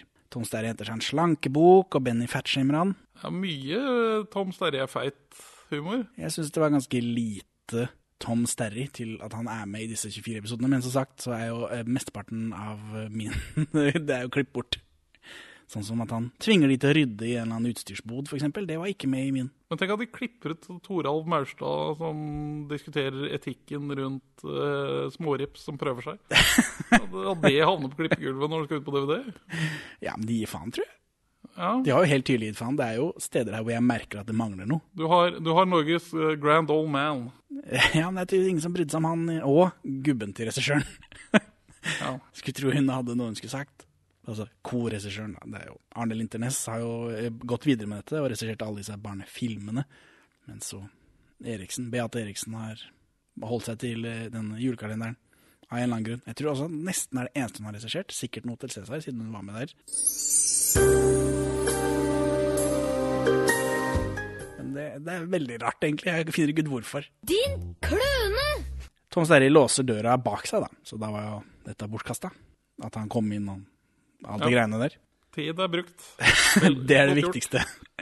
Eh, Kjell sier at dette aldri kommer til å gå bra. Aldri i verden. Men det er vel noe de sier i Vazelina Billapuggers. Det er jo ikke noe Kjell sier i Olsmannen. Jo, de har litt sånn De har jo litt sånn Oslo øst-mål når de skrur til. Har de ikke det? jo, kanskje. Eh, Banden kommer seg ut av vinduet akkurat idet Biffen og gjengen kommer inn, og så går de på rekke. Goosewalker hjem til Kjell, da. Politiet. Anders Hatlo dikter en sang. Eh? Ja, jeg husker det, Ja. faktisk. Ja. Johannes Joner roter med noe julepynt. Hatlo bestemmer at Joner skal bestemme om de skal ta den neste saken som kommer inn, eller ikke. Dette er en del av opplæringen til eh, Johannes Joner. Til, var det Gran? Jeg tror det var Gran. Jo. Nei, det er han som spiller Holm, vel. Han spiller Holm, mens Hatlo spiller Hermansen. Sånn var det. Ja. Han spiller Gran i den siste Olsmann-seniorfilmen. Men det er Egon som ringer inn da, med denne forbanna kofferten. Eh, Og Joner blir sinna. Det skal ikke være noe koffert her. Og Hatlo mener det er helt riktig. At han, Joner har bestemt at den saken her skal vi ikke ta. Jeg er så lei av den kofferten. Og Hermansen er enig. han Hatlo, da. Hallandsen er forbanna på rektor, som har rota bort kofferten. De er søsken, forstår vi. Ja. Etter hvert. Sikkert bare fordi de har samme lua, eller altså samme skalken, hatten. Han forstår naturligvis at det er Egon som har tatt denne kofferten. Så er vi hjemme hos Kjell. Kjersti Holme snakker om dadler i telefonen. Er det noe, er det noe utløsning på det der daddelgreiene i din versjon? For det er det ikke i min. Nei. Nei. Banden skjønner at de må sende kofferten med noen eh, som politiet respekterer, til politiet. da. For hvis de, hvis de skal få politiet til å se på den, så må de bruke noen som politiet respekterer. Social engineering. Oh yeah. Rektoren. Bam, bam, bam. For de vet jo ikke at han er ond ennå. Hvordan skal dette gå? Og så er episoden slutt, selvfølgelig. Og da er det quiz. I hvilken film er det mest nedverdigende man kan gjøre? Altså yrke man kan ha. Å være jetpilot. Uh, Slalåm under himmelen. Ja, det er riktig. Yay. Slalåm under himmelen, det er episode 13 og 14, som nå ligger på arkivet i nettsida vår. Ha det bra, Benjamin. Ha det bra, Henning. Hei, Benjamin. Hei, Henning. Da kan du åpne luke 15 i Perleforsvinens julepåskeskrapekalender for Skrapeloddet tilhører påsken, og vi har sett en julekalender som ikke vi fikk fingeren ut av ræva til å spille inn i desember. Så da flytta vi hele dritten til påska, og det funker jo egentlig som snus. Ja. Og nå bruker vi da sedvanlig en av dine, dine arve, ditt arvegods. Ja, Hvilken mynt er det som dukker opp i dag? Vi har faktisk kommet til pengenes hjemland. Det er Hellas. Kina. Nei. Nei, nei, jeg gir opp. Israel. Israel, ja. Det var en såkalt antisemittisk vits. oh, ja. Jeg tenker ikke de baner. Så det skjønte jeg ikke. Men du har jo på deg en sånn T-skjorte med sånn Kroknes-jøde hey, som gnir hey. to gullstykker. eh. Jeg har på meg podcastens offisielle uniform. jeg. Ja, det er sant. Min ligger til vask. Tror du Vi hadde besøk i helga. En venninne med barn på lik alder med mitt barn og hennes gubbe. Han hadde på seg samme genser. Hadde han det? Og jeg hadde på meg min. Og det skrapes. Ingen pengegevinst, men vi får en pakke. Da er vi oppe i syv pakker. Vi trenger elleve for å vinne 100 000 kroner. Oh yeah. Jakob Skøyen er jo sønn av Hege Skøyen. Alle i norsk kulturliv er i slekt, osv. Så, videre. så tante hans er jo da Anne Rygg, fra Salig er de som tørster, blant annet. Ja. Eh, og hun var gift med Harald ei en stund. Ja. Og bestemora til Jakob Skøyen, Eli Skolmen Rygg, er ikke slekt med Eli Rygg. Der elrygg har 1G mer enn Anne Rygg og Eli Skolmen Rygg. For Hun har, der bommer de på tastaturet og tar en H isteden. Eh, nei, det er bare G. Ryg. Det er bare Ryg? Ryg, ja. Ja, den er lagret som rygg. Ja, Må ikke glemme da at uh, denne Eli Skolmen Rygg er jo søstera til Jon Skolmen, Jon uten H, så der har de også glemt Ja. bokstav. Um, han er julekalender Allstar, vil jeg påstå. Det begynner jo med Olsmanns første kupp, da, og så er det Juli Blodfjell, 1 og 2. Jon Skolmen, hva er det han gjør her? Nei, ikke Jon Skolmen, Jakob Skøyen. Ja. Herregud, det er Jakob Skøyen som er med Olsmann, det er han vi snakker om. Så er det Hjem til jul, som ikke er en julekalender, men whatever. Eh, og så sist så var det Nissen i bingen fra 2021. Så du det? Nei. Det så jeg faktisk, og det, det var helt ålreit. God dag. Mitt navn er Rektum. I denne julekalenderen, da, Olsenmannens første kupp, så eh, driver ek rektoren og øver seg på å si 'rektor i speilet'. Og så sier han 'rektum' istedenfor. Ja, Det skjer. det er humor. Ja, for det er ikke noe annet enn det. Nei, det For det kommer ikke igjen, han må ikke presentere seg et sted, eller det er liksom ingen Hvorfor står han i speilet? Kjenner barn til rektum eh, på, altså, i barneskolealder? Når, når kommer man over rektum? Jeg føler rektum er mer sånn ungdomsskolehumor. Eh, Egon kommer inn med kofferten, og rektor sier han er rektum. Så da fikk vi utløsning på den vitsen med en gang. Det var veldig fint. Utløsning, utløsning på rektum, det er bra. Oi, oi, oi, oi, Nå, Nå, nå jobber vi med krutt. Rektor råder Egon til å holde seg unna politiet. Det er jo lurt, eh, ACAB osv. Ja, ja, det, det holder seg.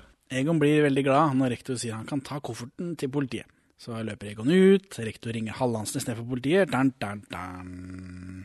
I klasserommet, Egon er usikker. Han har en dårlig følelse. Jørgen Langhelle annonserer at klassen skal spille juleevangeliet, og han sier regissør på sånn måte som vi sier det på. Så Ja. de som klager, kan bare dra til Ja, dra helvete. til helvete, helvete. Hvis Jørgen L- Langhelle sier det, så kan vi si det også. Regissør! La meg være. Herregud. Vær så snill. Språket er levende. Ja, det er Den noe. gamle måten å si det på er død nå. Ja. Vi har normert den ut. Men har Egon sånn sjette sans på Jeg føler Egon egentlig er altfor treig på å skjønne når han har blitt lurt. At han, han liksom I denne julekalenderen, eller generelt? Egon? Karakteren Egon. Ja, han, han, Han tror- skjønner det jo først når de liksom viser at når tar de rotta på han. Ja, her går han jo ut av liksom kontoret med en dårlig følelse. Helmaks, Egon! Valborg skal spille Maria da, i dette juleevangeliet. Biffen vil spille Josef, men Langhelle holder auditions og greier. Har du spilt Josef i juleevangeliet noen gang? Jeg tror ikke det. Jeg hadde en, lang, ikke- jeg hadde en lang karriere som Josef i juleevangeliet. Ja da. Er det ikke litt seint nå 14. desember å begynne å planlegge julespillet? Jeg vet ikke, for det Jeg husker jeg ikke hvilken episode det er, men det, er et, i en episode så får Egon husarrest i flere dager. Så det skjer et eller annet med Ja. tiden her. For nå, enn så lenge så er det én dag av gangen, så vidt jeg har forstått. På det, når jeg ser en episode, så er en, det én dag. Ja, men nå Ja. det, begynner det å knirke litt etter hvert, da. Ja, for det blir, bare, det blir borte her på et eller annet tidspunkt, så forsvinner det. Men, Og så kommer det litt tilbake igjen mot slutten. Ja, ja, for jeg forstår ikke det der husarresten han får, for da teller de dager på et sånt gjerde. Og så bare what? Det har vi slutta, har vi brutt med, med formelen. Ja, vi, vi får jo aldri se at det er helg. Nei, det gjør vi heller ikke, men det er liksom julekalender er julekalender, og det er samme det. På en måte. Det, det har jeg, hadde jeg ikke tenkt noe over. Men, men ja, du har vært Josef. Dette vil jeg mye heller snakke om. ja, ja, men det er ikke så veldig mye å snakke om. Jeg har jo en karriere som eh, søndagsskolebarn. Så Ja, ok, Hvor lenge da? Hvor lenge jeg gikk i søndagsskolen? Ja, Hvem vet? Det... Til du var ti, liksom? Er du sånn pinsevedden-dude? Nei, det er bare Eller vi kommer fra Moss. Her har vi Jesus dypt i vårt hjerte. Ja, nei, det var jo fordi denne misjonshuset lå jo rett bak der jeg bodde, og så fikk, da fikk mutter'n og fatter'n fri på søndag. da. Ja, og dere hadde ikke VHS-spiller, så måtte Det hadde vi finne-. Måtte finne på noe. Ja, og ble derfor der, Jesus. og, ja, ble Jesus, der var det de, Hun fortalte jo masse historier, hun hadde sånne filtdokker og slanker Ja, jeg vet, hva, jeg vet hva det heter. Hva heter? Flanellograf. Ja, ja, ja, ja, det hadde de. Og så fikk man eh, sånn klistremerke man putta i sånn landskapsbilde. Man kunne ha fisk i lufta hvis du var skikkelig gæren, f.eks. Og så var det noen ganger som man fikk sånn kort med sånn bibelsitater på, istedenfor det klistremerket, da. Eh, og så hadde hun sånn, eh, et sånt papphode med en fyr som var veldig glad, han masse rynker i panna, når hun snudde den opp ned, da var han lei seg. Så fortalte hun sånne moralske historier om det, husker jeg. Kjerringa som var sjefen i dette greiene. Okay. Men hvor lenge, det husker jeg ikke. Det var nok, det ga seg nok fort jeg begynte på skolen, tror jeg. Ja, Da ble det karate, yugi og, og Bayblade isteden. Pog. Beyblade tror jeg ikke jeg var borti, men Pog husker jeg. Uansett, jeg har vært eh, Josef flere ganger på grunn av det. Jeg vet ikke hvorfor det var jeg som fikk den rollen, kanskje det bare var jeg som gadd. Men det var jo bare å sitte da, ved siden av en flott eh, kvinne og late som du hadde et Jesusbarn. En flott kvinne. Ja, altså fra mitt eh, barneperspektiv Ja, ok. så var jo denne, denne, dette medbarnet var jo en flott kvinne. Ja. Det ble det noe kyssing, da? Som det er mye Jeg tror ikke du har sett jule, juleevangeliet. Ja, men jeg har sett juleevangeliet her. Det er masse kyssing. Nei, det var ikke det i min i hvert fall. Nei, jeg, husker heller ikke Nei, for det er, jo, det er jo Gud som står for den ungen. Jeg slipper å gjøre det i dette skuespillet. Jeg husker ikke om det var noen replikker, det må jo ha vært det. Det må jo ha vært sånn som Biffen gjør her, at det bare er sånn Å, de slipper oss ikke inn, eller Dette var da veldig rart. Vi har jo ikke knulla ennå. ja, det... Nei, å, det var Gud. Å ja. Ja, det gir mening. Jeg har ikke noe problem med det. Altså, De englene som kommer, gir jo Maria litt kredibilitet, da. Det er sant. For det er mye det, Altså, det er mye spesialeffekter. Men, men. Tilbake til denne julekalenderen. Um, Egon sjekker med rektor, men rektor sier politiet ikke var interessert. eh, men så tok de kofferten likevel, sier han. Rektor prøver å bestikke Egon med karameller. Det er ikke tenkt noe mer på dette. Den kofferten er borte. Del med tjommene dine. Jeg, jeg og du, vi er på lag. Eh, mens Egon mottar bestikkelsen, så ser han bildet av Hallandsen og rektor sammen, siden de er brødre. Ja, For du har også masse bilder av eh, dine blodslige familiemedlemmer på arbeidsstasjonen din, har du ikke det? Eh, jo.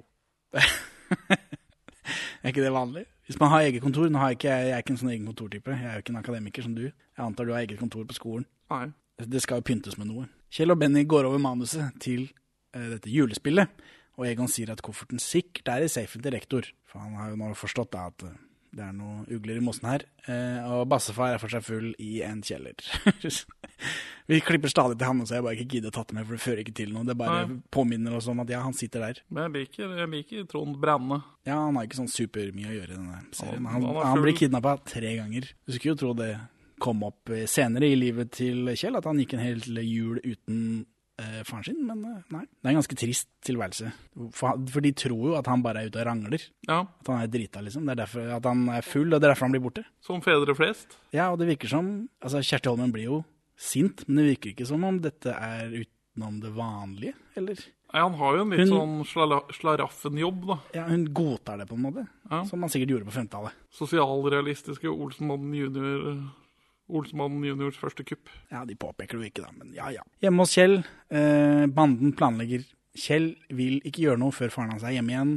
Egon skal befri han. På kvelden så skyter Benny ut noen julelys med sprettert, altså utenfor Hallandsen. For nå er det, skal de befri eh, Bassemann.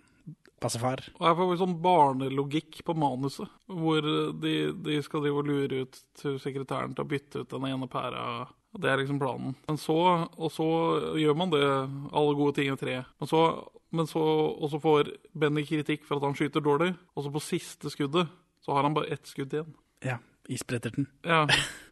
Jeg vet ikke hva han skyter med. Altså er- Dum, dum kuler. Er det det? Jeg vet ikke, Klinkekuler sikkert, da. Ja, ja, men det er altså- man jo begrensa. Han kan jo gå bort og plukke de opp, selvfølgelig. Ja, og altså dette vi har jo, Det er vel grus der, liksom. Det, Det er jo, men det er bedre med klinkekuler. Men uh, samme det. På kontoret så tar sekretæren ansvar da, for å fikse disse julelysene som han har knust. Men uh, mens Hallandsen synger og er glad, for han har fått tak i kofferten. Kjell skal gjøre noe, men så feiger han ut. Altså, han skal inn der og ordne dette, mens han feiger ut, så sekretæren får ordna disse lysene. Så da var den der planen bortkasta, da. Så da må Benny skyte lyset igjen. Og så her har jeg notert at øh, her trår vi vann, og i min versjon er det jo mye mindre tråding av vann. Inger Teien kommer ut igjen, sekretæren da. Kjell sniker seg bak henne igjen, men igjen så får hun på lyset. Så hun er en jævlig bytte lyspærer. eller, det er jo lettere da å finne hvilken lyspære som har gått, om de faktisk er knust. Eh, Men siden hun da skrur på lyset mens Kjell er rundt henne, så skremmer de hverandre, og hun hyler etter Hallandsen og løper inn. Kjell løper ned i kjelleren til bassefar. Kjell bærer sin drita far oh, ja. hjem. Her, får vi, her, her er det masse vassing rundt at eh, bassefar gjemmer seg Nei, Kjell gjemmer seg på kontoret, og så kommer hun, frøken Teie inn. Og så, altså, Det er sånn forviklinger hvor han må drive og snike seg ut mens hun får trøst. Ja, nei, det har ikke skjedd hos meg. Eh, Kjell bærer sin dritafar hjem, det virker ikke som om det er første gangen. Og så ryker de på Inge Teine igjen, og det er mer skriking på henne, og hun løper inn til Hallandsen og snakker om julenissen. Hallandsen vil da sjekke gisselet sitt, som er borte. Det neste vi ser, er at rektor angir Olsmannen til politiet for noe, men vi vet ikke hva. Så er min episode slutt. Sikkert min òg. Er quiz. Hvilken episode er første gang vi ser en film av en regissør som vi har sett en film av før i podkasten? Det er urimelig tidlig på, spør du meg, i den episoden. Husker ikke. Sweetwater. Hvem er det som har har regissert Sweetwater? Lasse Glom. Det er episode seks. Snuskens mester. ja, det er episode seks, og den ligger på nettsida vår. Ha det bra, Benjamin. Farvel, Henning. Hei, Benjamin. Hei, Henning. Da er det luke 16 i Perleforsvinens jule-påske-podkast-skrapekalender. Har ikke helt naila navnet ennå. Tunis... Tunise. Tunis. Tunise. Tunis-penge. Tunise. Som skal skrapes med. Ingen pengegevinst, men de får en ny stjerne. Oi, oi, oi. Nå har vi mange stjerner, har vi ikke det? Vi mangler fire av ti. I episode seks av denne julepåske-podcast-kalenderen så sier du at du skal finne ut av hvor lange episodene du ser på YouTube er i forhold til min DVD til neste gang vi møtes for å spille inn disse episodene. Så hva har du funnet ut? Jeg har totalt glemt det, altså. Ja Jeg har eh, gjort jobben da, selvfølgelig, som vanlig i denne podcasten. Litt eh, rundt regna. DVD-en er på 6 timer og 24 minutter. Det er jo da 384 minutter. Hver YouTube-RIP-episode er mellom 23 og 24 minutter ca., men det inkluderer litt reklame i begge ender, previously on, intro og rulletekst og sånt. Som jeg jo ikke har i min DVD. Med episode 2, da, tilfeldig valgt, som eksempel, så er selve episoden ca. 19 minutter lang. Og 19 minutter ganger 24 er 456 minutter. Så jeg har sett 72 minutter mindre enn deg. Over en time er klippet ut. Det er ganske Over en time og ti minutter. Men altså, jeg, jeg, når jeg begynte å spole gjennom de musikkvideoene, så er det jo fort på en tre-fire minutter liksom, med montasjeavføring. Så det blir jo en del på det, men det er jo andre ting også som er klippet ut. Ja, ja, det er jo øh, noe Hele sekvenser med Torald Maurstad. Altså, 19 minutter er en ordentlig episode, mens flere av disse på, eh, på DVD-en er jo ti minutter. er liksom, De har klippet ut masse. Herregud. Eh, Men dette er, jo, dette er jo bare episode to som eksempel. Det kan godt hende at de egentlig er lenger, men eh, Nei, så jeg så jo Jeg, jeg tror dette er siste VHS-rip på YouTube. Uh, og jeg ser jo at noen av de senere episodene er jo på sånn 18 og 19 minutter på DVD-en. da. Ja, ja, så det tar seg. Men jeg trodde jo at den første episoden var dobbelt så lang. At, dette, at det var en dobbeltepisode for å starte liksom julekalenderen. Fordi de andre var så korte. Ja. Men det visste jeg at det er det jo ikke. Så jeg har jo ikke sett hele serien. Det er klippet bort helt sjukt mye på DVD-en, som vi jo har kartlagt. En ganske spennende ark, må jeg si. De første liksom syv-åtte episodene hvor jeg liksom bare Hva er det som skjer her? Release the Arne Linton Mass Cut. ja. Og siden det er jeg som har skrevet gangen i den julekalenderen, det er jeg som har kontroll på plottet, så vil det jo nødvendigvis mangle noe, da. Det er jo det vi har snakka om hele veien, så det er selvfølgelig bare å beklage. Det er skandale, faktisk. Jeg roper jo ut på de grøvste manglene. Men, Ja, ja, ja. Men eh, det er jo Det er skandale, men på vegne av de som har laget DVD-en. Dette er jo ikke min feil. Nei. Nei, nei, nei. Så jeg skyver all skyld over på de. eh, Så, så sånn er det. De kunne sponsa på seg å lage en tredje disk, eksempel. Ikke to disker, som dette DVD-greiene er. Det har vært en enkel løsning. Disker er jo ikke så dyrt heller. Så det er jo ikke Nei, Da jeg brente CD-er, kosta det to kroner for en disk. Men, men jeg drev jo ikke profesjonelt. Jeg, tipper, jeg tror fortsatt hovedmotivasjonen er eh, for å slippe å sende Tono penger til Danmark. Ja, Men det er jo de danskene som eier alt sammen allikevel. Det er jo Egmont alt sammen. Ja, men fremføring av, av sanger og sånt, det blir, en sånn, det blir en annen utregning av det. Både, både norsk film og TV 2 er Egmont. Alt går til Danmark. Henning mener nordisk film, ikke norsk film. Ikke alt. Eh, Jo, altså, men altså, Danmark eier alle rettighetene. Det er ikke noen grunn til at de ikke skal gjøre det. Tror jeg. Men altså Og de bruker jo sangene allikevel. De må jo betale Hvordan eh, Tono, idiotfirmaet Tono, har ordna seg på DVD-utgivelser av julekalendere fra eh, 2001, det vet jeg ikke. Men, men de har jo med i hvert fall Nå holdt jeg på å si ett eksemplar av hver sang, men de har jo ikke det heller. Det er jo en hel bassefar-sang om damer som bare er borte. Fra min. Men eh, whatever. Men det er i hvert fall det dekka. Det mangler Jeg mangler 72 minutter. Som er ganske mye. Det er ganske mye. Det er jo en norsk film. det. Ja. Nei, jeg vet ikke hva jeg skal si til det. Men på skolen så er det nå auditions. Det er jo Her har de sikkert mye å ta fra i det virkelige liv. De har jo sikkert holdt auditions, disse som driver med julekalender. Dette kan de. ja. Jørgen Langhelle gir innføring i hvordan sette seg inn i en rolle. Kjell sitter med kosebamsen sin på skolen, og da blir man mobba, har jeg skrevet. Men eh, denne kosevansen blir, den er med ganske Figurerer ganske sterkt i de første episodene hos meg, og så blir den bare borte. Eh, Valborg. Valborg? Hun er fra, fra tidligere spill. Altså, Val, Val, Valborg trenger ikke å prøvespille. Hun har rollen som Maria. Fordi hun tidligere har gjort god figur i tidligere spill. Det kan hende, for det Det sies i hvert fall. For nå klipper vi hjem til eh, Kjell og Kjersti Holmen som krangler med bassefar. Altså, Kjell er ikke der, men hjemme hos Kjell. Så driver Kjersti Holmen og krangler med bassefar. Holmen syns det er litt ufint at han er borte i dagsvis og så kommer hjem full. Hun mener at en slik oppførsel vil gjøre Kjell kriminell. Er dette grunnen til at Kjell løper en kriminell bane? Tror jeg, jeg tror han ble mer dratt med i dragsuget av vennene sine. Kanskje. Han er eh, en bad crowd. Han er i en bad crowd. Ja, for Egon er jo barnehjemsbarn. Han er bare fucked. Benny er pseudo-foreldreløs. Ja, han er jo også ganske fraværende foreldre. Han er jo Mens, øh, mens Kjell har jo to rimelig trygge foreldre. Ja, med unntak av faren som er ute og rangler, da. Eh, Men så er det auditions i klasserommet, da. Biffen hammer det opp, han improviserer en motorsykkel, han sager nytt tak i stallen, det er mye greier. Ja, og det blir det- det liksom tatt imot godt. Ja, for Langhelle virker å være fan.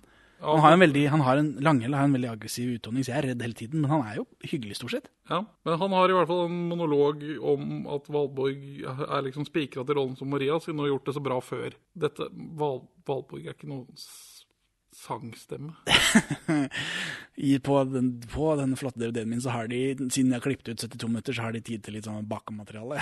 og der blant annet er, følger vi Valborg, nå husker jeg ikke hva hun heter, skuespillerinnedama, men eh, hun og eh, hun som spiller Ingrid, når de skal spille inn disse sangene, så de går jo og spiller inn og, i sånn studio og greier. Så de gleder seg veldig til å bli sangstjerner, eh, antar jeg. Kjenner noen som har bedekket Valborg. De gjør det? Mhm. Ja. Jeg kjenner noen som har bedekket biffen. Ja, det gjør du. Det er noe så gravid du har blitt, da! Eh, Men jeg har ikke noe om, om Valborg her. Det går rett fra dette er greiene Det til kan ha vært i forrige episode òg, men ja, Langhelle går i hvert fall snakker om at hun er så flink til å synge, og at hun er så flink til å spille. Det er sånn, nei. Er du ikke enig? Dette er ikke Valborgs karakter. Hun er i hvert fall ikke noe god til å strikke, så det, det er det eneste jeg vet. Men nå går vi rett fra at Biffen uh, improviserer motorsykler og sånt nå i juleevangeliet, til at Bassfær blir kidnappa igjen. Ugh. Anders Hatlos Hermansen og Johannes Joners Holm er hjemme hos Kjersti Holmen for å informere henne om Kjells kriminelle løpebane. Så er det mye business med at Joner er under opplæring av Hatlo, og mye greier om vanndrikking og hvordan man eh, Ja, det- For det er, det er noe politipsykologi på å drikke vann. Ja, er det det, da? Det, er det det du liksom skal spille på? Det er fordi Kristoffer Joner er utrolig klein, og så skal Anders Hatlo være mindre klein, samtidig som han er den kleineste, vet vi som sitter og ser på da. At liksom alt, alt er feil hele tiden. Politiet er dumme. Joner sier Holmen og Bassfar må gå preventivt til verks angående Kjell, men hun svarer at det er litt sent nå, men eh, de er glade for at de fikk Kjell. For det er sånn prevensjon, preventivt, jeg. At liksom, det, Kjell er tydeligvis ikke planlagt. Dette er jo ekte humor. Ja, men For meg. Et lysglimt i en treg serie. 16 episoder inn, da. Det er litt sånn Ja, men Det er tungt. Det kommer, det kommer veldig ut fra siden. Det, Ja, selv for deg som har sett hele. Ja. Det er ikke masse sånne voksenvitser de har klippet bort. Nei, det er en og annen som Ja. Ja, men det er morsomt, syns jeg. ja, det er litt seint. var sånn, var det en abortvits? Men nei, nei, prevensjon, ja. Det er litt seint men vi er glad, glad for at vi fikk Hans Kjell. Eh, saken er den at eh, vi vurderer at det er nødvendig.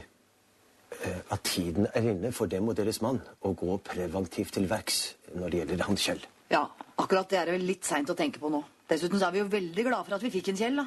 Politiet gir Egon skylda, da. Og politiet kjører en gammel, flott Volvo, som seg hør og bør. Og så er det Kjells audition. Alle barna ler når Valborg sier at hun gleder seg til å komme i høyet. Hvorfor det? Det, det, det er jo fordi det er å ha sex, eller? Barna vet jo ikke det. Nei. Ikke noe, nei. Gjengen til Biffen truer bamsen til Kjell, så auditionen hans går dårlig. Eh, det virker som Langele driver en form for Curb Your Enthusiasm impro-julefortelling. Ja, det er noe sånn liksom Kan bare gjøre som du vil, og dette er utgangspunktet, og så ender vi dit. Det, liksom, det blir ikke nevnt, men det er kjemperart.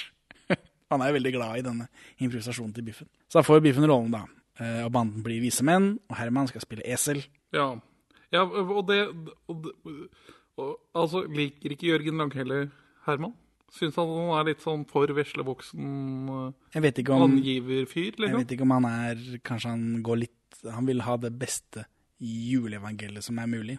At det er det viktigere enn om han liker angiveren Herman Hermansen eller ikke. Og senere får vi jo vite at Herman Hermansen kommer fra en stolt linje av eselrumper. Ja, for den det er gjennomgående. Og jeg husker ikke om jeg syns det var gøy eller ikke lenger, men, eh, men det er i hvert fall gjennomgående. For Herman Hermansen senior har også spilt eselrumpe.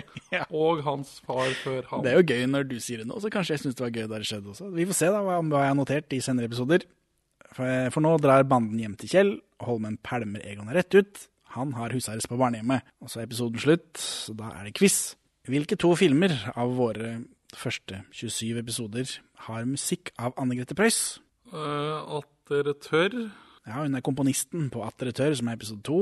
Og så har hun en originallåt i uh, er det farlig farvann? Salig er de som tørster, episode 17 og 18 av vår podcast, som nå er lagt i arkivet på nettsiden vår fordi vi er litt flaue over de tidligere episodene. Hadde ikke helt funnet formen, Nei. som er å gjenfortelle hele handlingen til filmen. Ja. For det er ikke noe annet å snakke om. Nei, ingenting. Nei, noe da. Vi prøver. Vi prøver. Ha det bra, Benjamin. Ha det bra, Henning. Hei, Benjamin. Hei, Henning. Det er luke 17 i skrapekalenderen vår. Flakskalenderen. Jeg tar den største mynten, den største og skitneste mynten jeg finner. En New Pence fra 1973. Det ble en stjerne. Mangler bare tre stjerner. Ja, det er det jeg sier. Hva kan jeg vinne? Du kan vinne 50 000 kroner. Det er jo ikke ikke noe. Ting jeg lærte av disse bakomfilmene, for den DVD-en min eh, inneholder jo 72 minutter mindre med julekalender, nettopp for å få plass til dette, antar jeg. Foreldra til Egon driver egen gård, men vi vet jo allerede at han Altså, Foreldra til Egon. personen Egon. Ja. Altså, jeg vet ikke hva han heter, jeg. Aschem, et eller annet. Nei, Hvem vet. Byggmester i dag. Det stemmer. Eh, Og vi vet jo allerede at han er fra Trøgstad, så det antok vi vel bare. Eh, Benny driver med hest, og virker å ha egen hest. Ekte person Benny. Ja, det er snakk om barneskuespillerne her. Ja, I Los Angeles. Nei, dette er nok eh, da han var barn.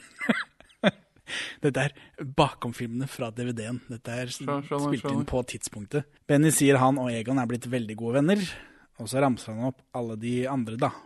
Etterpå. De er også venner, for han følte vel at ja, jeg og han er veldig gode venner. Jo, og så alle disse folka her. Han ville vel ikke utelate noen, så han helt psykopat er han ikke. Nei. Benny og Valborg spilte henholdsvis Emil og søstera til Emil, Ida, på Det Norske Teatret. Å, vær hilset. Vi kommer for å For å Vi kommer for å Ja, Kjell! Hva er det du kommer for? Kommer for? Hva kommer jeg for? Kjell. Kjell. Kjell. Kjell Som vi har møtt. Som vi har møtt, som vi kjenner som fallskjermjeger. han har en sånn jackass-streak. Og han er veldig glad for at når innspillingen var over, at han kan skade seg igjen. For det fikk han jo ikke lov til, han måtte være veldig forsiktig. Skate og hoppe i hekker nevnes spesielt. Ja. vi har jo sett han skate. Da vi, den gangen vi traff han, så kom han jo på skateboard. Ja. Eh, han prøver også å spille Flikkan i Havanna på gitar. Så, Jaggu. Ja. Eh, og så får vi se Valborg danse til Hit Me Baby One More Time. Hvis du har lyst til å se på det, så kan du altså finne det på denne DVD-en. Hun sier at hun skal satse på skuespill og dans, eh, og at hun skal utvikle sangen sin. For som du sier, da, du kritiserer dette barnet at eh, den sangen er dårlig utvikla. Det vet hun. Hun er fan av musikaler og vil spille i dem. eh, og så samler hun på programmene til show hun har sett på, og det er nice. Det liker vi folk som samler på dritt. Ja, ja, det må man ha. Eh, Jeg mente ikke å kritisere barneskuespilleren Valborg sang. Jeg mente å kritisere tolkningen av karakteren. Ja, ja vel. Men eh, hun sier at hun skal satse på skuespillerdans. Hun er jo den Hvordan gikk det for henne? eh, Hva er det A-media? A-media hun jobba i.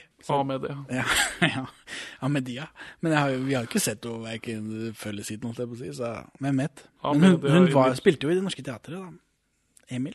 Ja. Eh, Og så får vi være med på CD-innspilling i forbindelse med denne julekalenderen. Eh, Og det må være kleint å være tekniker på barnesang. Her skal du sitte liksom og prøve å lage et produkt som går an å høre på, og så er det dette du får. Ja, det er ikke lett. Nei, Valborg er misfornøyd med egen innsats da. Hun er forkjølet og så videre, så igjen da, så kommer hun deg i forkjøpet. Men jeg finner ingen annen melodi. Jeg har noen ord jeg har lyst til å synge. Eh, Men når hun fikk høre det etterpå, så var det ikke så verst, sier hun. Men om det er for kamera, eller om hun faktisk mener det, det er jo litt vanskelig å si for oss her vi sitter nå. Nei, for Cher har vel popularisert uh, autotune et par år før. Ja, det har hun. Men spørs om den autotunen har kommet seg inn på julekalenderinnspillinger i Norge. Uh, det, disse klippene er spilt inn etter innspilling, men før jul, så de har vel ikke Så ingen av skuespillerne har merket noe forskjell på hvordan folk behandler de. Nei. For de har ikke blitt kjendiser ennå. Nei, det er latente kjendiser. ja, de, det, liksom, det ligger Det er i emninga. Så det var det jeg lærte av bakgrunnsinformasjonen på den disken. Var det verdt å klippe bort 72 minutter med ekte materiale? Nei. Men i det som jeg faktisk har da på den disken, så er Egon sitter i husarrest. Benny og Kjell teller dager på et gjerde. Her kommer vi til dette at liksom Hva skjer da? Åssen fungerer denne tid i denne serien? Eh, Men nå så teller de fire dager. Altså han sitter i husarrest i fire dager. Hvorfor det? Altså, er de nå på 20. 21. desember? Er det sånn?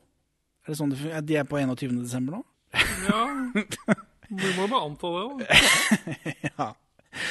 Eh, Banden har flagg og greier, da. De tar imot Egon, som kommer ut fra barnehjemmet med en pakke. Så da fikk vi det òg. Det jo Dette er callback. Ja, det Dette kjenner vi igjen. Banden, iallfall. Etter at de har tatt imot eh, Egon med flagg og greier, så sykler de av gårde, men sykkelen til Benny går tom for luft. Så han tar luft fra en politibil, så da har vi sett det også. Eh, Fylte for en femmer i forgårs. Jeg vet tror ikke han sier det, men Men fungerer, fungerer å stjele luft fra dekk? Fungerer det på den måten her? Nei, men ikke tenk på For han tar en tube fra bildekket til sitt eget dekk. Nå vet jeg ikke hvordan bildekk fungerte på 50-tallet, da. Det kan hende det var enklere da, som så mye annet. Du kan f.eks. ikke suge bensin ut av en bil sånn som de gjør på, i Olsmann lenger. Man kan ikke det, nei? Nei. Nei, men jeg bare, altså det må jo være et helt ekstremt overtrykk i det politidekket. Om det skal være mulig å pumpe opp et annet dekk. Bare med den slangen, tenker du på? Ja. La oss si det er en spesiallaga slange, da. Han bruker dimsen sin på slangen, og så Men i hvert fall, da har vi sett det òg. Egon har en plan. De må slå til under julespillet. Klassen øver på julespill. Biffen og Valborg susser og ordner, som det ikke var da jeg spilte juleevangeliet. så var det ikke Kjell blir kjempeforbanna. Ja, men nå virker det som de har manus å forholde seg til, da, hvor før det bare virka som de skulle improvisere. Kjell blanker ut når han får replikk fordi Valborg og Biffen susser så fælt.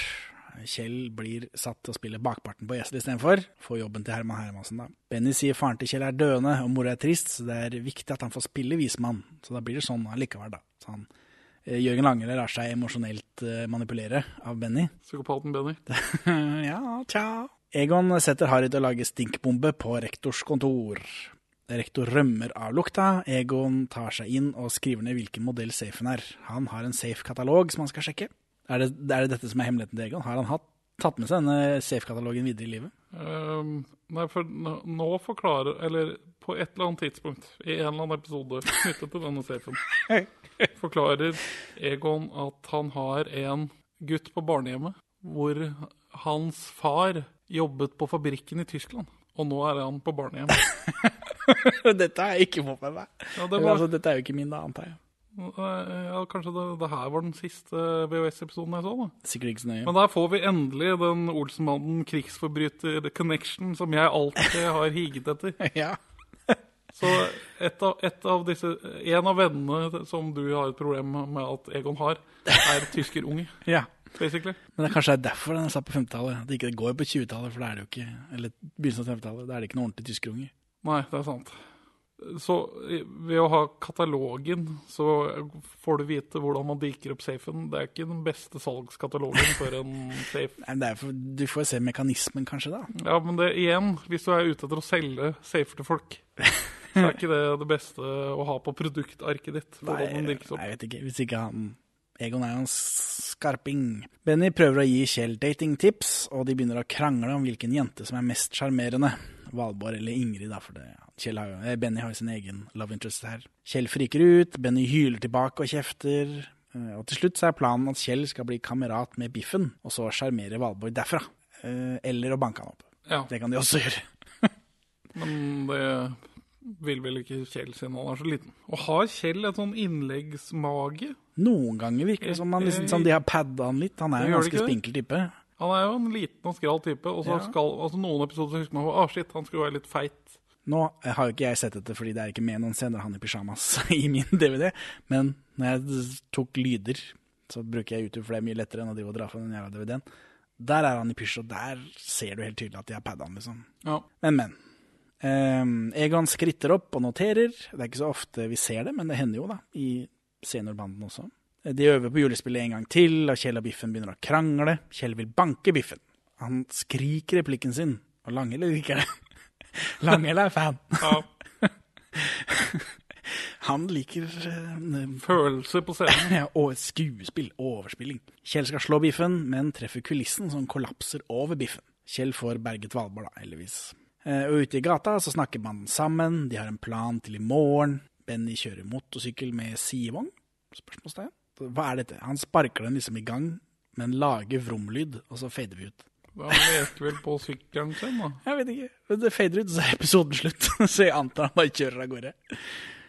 Eh, Det er quiz, da. Vi har snakka mye om Jørgen Langhelle i denne eh, serien. Når treffer vi i podkasten Jørgen Langhelle for første gang? Dette er jo da en episode som Er det Sarli det er de som ligger på tørster? nettsiden vår. Ja, det er riktig! Han er mørderen i Sale er de som tørster. Nice. Ha det bra, Benjamin. Ha det bra, Henning. Hei, Benjamin. Hei, Henning. Da er det luke 18 i Perleforsvins julepåskekalender, skrapekalender. Dette er en ny, en ny New Pence på to. Hvilket? Der, og der er dronning Elisabeth. Yes. Egentlig eh, 18, sa du? 18, ja. En stjerne skal jeg ha. Det ble vårt første juletre. Ja, bu. Vi mangler tre juletrær for å vinne 100 kroner. Så jeg Mm. mistenker kanskje en rekke på i hvert fall to juletrær på de neste. Nå er det julespill. Hall Hansen er der. Anders Hatlo og Johannes Joner. Eh, rektor, masse folk. Harry sitter under scenen og spiser lakris. Så dette juleevangeliet ble da planlagt på tre-fire dager, eller? Ja. Eh, eh, Pluss disse fire som Egon sitter inne. Og så sterk som kristentroen er på 50-tallet, så sitter vel dette alle, alle kan vel dette på rams. Ja, tja. Altså, men nå er vi jo eh, Søndagsskole hele uka. Dette er episode 18. Så hvis han har sittet inne i fire dager, så er vi nå på bitte lille julaften. Ja. Så vi får se da om det har noe å si. Eh, Anders Hatlo sier at han også spilte bakparten på SL, som sagt, og faren hans og så videre. Det her jeg skrevet LOL, så da syns jeg det var gøy. Ja. Rett før banen skal på scenen, så har Kjell fått sceneskrekk, selvfølgelig. Eh, og når de prøver å vekke han, så sier han 'ja, mor, jeg skal nok'. Kjell, Kjell!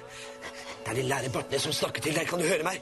Ja, mor. Jeg skal nok Jeg, jeg Ja, sånn skal det lyde. Dette er jo en dansk catchphrase. Jeg skal nok.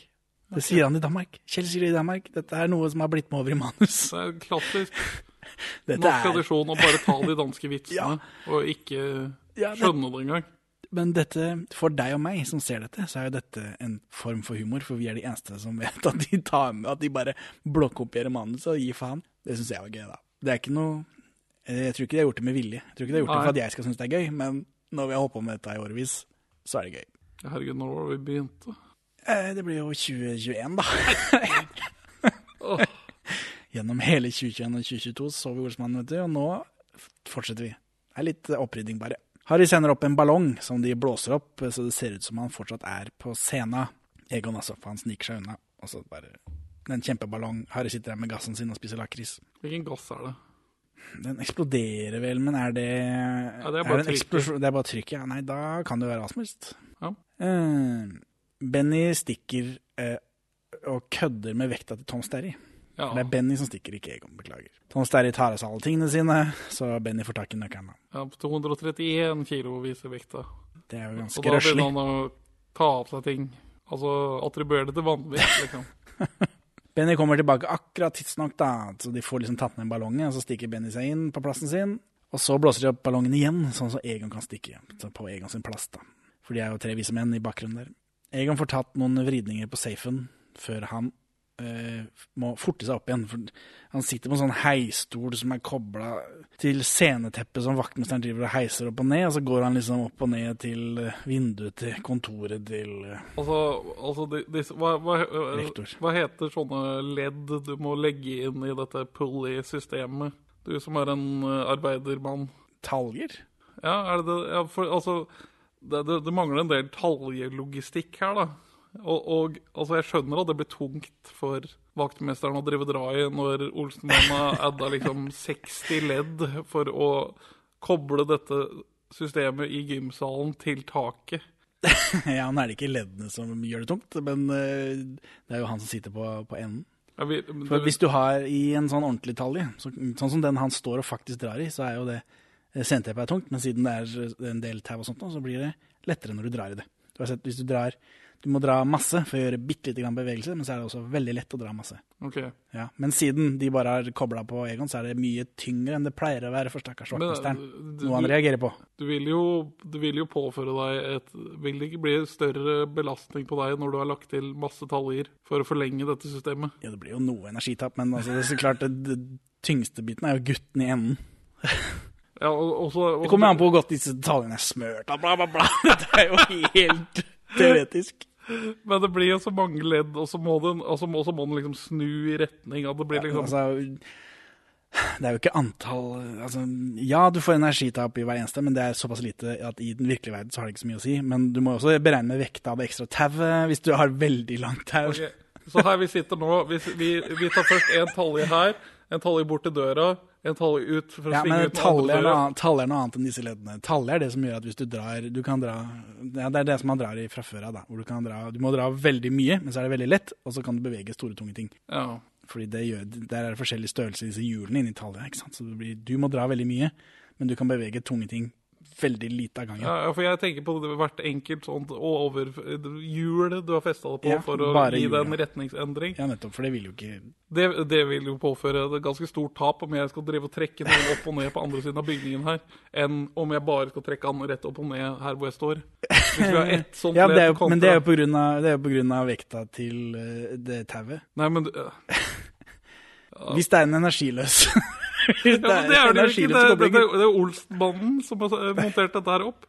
Eller eksisterer det et sånt system fra før av? Altså Er det samme Nei, altså- systemet som driver og trekker opp vindusvaskerne? Er Hvis du har et tau som er si ti meter, og så tar du det opp i taket her, og så Mhm. ned, og så skal Rundt du løfte rundt sånn, rundt et hjul. ja. Og så løfter du meg på det, så vil jeg da veie så mye som jeg veier. Men hvis du har tolv hjul til på det samme tauet som fortsatt er ti meter, og du skal løfte meg, eh, så har jo ikke det noe å si. Det, det, det, Annet enn det lille som er Uenig. Kommer an på hvor mye du har smørt disse hjulene, om det er og, og over retningsendringene på Altså, hver retningsendring du har, vil jo påføre en ekstra belastning om det ikke er gjort helt ideelt. Eh, Men altså, tyngdekraften er jo det samme. Har du glemt det? tyngdekraften vil jo trekke meg Vil jo gjøre meg like tung uansett. Ja, ja, men du har ikke en ideell luftlinje. Altså, du har alle disse svingene som vil gi deg motstand i hvert ledd, da. Altså, du, du, du vil jo ha motstand på motstand på motstand på motstand. Men er det en pinne du skal trekke med, eller er det tau? Tau. Ja, ja tauet er jo mykt. Tauet vil jo bevege seg med dette. Ja. Det er bare én måte å finne ut av dette på, og det må vi nesten ta når vi skal feire episode 200 eller sånt. Nå, nå skal jeg kjøpe noe hjul og et tau. Skal vi rigge opp noe greier her. Finne forklare til dette. Eller om, eller om noen av våre lyttere er fysikere, så vil jeg gjerne ha det forklart. Jeg som har peiling, for jeg har jo bare fagbrev. Jeg vet ikke hva jeg snakker om. Jeg har ikke fagbrev i tau. Jeg, jeg tror du undervurderer uh, uh, energieffektivitetstapet per ledd. Det kan hende. Jeg også, også på skolebenken også, så opererer man jo stort sett med teoretiske ting. Man kutter ut en del av dette rundt. Og for ikke å nevne høydeforskjellen, da. Altså, Egon driver og trekkes via taket. Altså, Ja, høydeforskjellen er jo som sagt Det er jo Egan som gjør at det er tungt. Og tyngden av tauet. Og eventuelt friksjon på disse hjulene dine, da. Men vi må bare anta at de har smørt de.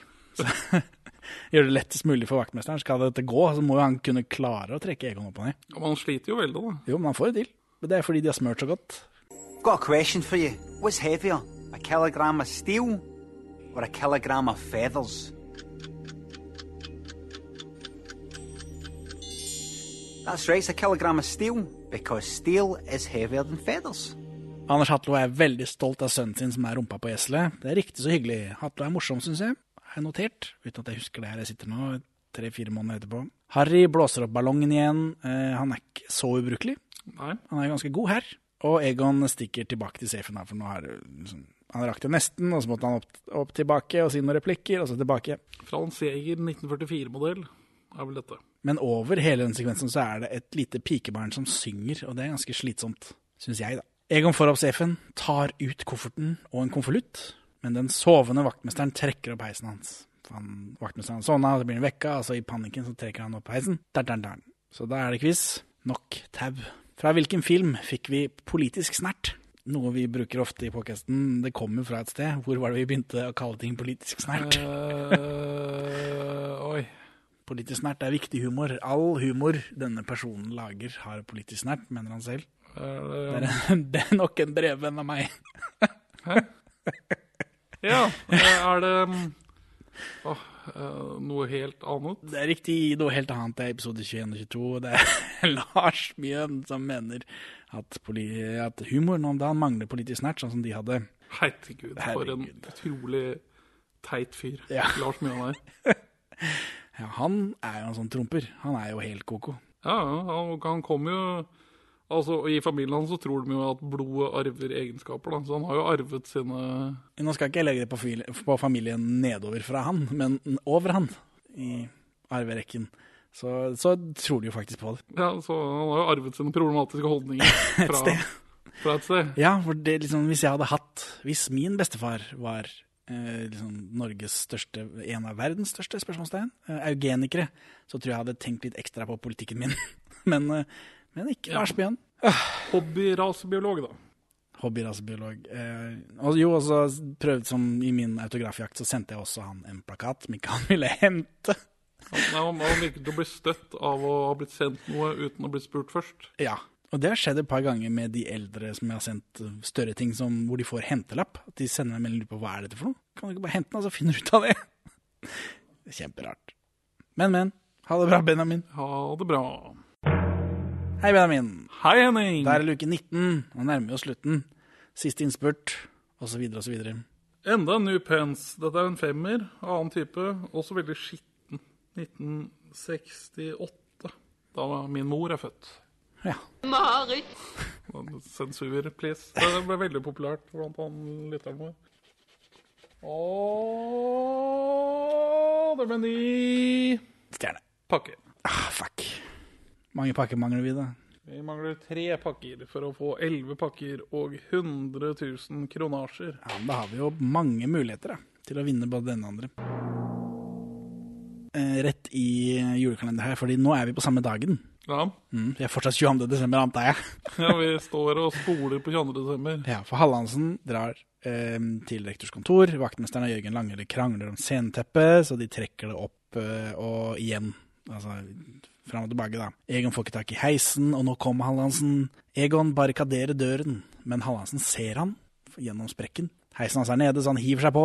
Hallandsen kommer inn og snakker dritt til han mens han ser at han sitter og dingler. da. Egon sitter og dingler utafor vinduet. Så oppe krangler vaktmesteren og Langhelle, men Langhelle sier unnskyld, og da drar vaktmesteren opp teppet og Egon. Og Egon rekker inn på scenen akkurat. Han gjør vel en gest også til Hallandsen når han er på vei opp. Som er Det ser jeg for meg at Arve Oppsal Egon Ja, også kunne gjort. det matcher karakteren. Mm. Den veldig tynne karakteren. Hallandsen prøver å forklare rektor at Olsmann har tatt kofferten, men han skjønner ikke, fordi de står jo der oppe på scenen, døra er låst osv. De har klart å lure den, da. Banden bukker og klapper og løper ut, selv om spillet ikke er slutt. Men Kjell har glemt den kofferten på scenen, så han må ut igjen for å hente den. Og da forstyrrer han eh, Valborg og Biffen i er deres kyssescene. Det er ikke så veldig god plan. Nei, når ikke han fikk med seg den kofferten, så ble det den strek i regninga, da. Ja, men at, Egon ikke liksom velger å vente til neste aktskifte, liksom. Ja, Hvis de hadde løpt av gårde og hadde hatt med seg kofferten, så hadde det ikke vært noe stress. Det er bare Kjell som er idiot. Ja, og Her kommer denne impro-øvelsen fra Langhelle til sin rett, da, hvor de liksom har øvd seg på improvisasjon. Ja. Kjell ender med å bytte koffert mot Jesusbarnet, og nå er Kjell bak scenen med Jesusbarnet, mens Valborg tar resten av stykket med den røde kofferten. Dette er jo nesten humor. Ja, dette, det, dette er nesten humor, ja. Og så må de da spille videre. på om kofferten er Jesusbarnet. ja. Eh, Så er stykket slutt, og Jørgen Langhelle sier Valborg må synge et ekstra nummer fordi hun er så flink til å synge. Og Samtidig så sovner Harry under scenen og starter gassen i søvne. Og så mens Valborg synger, så eksploderer ballongen, så alle i publikum blir blåst av stolene, og det er jo humor. Ja, det, det, som, det som var humor her, er den oppbygningen. Altså Mens hun synger, så driver alle i salen og holder seg for øre, ørene fordi de ser hva som er i ferd med å skje. Det, der ble det noen sånn kontrast som liksom Ja.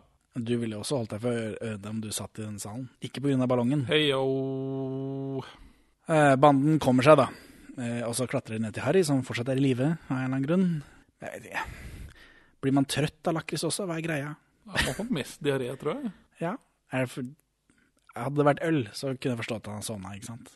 Der, Ja. Her har det skjedd noe i manus. Ja, det er noe Jeg er sikker på at uh, den danske Harry junior drikker øl. Ja, det, det, kan, det kan postuleres. Mhm. Valborg ligger på scenen og griner, mens Hallandsen lusker rundt og leter etter kofferten. Kofferten har endt opp under scenen i eksplosjonen. Great success, for der er jo banden også nå, sammen med Harry. Men når banden kommer opp fra under scenen, så blir de tatt av Jørgen Langhelle, som gir de til Anders Hatlo. Rektor og Hallandsen vil at gutta skal arresteres. Det er ikke noe stress å arrestere barn i Olsmann-universet. Nei, og jeg, sjekka ut det. Ja, om det er lov å arrestere barn på Det 50-tallet. er ikke det. Det er jo fra og med 1898 så blir den kriminelle lavalderen 14 år. Så blir den oppjustert til 15 på 60-tallet eller noe annet. Så nei, de kan ikke arrestere barn. Det er dårlig. Rektor sier det er eh, karakterer og skoleting i kofferten. Egon sier at de ljuger, men Anders Hatlo gir faen og legger bandene i jern, inkludert Benny og Kjell. Ja. Er, eh, det er ikke så ofte Benny og Kjell, det er bare én gang de faktisk blir arrestert. Kommer i fengsel. Kofferten ender hos rektor igjen, da løgnen er at det er skolens eiendom. Og det er da slutten på episoden. Så er det quiz. I hvilken episode møter vi faren til en av regissørene av Olsmannens første kupp? I hvilken? I hvilken episode, altså av vår podcast, hvilken film har vi i podcasten snakket om, hvor vi møter faren til en av regissørene av Olsmannens første kupp? Denne julekalenderen vi ser akkurat nå. Uh... Hvem har regissert Olsenmann første kupp? Dette har jeg sagt mange ganger. Arne Lintenes og hun Mathisen. Eriksen. Å ja, uh, Slalåm over himmelen. Under. Whatever. Slalåm under himmelen. Eh, ja, det er riktig. Slalåm under himmelen. Star Wars, som er slalåm over himmelen. Beate Eriksen er datter av Marius Eriksen, sjølveste genseren, Marius-genseren. Og dette snakker vi om i episode 13 og 14, på, som nå ligger på nettsida vår. Oh yeah. Ha det bra, Benjamin. Farvel, Henning. Hei, Benjamin. Hei, Henning. Da er det luke 20. Vi har fortsatt på New Pens, men nå er vi nede i én. Er det samme posen hele tida? Du kan jo lete i, i esken, da. Ja, men Men neste gang. Én ny pens. Ikke gammel, men new. Den var morsom. Nå ser jeg du ler. Skogler i barten. Ah, Skulle vært humorist, jeg. Skulle ikke vært eh, vampyr, jeg. Skulle vært komiker. Ny pakke. Da mangler vi to pakker, eller? Det er korrekt. For å få 100 000 kroner. 100 000 kroner. Nei, nå er det jo hopp. Hvilken norsk film var den første ute på DVD, tror du? B- Kristin Lavransdatter. Kristin Lavransdatter er vel ikke ute på DVD? Er den det? Jeg har iallfall bare sett Det VHS. var den største kinofilmen i 1995, så det er veldig rart at man ikke skulle Den første norske filmen på DVD kommer i 1999. Og nå er dette en Olsmann-podkast. Det er vel Olsmannen, da. Olsmann 1. Nei, det- gull. Det er Olsmann 14. Olsmanns siste stikk. Ja. I september 1999, da. Jøss. Eh, Olsmanns siste stikk kommer ut i september både på VHS og DVD. Hvor mange DVD-er har den solgt i slutten av januar? 80 000.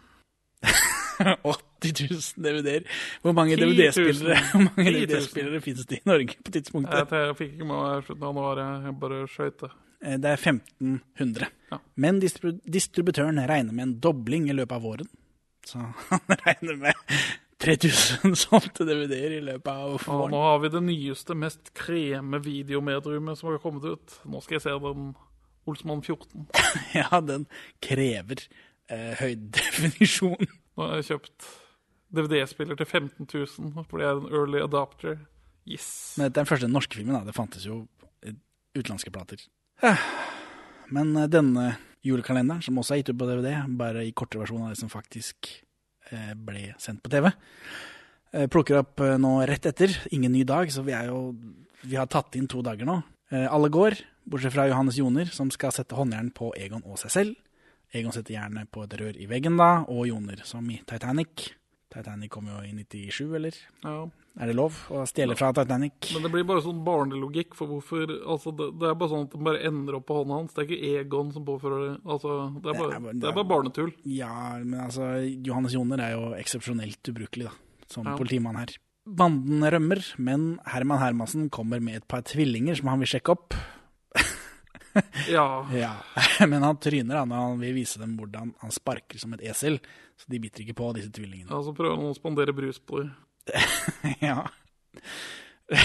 Jeg vet ikke Ah, Ja, det er sikkert i, I den langversjonen så er det sikkert mye mer Herman Hermansen, så jeg får litt mer inntrykk av personligheten hans, eh, og at han har andre ting å gjøre enn å bare fly rundt og være idiot. I ungdomsserier fra 80- 80- og 90-tallet så ser vi jo hvor viktig brusdrikking er for barn og unge. Ja, Sangen om Tor Andreas.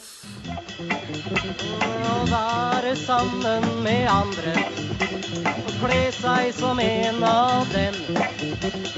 Tyggegummi og cola. Tor Andreas, nå får du slutt å somle sånn. En halv meter mindre over bakken er forskjellen på deg og meg. En halv meter mindre over bakken gjør dagen annerledes for meg. Understreker også viktigheten av brusdrikking. Av brusdrikking som barnefenomen. ja, altså Emil. En sokkerdrikka til. Er Emil også på sukkerdrikka? Om han er, på han- Men dette er svensk barnekultur, da. Det, det er sant. Det teller jo ikke i Norge. Norge er jo ikke Jeg blir jo ikke påvirket altså, av det svenskene Nei, det er sant. med.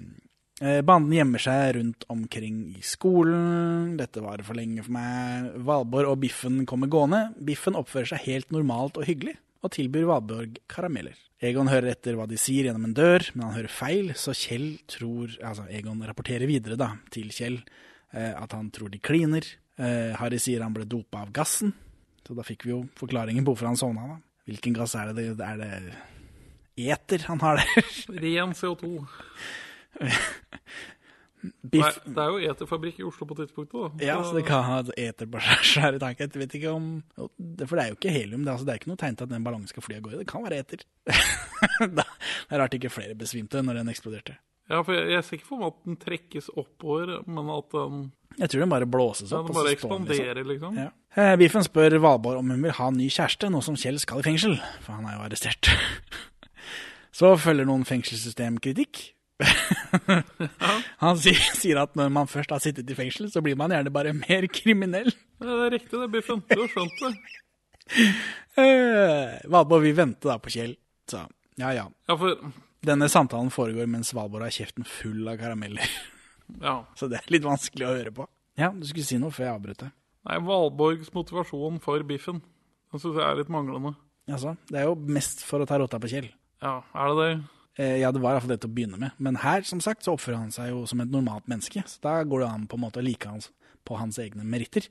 Ja, men, han, men han er jo et tjukt barn. Han er jo slem. Ja, altså, men jeg kjenner folk som har ligget med biffen, jeg. det, det var ikke noe problem. Var, På vegne av oss andre tjukke barn, så Dette var da ironisering over uh, hvordan filmmediumet velger å kode slemhet. Kommer selv i fengsel? Helt sikkert. Da kommer han til å bli sittende en god stund. Hvor lenge da, tror du? Så snart man kommer bak murene, så blir man som regel enda mer kriminell. Og da kommer han aldri ut. Hatlo slipper fri joner, så nå jakter de også på banden. da. Herman Hermansen avhører tvillingene, så prøver han å få dem med på en date igjen. For hvorfor er politiet ute etter banden? Jo, For de er jo arrestert nå, da. Fordi, Fordi? De, fordi de stjal denne kofferten, og Hallandsen og rektor var der her for en episode eller to tilbake Ja. og, og tok dem, da. Eh, Banden sniker seg av gårde, men Valborg Jo, jo, nå hoppa jeg jo nesten over det. Vi lot det nesten forbigå i stillhet. Hvordan, hva er reglene på å avhøre folk, og så be dem ut på date etterpå? Er det lov? Nei. Vi Gjør politiet det? Ja. Dette vet du med sikkerhet. Jeg, jeg, Det er ikke som om politiet kommer til å saksøke deg nå for noe Ja, det har jo vært tilfeller med politi, politimenn som blir dømt for å bruke makta si til å ligge med kriminelle. Det var noe med en bru en gang. Det var et eller annet, Ja, ikke sant? det bildet, et bilde med en bru som jeg mener jeg har sett, hvor det var noen som døde. Eller hva det var. Jeg husker ikke hva det var, men det var noe ligging. Ja. Mm, banden sniker seg så av gårde, men Valborg kommer. eh, Så Kjell bryter ut eh, fra banden for å si at han er uskyldig, og at han ikke skal i fengsel. Og så kysser de. Så kommer Johannes Joner, og banden rømmer. Eh, Og Johannes Jone sier Olsemannen, mens han snakker med vaktmesteren, riktignok. Oi, oi. Ja. Jeg tror det er første gangen de sier Olsemannen. Kan være. Eh, Det har blitt sagt Biffenbanden veldig mange ganger. Du sier Biffenmannen. Nei, de sier Biffenbanden i serien òg. Sier de Biffenmannen i serien? De gjør det. Ja, det der. Eh, dørene er låst. Vaktmesteren skal gå om et kvarter. Banden har rotet bort Harry, men så dukker han opp senere bare uten problemer. Det er nesten som om de glemte å filme noen scener, og så har de ordna det etterpå. Har jeg skrevet, da, før jeg visste at det er jo sikkert klippet bort noe. Eh, Ingrid og Valborg har sittrep om kyssingen. Ja, som seg hør og bør. Eh, Og her får vi den Egon er trist-musikken, men eh, det er ment eh, melankolsk, tror jeg, ikke trist. Altså, og det var så flott å kysse. Ja. Jeg tenker på den gangen jeg og Kjell kyssa. Og til slutt så gjemmer banden seg i søpla, og vaktmesteren tar de ut, altså som søppel. For de er jo låst inne på vaktmesterens kontor. Eh, og så er det mye dritt om den der bowlingkula til vaktmesteren, da. Eh, gjennom mange episoder som ikke er giddet å tatt med, Nei, da. fordi det bare er piss, men det skjer her også. Eh, enda mer. Og Benny nå, bruker den til å lage en avledning. Ja. liksom. Nå sier alle Olsemannen hele tiden. Eh, så tenkte jeg, er det sånn i de andre episodene? For det føles ikke sånn ut. Nei. Men nå sier alle Olsemannen hele tiden. Ja, men Det har vel vært en sånn greie hvor eh, man har drivet og eh, Jeg tror det er flere som har sagt at det er liksom Egon som har eh, vært en dårlig innflytelse på de andre. Og det er det, det, er det som gjør at det blir Olsen-banden. Jo, jo, men nå sier de det hele tiden. Jeg har sett disse episodene bolkvis. Jeg kan ikke si det har føltes som om de har sagt det hele tiden før. Siden jeg har tatt meg bryet med å nevne det her. Ja, Men de blir, de blir jo ikke en bande før de havner på rømmen. liksom. Nei, kanskje. I hvert fall det har skjedd noe, da. Så er det quiz, for dette var sluttet på episoden, at de blir båret ut som søppel. Hvilken episode er den aller første vi spilte inn på teip noensinne? Første gang du og jeg møtes i tvers overfor hverandre i et rom, og vi snakket om en film. Hvilken film var det? Er det at dere tør? Eller er det Ja, jeg, Vi spilte inn tre piloter, husker du det? Ja. For å se om konseptet 'Snakke om norsk film' hadde livets rett. Det er jo mange som har fulgt etter oss, som har bevist at det har det. Ja. Uh... Vi hadde eh, opptakeren midt på mitt stuebord. midt på ja, Da sier jeg Den forsvunne pølsemaker. Det er riktig! Den er gitt ut som episode 16, men det er jo da første gangen vi prøver dette. Hurra! Hurra! Der har vi i hvert fall ikke funnet formen, men den ligger iallfall på nettsida. Ha det bra, Benjamin. Ha det bra, Henning. Hei, Benjamin. Hei, Henning. Da er det luke 21. Da velger jeg en Er det åttekantet mitt? La meg telle her. Ja, det må jo være åtte kanter det der. Det er ikke en mynt engang. Hva er det? En pollett? Det er en slags pollett med token. Token, Nafi, token, Nafi. FR halv står det på den andre siden. Uh, lykkepolletten. Hvem vet? Så lenge det er en stjerne, så er jeg fornøyd. Og 21. 21. Herregud, jeg er seige. De eh, begynner, begynner å bli sliten av Olsmannen nå, kjenner jeg. Ja, men vi nærmer oss da. Hva var det du ønska deg igjen, Henning? Stjerne ja. Du fikk en stjerne. Eyo, det er det jeg sier. Banden rømmer til huset til skraphandleren, som besøker mora si. Det vet vi jo, for han nevnte det i telefonen for åh, mange uker siden. Men her har vi heller ikke hoppa med Dette er jo fortsatt samme dagen, så da er vi på tredje dagen. Hvis det skjer en gang til nå, så er vi liksom Da er vi oppdatert. Ja. Ja. Eh, Men Herman Hermansen ser at de går inn dit. Hatlo og Joner leter etter banden. Eh, Hallandsen og rektor hører på politiradioen. Ja. Dette er Gode noe, gamle dager. Det liker du, eh, politiradioer, regner jeg med? Ja. Du ser ut som en sånn fyr som liker politiradioer. Jeg har hørt på det én gang. Hallandsen og rektor hører på politiradioen, ja. Egon har en konvolutt med alle adressene de skal robbe, altså styre. I den konvolutten han tok i tillegg til kofferten, så står alle adressene som de skal robbe for julegavene som de har lurt barna til å De har lurt barna til å legge ut nøkkelen til huset. Og oppgi adresse. Ja, fordi de har kledd seg ut som julenisser på kjøpesenteret, og derfor er bassefar stadig kidnappa. Uh, sånn, det var flott, i den julekalenderen. Jeg hadde glemt det. For de andre julenissene som mista jobben, de har bare ikke vært De prøvde ikke å få jobben tilbake. Nei, De hadde sikkert andre ting å gjøre. Eller så har de drept de bare. Det kan det være. Eh, men eh, Julenisseseriemorderen slår til igjen. Skulle tro vi hadde hørt det i bakgrunnen, da. For planen er at de er ca. 20 julenisser. som alle har 20 hjem de skal Jeg vet ikke, 20 hjem er vel ikke nevnt. Det jo, de har jo sittet der hele jævla adventstida da, og bedt barna. Ja, men de sier i hvert fall at de skal stjele totalt 4000 pakker. At det er 20 hjem hver for de eller noe hvor de skal stjele Ja, det kan hende. Akkurat logistikken. Ja, har hvor, mange, hvor mange nisser det var, eh, husker jeg ikke. Men de skal i hvert fall stjele rundt 20 pakker fra 20 hjem til en total sum av 4000 pakker. Som er forventer til å selge for 8 millioner kroner. Ja. Det er da 200 kroner per pakke. ja. Og det er da veldig dyrt, da, hvis vi liksom skal hva slags, hva, Hvor rike er disse barna som de har valgt seg ut? Ja, de må jo Og Det hvor- er jo jul, da. Det er hvor- noen som har rike onkler som slår litt i Hvor bemidlede hellerister er det dette Å, men sånn kriminelle, de har masse penger. Det har jeg lært. Eh, de hører på politiradioen, og der hører de da at politiet skal lete på Kampen for å finne de. Eh? Kampen, det er jo der Olsmann bor. Banden fryser i dette skraphuset, og så må Harry bæsje, selvfølgelig. Eh, banden maser om at Egon må lage en plan. Benny lurer på hva han må finne. En elefant eller to billetter til månen eller sånt noe. Dette er jo humor på all den random dritten Egon bruker i planene sine. Dette er jo metahumor. Ja, kjempegøy. Det liker du. Mm. Og så svimer Harry av i bæsjetang, eller hva skjer her? Igjen så gir det mening om det er øl. Det er helt sikker på at det er det danske, Ja. det må være øl. Ja, At han drikker vørterøl, om det er lov i Danmark. Det er ikke vørterøl, det, det er nok ekte. Om ikke det er bare Jegermeister. Men ja. Han, her, Harry svimer av, fordi han må bæsje så jævlig, så han svimer av. Det kan ikke gå bra, har jeg tenkt, men uh, Herman Hermansen snitcher på mannen, for han så jo at de løp inn der. Uh, så uh, da Anders Hatlo sperra gata, og han sier det på radioen, så da vet Hallandsen hvor de er han også. Og så får Harry noe lakris, og da våkner han igjen. Har han bæsja på seg nå? Hva, hva skjer egentlig? Hvorfor svimte han av? Harry har ikke bæsja, får får vi vite, hvorfor han skal på dass ute i gården. Jeg trodde det var fordi det var en utedo der ute. Men det er det ikke. Han går bare av drit bare på plassen mellom alt skrotet. Eh, Og Joner beskriver dritinga over radioen, og her, er det mye humor.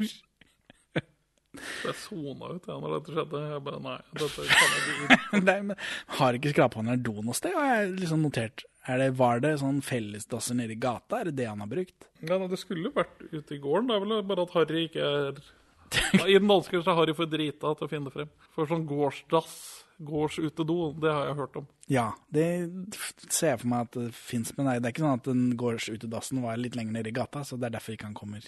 Vi De sier en- ikke noe da, om dette. Det burde jo vært en gammeldags potte med lokk inne der et eller annet sted òg. Ja, men jeg tror ikke du skal bæsje i dem, skal du det? Du kan det òg. Jo, altså, alt går jo i nøden, men eh, jeg tror ikke det er meningen at du skal liksom legge en kveil oppi disse pottene. Kanskje ikke en lakriskveil. Huff a meg. Han spiser jo lakriskveil òg, når jeg tenker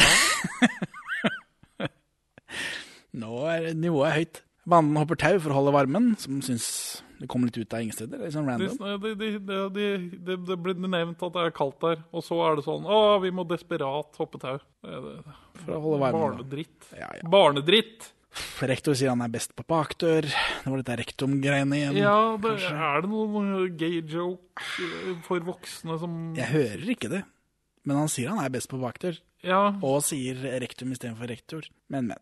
Banden sniker seg ut bakdøra. Hei, hei. Banden tar med seg jekken fra sist, da. Så det, den satt jo igjen i det forrige skraphandlekuppen, og vi syntes han levde et så idyllisk liv. Men han bare kunne stå opp midt på natta for å spise loffeskive og gå og legge seg igjen. Eh, Men de blir fanga av rektor og hele styret, som også er der nå, da.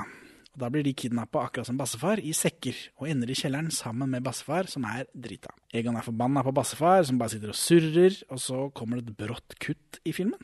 Benny fortsetter dialogen sin som om ikke noe har skjedd, men Egon går fra å gå rundt til plutselig å sitte ved siden av Benny. Det er kjemperart. Ja, Nå har jo du også sett DVD-versjonen, regner jeg med? dessverre. Så vi vet jo ikke om noe er klippet ut.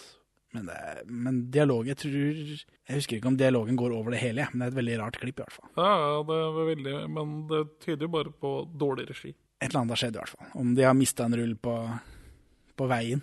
Mista en DV-teip. Eh, Benny sier at det ikke alltid er greit å være far, og så lenge bassefar ikke har stikka, så bør han få kred for det. Så her er det noe. Det er jo noe.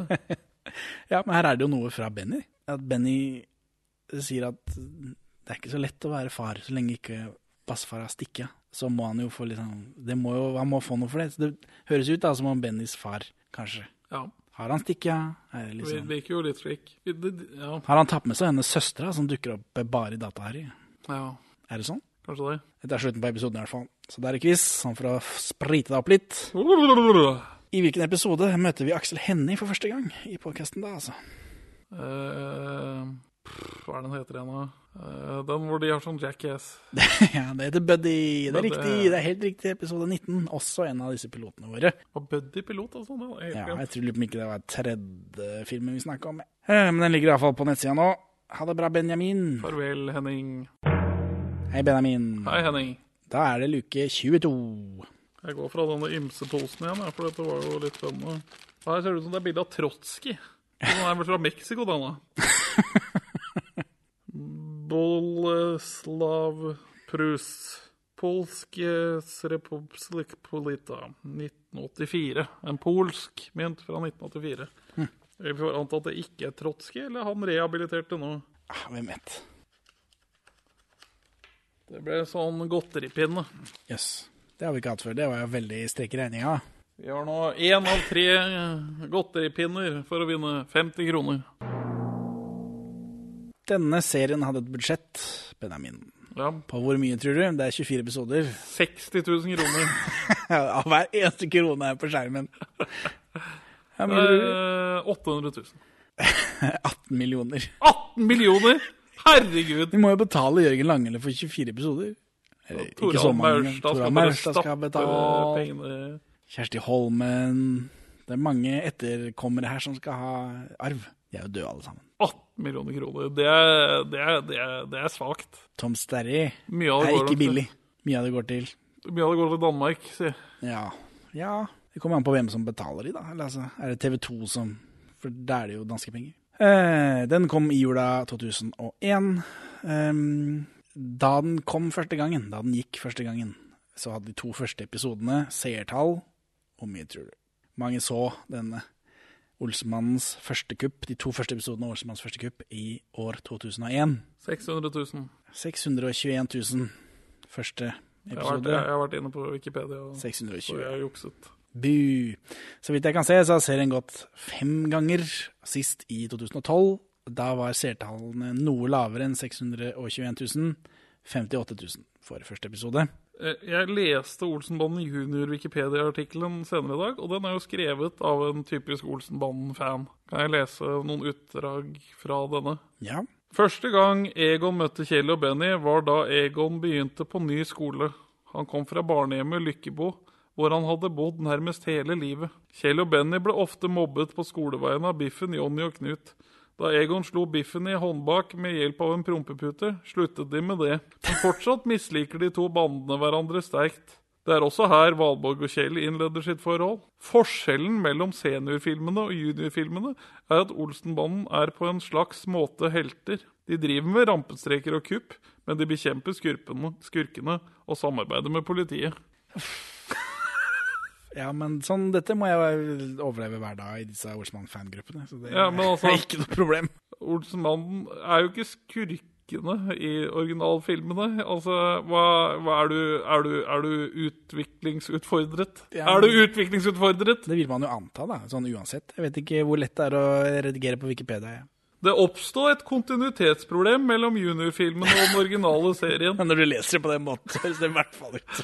Ja, men det er jo sånn det er skrevet. ja, ja. Barneseriene er lagt til slutten av 1950-årene og stanset på starten av 1960-tallet. Den første originale i gåsetegn. Filmen ble utgitt i 1969, da Kjell og Valborg allerede hadde tre barn, hvorav den eldste allerede en tenåring. Den siste juniorfilmen foregår imidlertid i 1962. Ah, episode 22, det er bare to episoder igjen. Kom igjen. Bassefar, bassefar, for nå sitter de i kjelleren her, ikke sant? Og så er det det rare klippet, og så nå er vi tilbake. Bare så får jeg snakke om den omvendte julenissen, som er navnet på denne planen til styret. Ja, For nå er de fanget. Nå er de fanget alle, alle, Alle, alle, alle fem. Ja. For Harry er også der. Ja, det stemmer. Og, og Og dette kan vi anta er samme dagen, så nå er vi à jour. ja, vi, kan vi Ja, OK, greit. Ja. Ja, vi kan jo også Jo, jo de er i samtale, tror jeg. De, for det er vel noe venting her. For de kan ikke bare gjøre det den dagen her, de må vente en dag, bla, bla. bla masse dritt. Ja, for er det to vi må vente til neste dag, eller ikke? Det, Ja, det husker jeg ikke i farta, men det finner vi ut av nå. Jeg antar jeg har skrevet den her. Eh, den omvendte julenissen, ja. Planen om å stjele julegavene. Eh, Så Egon får lurt ut hva planen er, så nå vet Egon det også. Liksom, dette visste jo vi som ser på dette, har visst dette lenge. Harry Joneser etter lakris og harabsneser. Ja. Han sliter. Og her, og nå har jeg dessverre ikke sett VØS-versjonen. For dette her har jo For bassefar bruker jo tiden sin på å drikke sjokoladekonjakk. Jeg tror det er lavere alkoholprosent, i, eller om noe. Kanskje det var mer Kanskje ikke på 50-tallet. Nei. Jeg tror det var mer eh, prosent i sjokoladen. For når han ikke får lakris, så trodde jeg det var her han skulle oppdage alkohol. For det, Det det, det, ligger så altså Her er det ikke lakris å få, og det er masse konjakk og drikke. så begynner jeg med det og sånn Nei, nå skal jeg, jeg aldri spise lakris igjen. Ja, det, hadde, det, det lå rett der. Ja, men det gjør de dessverre ikke. Men det hadde jo vært fantastisk. Og så er det et urimelig brått kutt fra kjelleren til hjemme hos Valborg, hvor Biffen kom på døra og lurer, på om hun vil være med på kino da, og se Den kjemperøde pirat. Ikke en ekte film. Nei. Eh, men nå er han drittsekk igjen, så da funker det ikke. Han var jo helt normal i stad. Hallandsen og rektor minner oss på plottet igjen. De skal til Bahamas, mens resten av styret blir tatt av politiet. Det er liksom planen deres, da. Hjemme hos Kjersti Holmen så sitter Hatlo og Joner og spiser kake.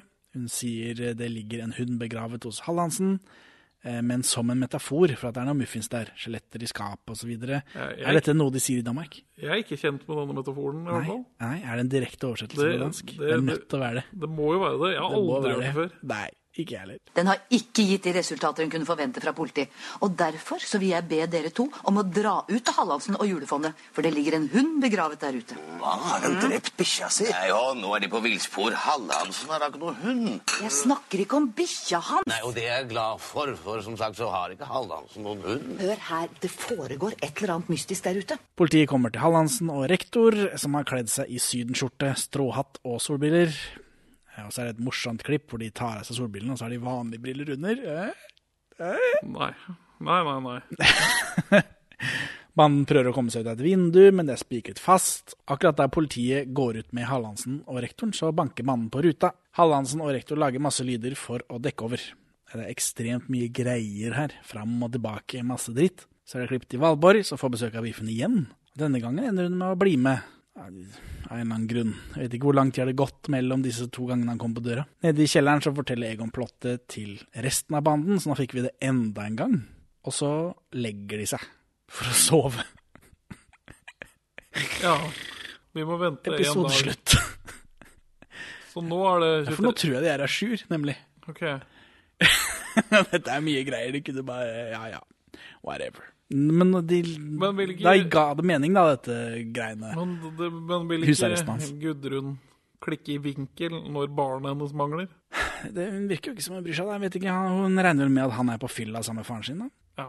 De, hun, han løper jo en kriminell løpebane. Så er det quiz i hvilken film treffer vi Ivar Nørves penis for første gang i podkasten. Kosmetikkrevolusjonen. Det er riktig. Episode 12. Det Som ligger kan, på kan jeg aldri glemme. Nei, som ligger på nettsida vår. Ha det bra, Benjamin.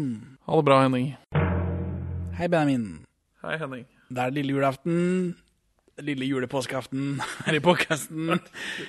Da må det jo skrapes lodd. Ja, det Når det både det. er jul og påske. Det er jo super skrapeloddtiden. Tradisjonelle påskeskrapeloddet. Vi nå nærmer oss slutten da, på denne kalenderen. Alt for Norge, kong Olav, 1983. Hva er valøren?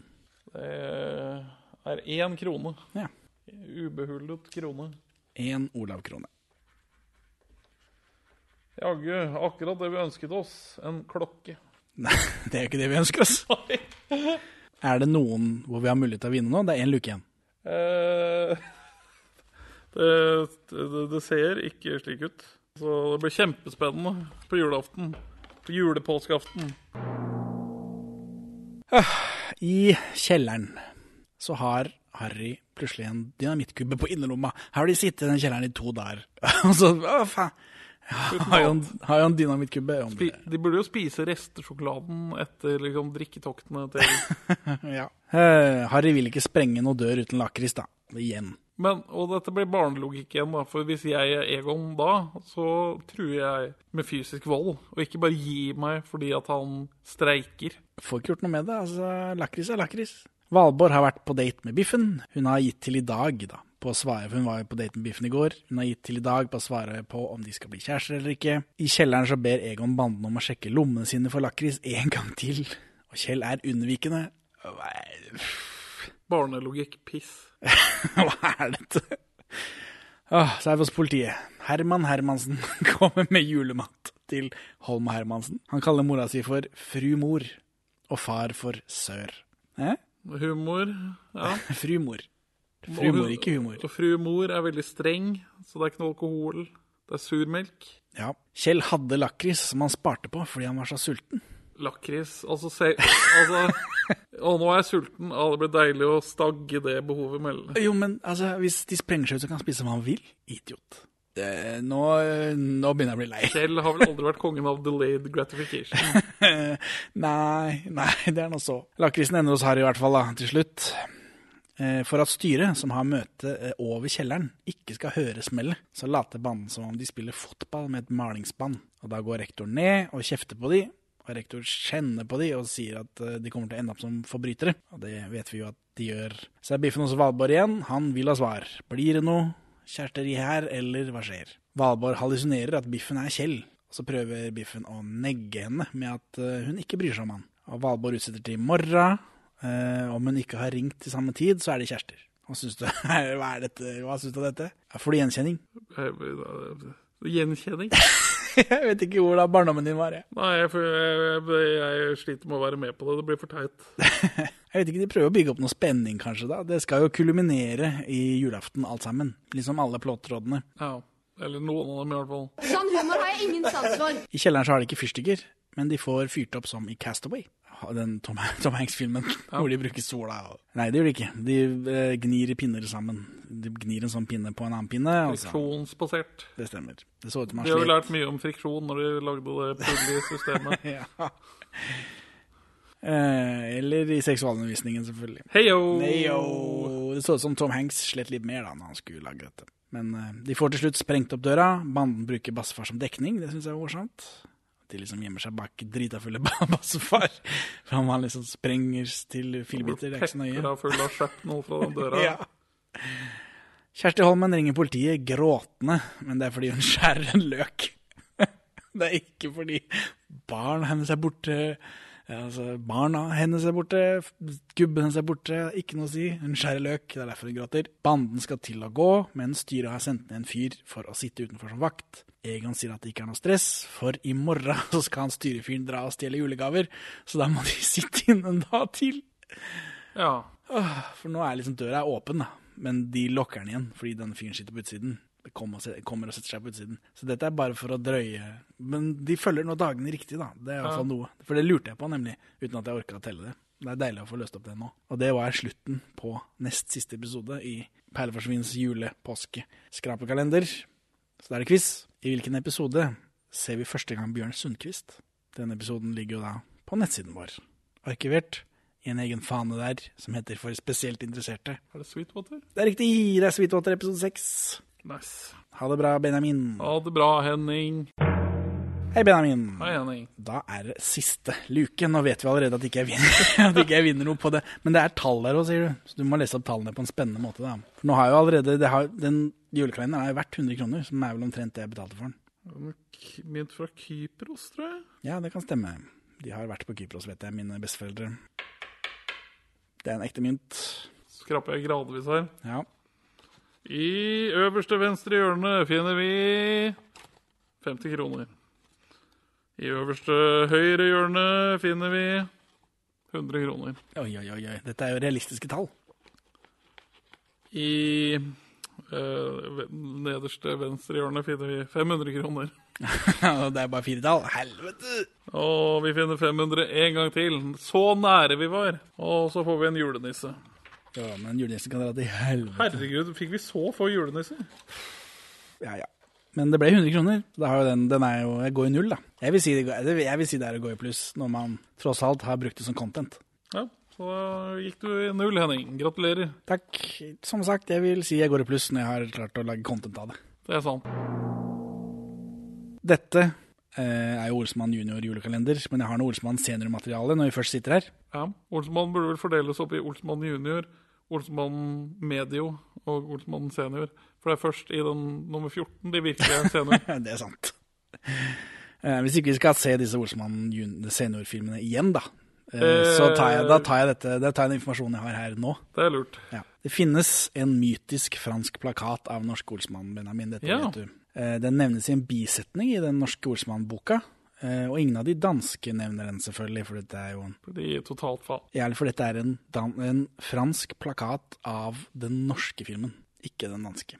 Så danskene driter i det. Eh, Og i boka så, virker, så har de spurt Knut Bovim hva er dette for noe. Og han virker ikke til å ha noe informasjon om plakaten. Eh, Han syns liksom det var en morsom greie, kanskje det er noe danskene har gjort. Det er vel det, er vel det han sier. Men det er jo like greit at ikke han vet noe. Hvis han hadde visst noe, så hadde jo dette vært brudd på avtalen. det er jo ikke lov.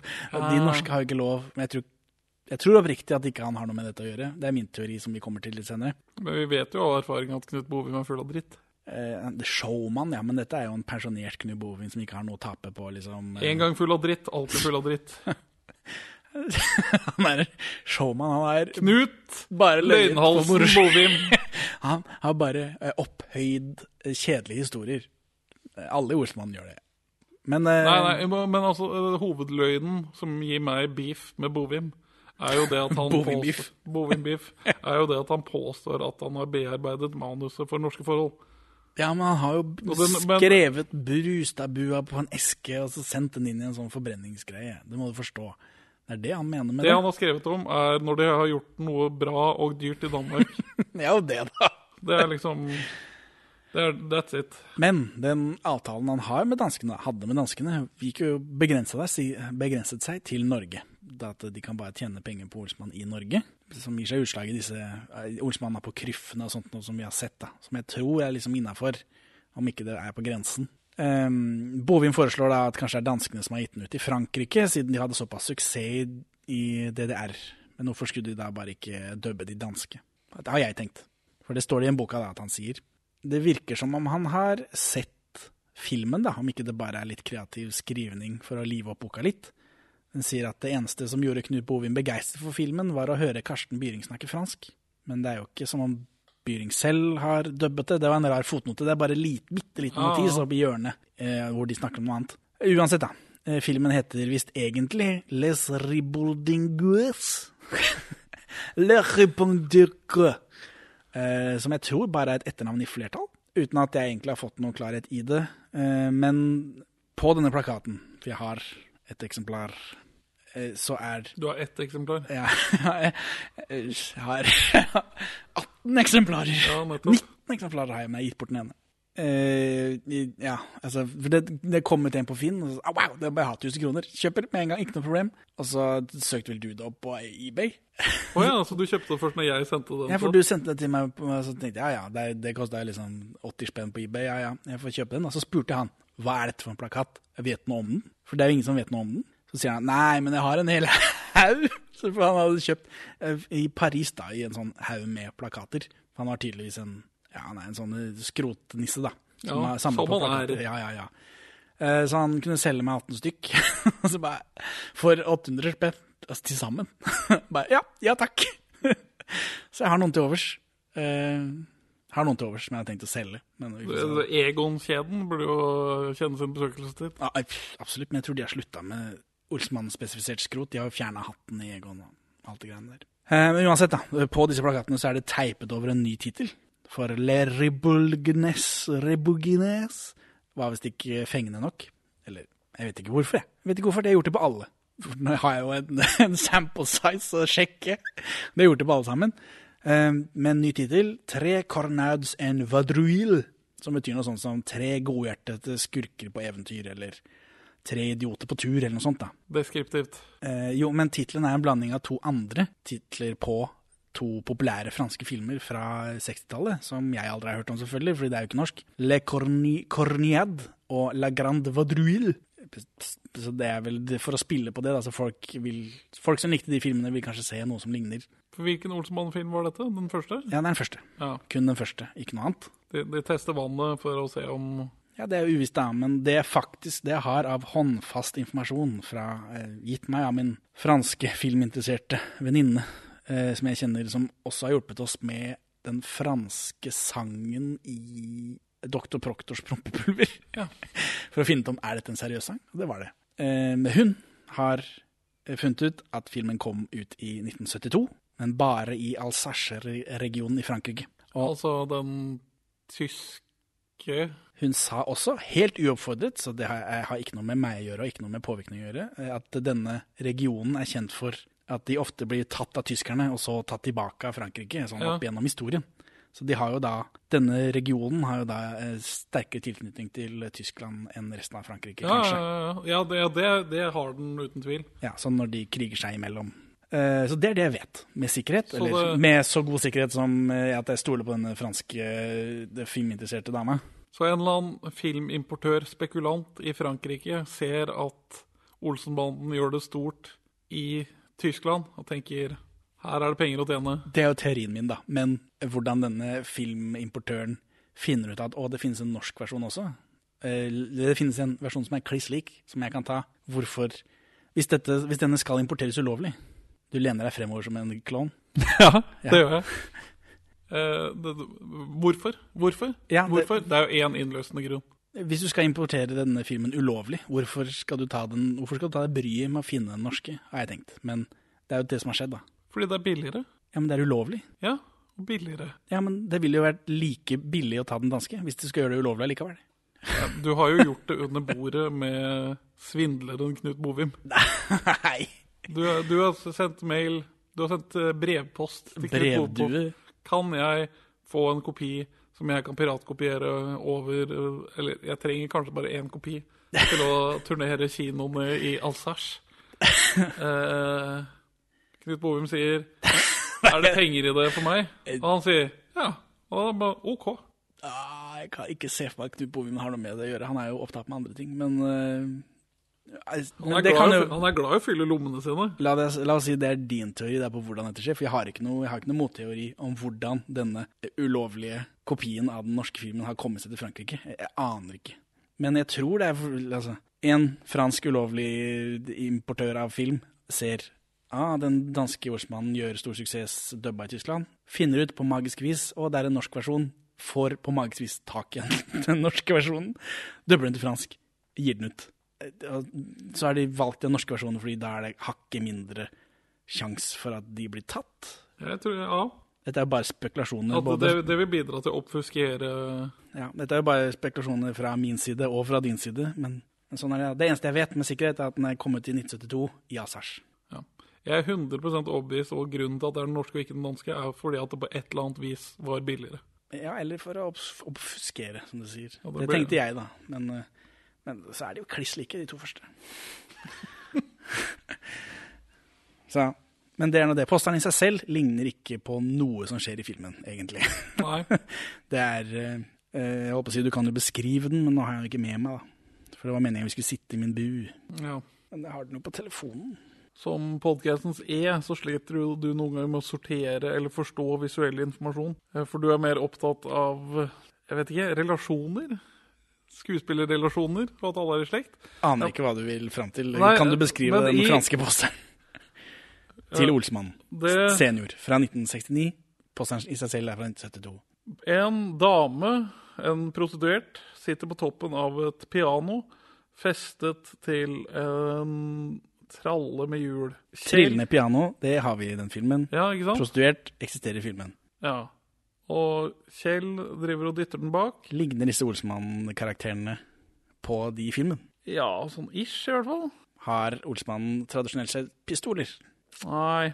Nei, men det er jo ganske mye gønnere i den filmen her, da, sammenlignet med andre Olsmann-filmer. Jo, men de har, Så det er gønnere i filmen Men. Olsmannen har jo gønnere der. Ja.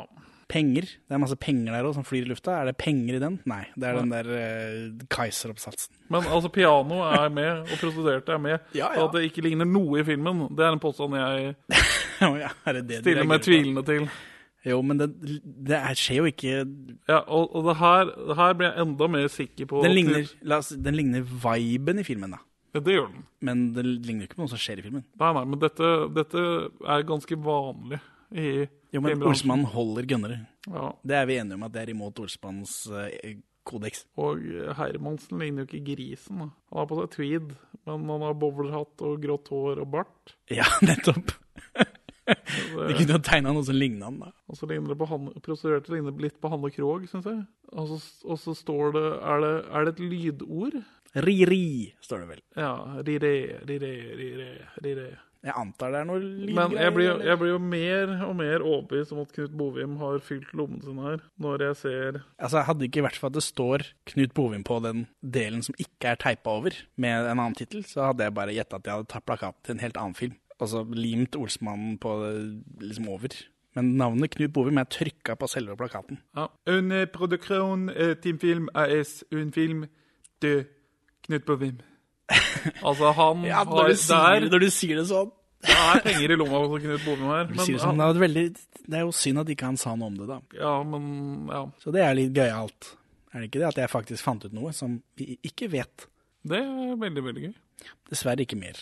Man kunne vel kanskje funnet ut urgammel, en urgammel kino i Alsace, altså ringt de, jeg vet da faen jeg. Men så engasjert har jeg ikke vært. Jeg bare ringer tilfeldige gamle mennesker i Alsace. Ja, altså jeg meldte meg inn i en gruppe for eh, ekspatter i Alsace, fordi jeg snakker jo ikke fransk, så jeg kan jo ikke bare Jeg vet jo ikke hva disse Alsace-gruppene betyr. Nei. Så jeg prøv, spurte dem, da er det liksom noe hjelp her, men nei, det, det var bare idioter. Cinema de Alsace. Ja, liksom, kan dere Vet dere noe om Kan dere sende meg videre til noen som vet noe om tradisjonen til liksom, film på 70-tallet i Ansars. Nei, det var liksom håpløst. Ja, så jeg har gjort en liten innsats, men ikke nok til at eh, jeg fant ut noe mer. Men 1972 det er jo et gjennombrudd. At ingen, det er ingen som har visst før. Ja, takk for at du beskrev den. Bare hyggelig. Så som sagt, vi bare spekulerer, men eh, når du sier det sånn, så høres det jo veldig ut som kanskje ikke Knut man står for dette, da, men det Typisk. Typisk, Typisk. Knuten. Jeg vet ikke. Helt bridende.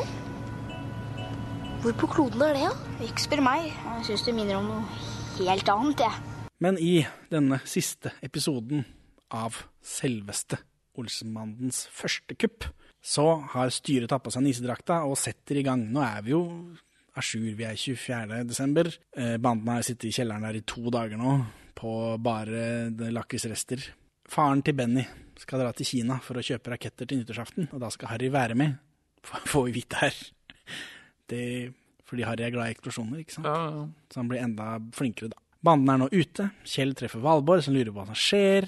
Han sier at han har vært kidnappa, men hun tror han ljuger. Hadde manuset vært litt mer interessert i Olsmannen, så hadde de jo dratt denne eh, I Olsmann 3 så blir jo Basse kidnappa, og så får han kjeft for det etterpå. Du har Ja. sagt at du får ikke lov å bli kidnappa, sier Valborg da, men det gjør de ikke.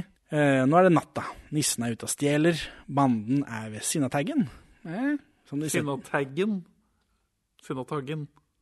Taggen er noe helt annet. Sinnataggen. Hva er taggen for noe, da? Det er graffiti. Tagging. Du er idiot. Du er idiot fra Moss. Du er idiot, faktisk. Sinnataggen heter det. Som de setter en nisselue på. eh, Og samtidig så skriver de et trusselbrev fra Vigelands fiender at de er på kaia. Nå husker jeg ikke når noen terroriserte denne statuen sist, men om det var rundt Eller jeg husker ikke om det var noe Bare et par eh, år siden sist noen skjærte av han et eller annet, var det ikke det? Jo, men det er fra her vi sitter nå, tror jeg. Men jeg tenkte, dette er jo filma i 2001. Ja. For dette her har de ikke i Danmark. Nei. Det ble jo, det ble jo den Havfruen, garantert havfruen. Garantert. Her, ord som har svømt ut der i 24. desember. Jeg tror, jeg tror man kan nå den når det er eh, lavvann. Kanskje. Eh, men i hvert fall. De lager et trusselbrev, eh, og så på kaia så har vi en sånn der Goosewalker-silhuett på kaia. Ikke verst.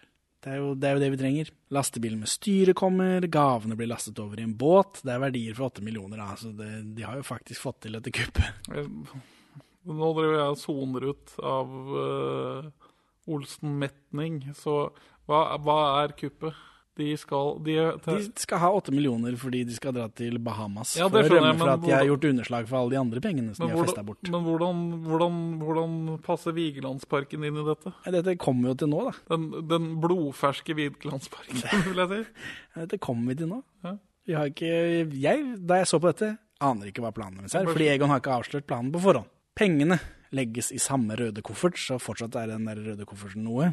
Egon ringer politiet, som fortsatt er på jobb, selv om det er midt på natta på julaften.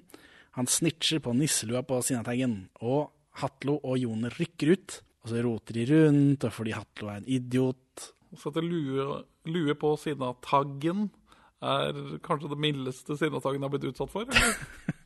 Ja, det har vært mye maling da opp igjennom. Jo, de roter rundt, for de finner jo ikke veien. Eh, fordi Hatlo er en idiot, men når de først er på sporet av riktig vei, så krasjer de bilen.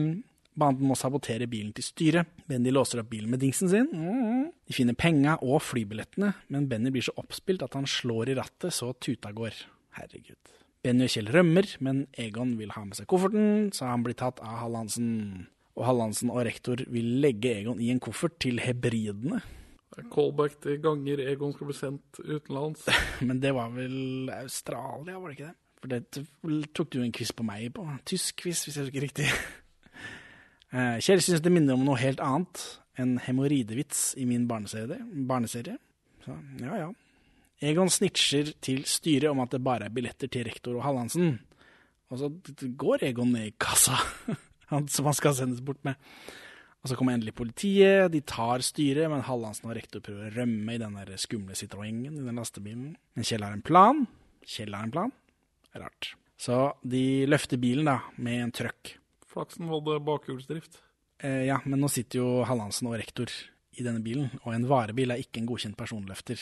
En varebil er ikke en godkjent personløfter. Nei, en personløfter er en sånn kurv du har på trøkken din, hvis du må løfte personer med trøkk. Ja. Og varebil er ikke godkjent som det. Nei. Så det kan du ikke gjøre.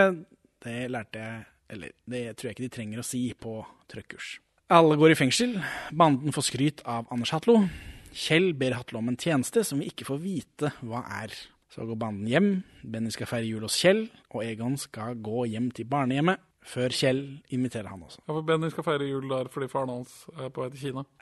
Med Eller noe sånt. Ja, det vil jeg anta. Ellers har han bare stikket av for lenge siden, så er- driver Benny egentlig og lyver. Eh, julaften hos eh, familien Jensen, da. Holmen og bassefar i finstasen. Barna er i samme klær som alltid. Med lue inne på julemiddagen. Faen, altså, det ser ikke ut. Og her er det slafsing og bestikklirring. Brødsvor. Så kommer Valborg overraskende på besøk. Hatlo har forklart alt hva som har skjedd. Dette er Lucia-greien også, for det er tydeligvis det som er det viktigste for henne. Er Hatlo kompetent nok til det? Sånn etter hva han har vist i serien. Ville han klart å fortelle det? Han har jo en viss autoritet, så hva enn han får stotret frem, er tydeligvis godkjent. Ja. Så kysser Valborg Kjell, og nå er de kjærester. De lover hverandre evig troskap. Valborg gir Kjell sokker hun har strikket selv, og det tror jeg ikke noe på, faktisk. Nei, hun kan jo ikke strikke. Nei, på ingen måte. Benny får gave av Ingrid også. Eh, Det er bare Egon som ikke får gave, men han ser at han har fått to gode venner. Da står de ute, da. Og så begynner det å snø noe jævlig med falsk snø. Eh, og så drar kameraet ut mens Egon forklarer en plan. Så for at Biffen ikke skal kaste snøballer på de, da. Eller altså De begynner å bli litt bekymra for at nå som snøen kommer, så blir de kasta snøballer på, men Egon sier han har en plan. Og her er det endelig slutt. Egon har ikke fått bowler. Det er dobbeltsjekka, for det lurte vi på litt eh, tidligere i serien. Når jeg satt og klippet. ja, det føltes vel som han skulle få bowler i en tidlig episode. Ja, han hadde bowler på når de agerer som Hallandsen, når de Ja. har to, menn i en frakk, eh, to barn i en frakk. Men eh, han har ikke det her. Når dere leser dette, er vi på vei til Amerika. Vi drar fra Sjuvholmen i kveld. Undertegnet Gustav Vigelands fiender. Gustav Vigelands fiender? Hvem er det, da? Det er Vorstekjell. Så er det slutt, endelig. Øh, takk til Ballin og Bas for Olsmann-universet, står det eh, i rulleteksten. Hva står det i siste skrik? Uh, husker ikke. Nei, men der, de går rett på norske cast og sånt nå, de, og Knut Bovim da, men de glemmer danskene. De står ikke noe om danskene i den norske. Ja, altså i Olsmanns siste skrik. Men her så har de det med danskene bare. Så Benjamin, nå som vi er ved denne eh, reisens ende, hvorfor vil du ikke anbefale Olsenmannens første kupp fra 2001? B- b- b- b- b- b- Bare sånn i første omgang. Hvor mange kupp er det i løpet av denne? Ja, det har jeg ikke orka å telle. Men det er ganske mange. Det er det. Så De har mye tid å fylle. Men de har jo Altså, den har jo klart å gjenskape Olsenmannen-magien. ja, med mangelen på magi, tenker du på? Ja, altså dårlig underholdning for barn. Ja. Det er jo det som er Olsmann-magien. Eh, ja, sånn til slutt, ja. Ja. Så det begynte jo som noe helt annet, som vi jo har dekket eh, ettertrykkelig. Men så den får jo til det. Den er, den er dårlig underholdning for barn. Men øh, nei, nei, det er jo ikke bra. Det henger lite sammen, og det er mye dårlig gjentagelse, og det er litt for langt mellom de to vitsene man ler av. ja, den prevensjonsvitsen til Kjersti Holmen. Rektum. Rektum, der, der lå du slo deg. Ja, nei, så det Nei, det, det, dette, dette hadde ikke holdt seg. Jeg beklager at jeg ga reklame til denne serien. For det er jo Unge Fleksnes jeg hadde sett, og var overrasket over at det faktisk var litt bra. Ja, det får bli prosjekt en annen dag når vi har sett uh, Fleksnes Nei. eh, Nei! Nei! Fleksnes side om side med Hancock Hour, som den er basert på. ja, du agerer pistol, putter den i munnen, og samtidig har du løkker rundt halsen og et glass med det jeg antar er giftpiller, og du svelger pillene, skyter deg selv og henger deg. Eh, så Henning, hvorfor vil du anbefale? Nei, jeg tror jeg er gæren, jeg. Nei, men du elsker jo Olsenmannen. Ikke nå lenger. Herregud. Det har litt styring på detaljene rundt Olsmann. Jeg er ikke fan. Du er også brutt ned av prosjektet. Ja, altså igjen, etter at den, den siste episoden vår Olsmann konkluderte spørsmålstegn, hvor vi hører på oss selv som snakker om den første Olsmannen, hvor positive og liksom Hvor mye håp da vi har på Olsmannen, det er borte. Det er borte hos meg også. Ja. Nei, grunnen til at jeg ikke vil anbefale dette, er jo fordi det er jo noen barnegreier. Det er utrolig langdrygt. Eh, disse barna de fløbber linjesett og stadig, uh, men de kjører bare på. da. Skuespillet er ikke så godt, men hva kan man kreve av barn, egentlig? Settingen er dårlig. Ja, de sier dritt ganske ofte, som ikke visste var lov. Altså er de, det er mye, de er veldig tøffe i språket. Det er dritt, for jævlig, tryne, forbanna ræv. Det er, liksom, det er masse stygge ord. 2001, baby. Og så er det veldig smått. Det er veldig tydelig at de bare har én gate å filme i. Én side av en gate. å En side av en gate å filme i, og et trangt studio et sted. Eh, alle forviklingene er utrolig slitsomme, men det må kanskje være sånn en julekalender, eller? Ja. Det finnes jo gode, altså. Når jeg tenker på god julekalender, tenker jeg på The julekalender, men der også er det jo bare forviklinger. Det er jo bare for å hale tida de 24 dagene. Ja, det er jo bare setback etter setback etter setback. Ja. Eh, Så jeg vet ikke om det Jeg tror kanskje det må være sånn i en julekalender. Eh, igjen så etterlyser jeg flere cameos. Det er jo noen her. Men her kunne det vært mange flere cameos. Her var det jo deler av den ordentlige banden i live. Ja. Eh, jeg bruker noe Olsmann-musikk, da. Det er jo ikke så verst. Men låtene som er laget for serien, er vonde. Men det er jo barnelåter, da. Heldigvis er jeg ikke utsatt for så mange av dem som det tror har blitt. Men de høres ut som de er laget av barn. Det, det, det, det, det er en sånn barneunderholdning som det føles som er la, laget med forakt for barn.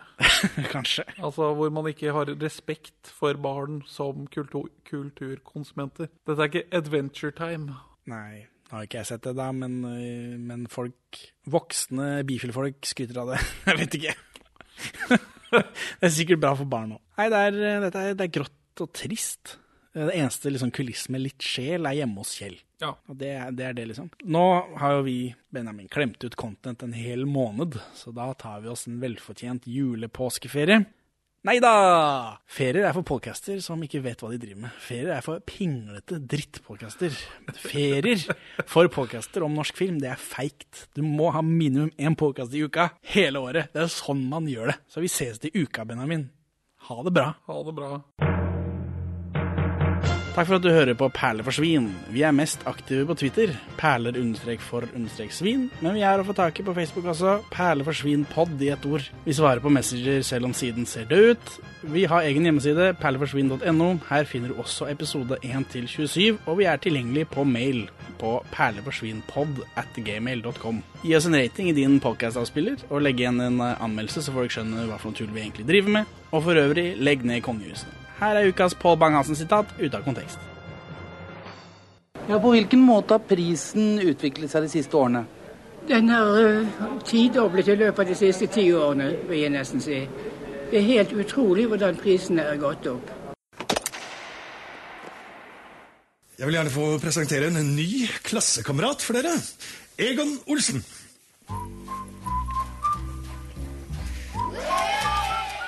Veldig snedig grep med den quizen, syns jeg. Ja. Det hadde jo vært enda bedre om det skjedde før jul. Ja.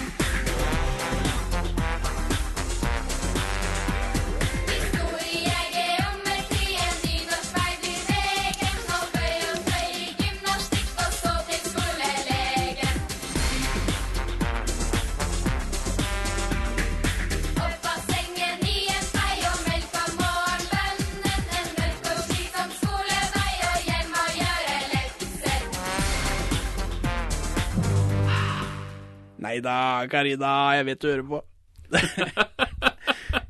jeg tror iallfall du hører på, din snik. Jeg tror det.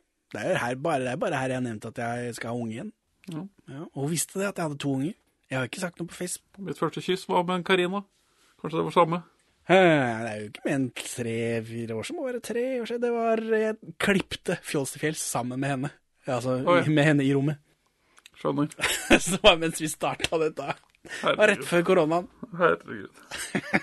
Liten verden. Hun er morsom, hun. Ja da, vi vet det lyder som en meget dum klisjé.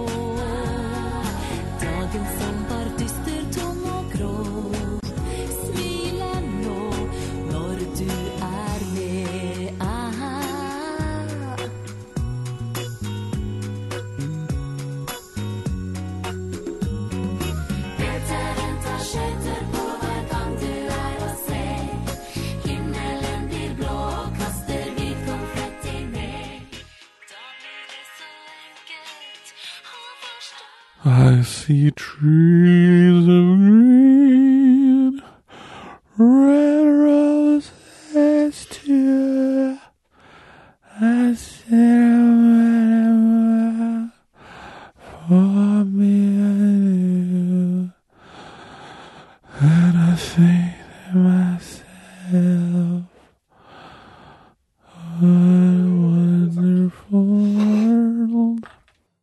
Også Narvesen Kioskkompani og Den norske bokklubben kastet seg inn på markedet, foreløpig med noen digre magaplask.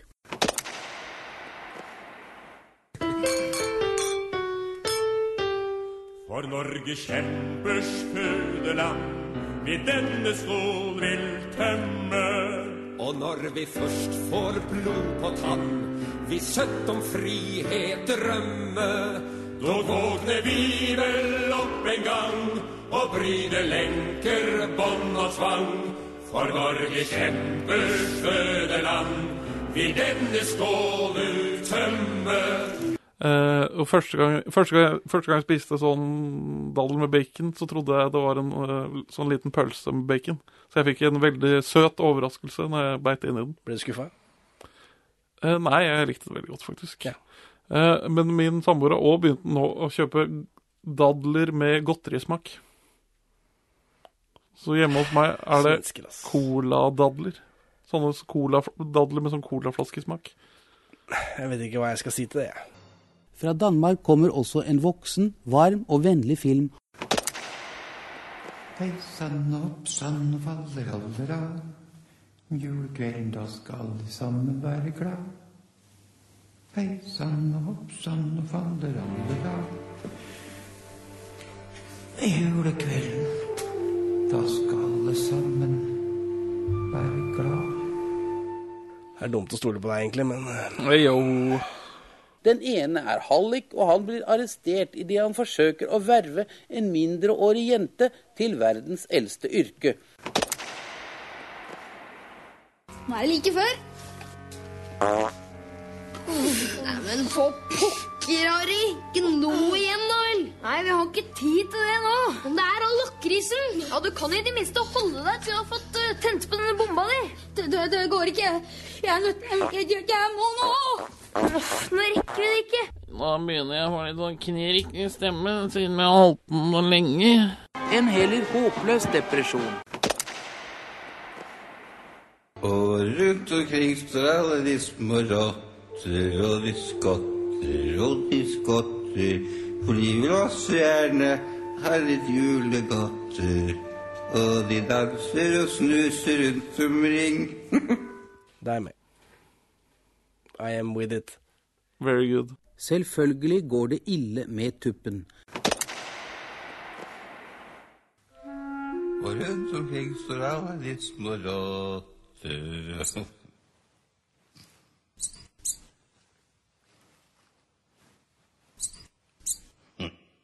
Og vi skotter, og vi skotter. Skrev metoo med Hallandsen, men jeg husker ikke hva det er. Nei. Nei, nei, nei, kom igjen, Abbasfar. Du må fortelle politiet hvor du har vært. da. Med deres egne ord. Så gjør jeg så når jeg Ja, hva gjør de så når de vasker mitt tøy? Nei, nå får du piska dausen i deg, gitt. Det er jeg som vasker alle klær her i huset. mitt tøy i hva? Ja, ja, Får du notert noten også, han? Det er ikke nødvendig, sjef. Jeg kan melodien utenat. Kom igjen da, fatter'n. Ja, det er meetup med Hallandsen jeg prøvde å skrive, ikke metoo. Og her kommer den stjernekrigen på Finse.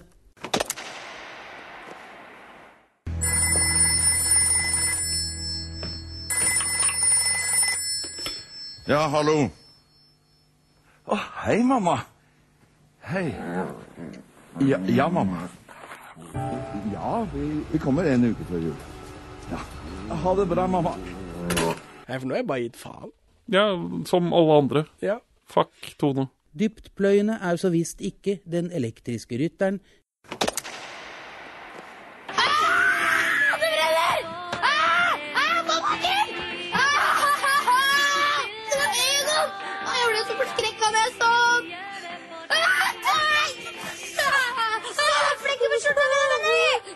bare sprit. Det går bort av seg sjæl.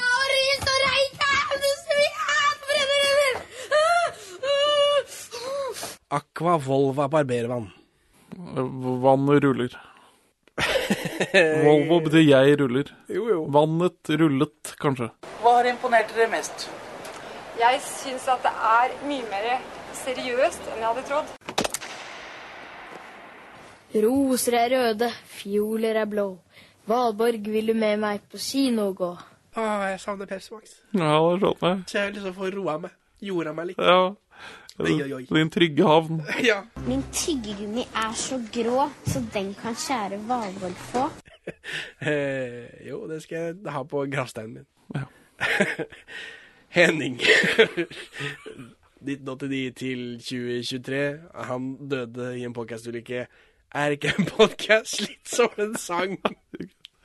Ja. Ah, nå Man blir jo litt sliten av å spille inn en remse med episoder. Man blir jo det. Man blir jo det. Du traff midt i kneet. Fort deg ut og ta kaldt vann på før det hovner opp.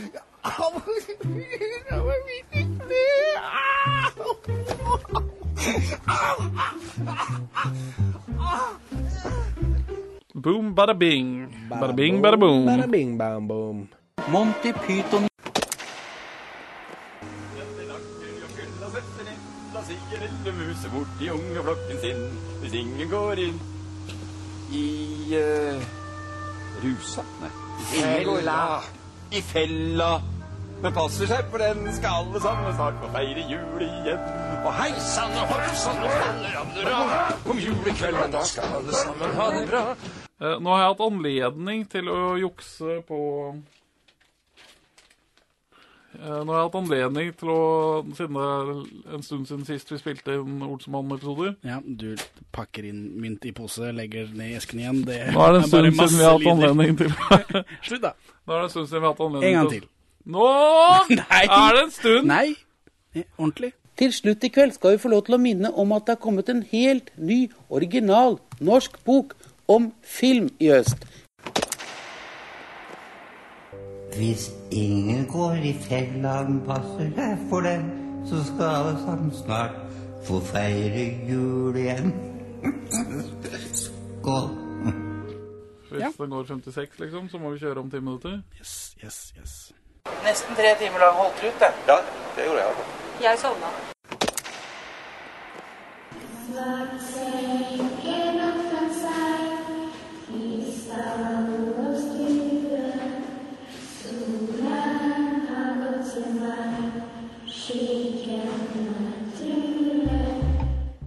Det er lettere å jobbe med disse små filene, for jeg ser alltid at nå nærmer jeg meg slutten. Hele tida.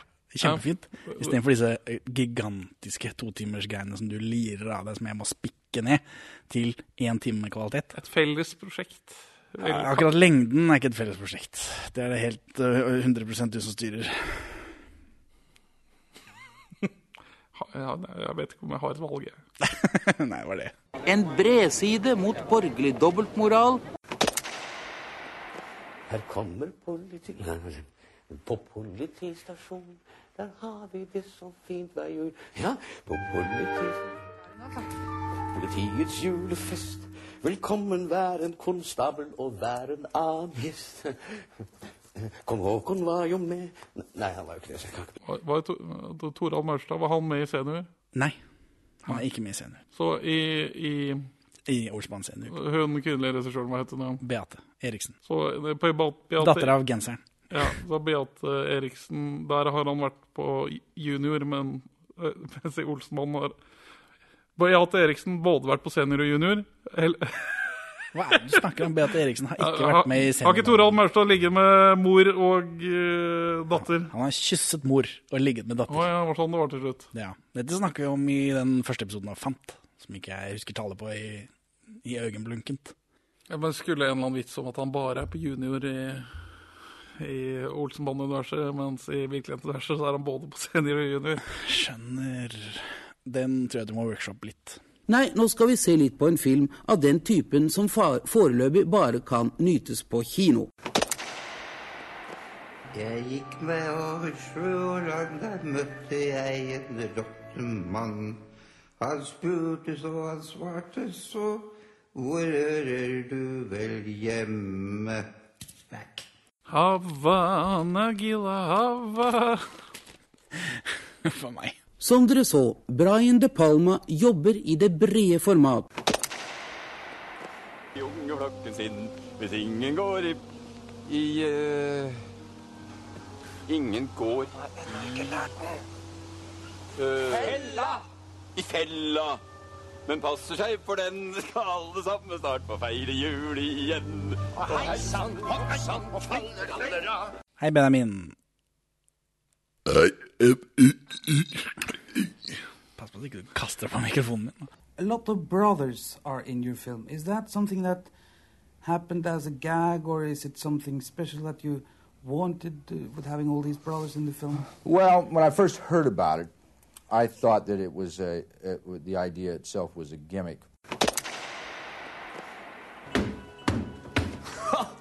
Det var litt av en entré til vismann å være. Vær hilset, vi er kommet for å se det lille Jesubarnet. Og med oss har vi gull, råkorset og myra! Veldig bra, Kjell! Muligens litt sinna, men veldig bra! Hvem spiller hvem, sa du? Benny og Valborg Hæ? spiller Emil og søstera til Emil. Ja. Ja, på Norske teatre. Men det er jo like av høyde. Det Er ikke søstera mi mindre? Ja da, gjentolkning. Kjør på. I alle der, det har jo ikke noe å si. Og dessverre er alle filmtitlene skrevet på engelsk.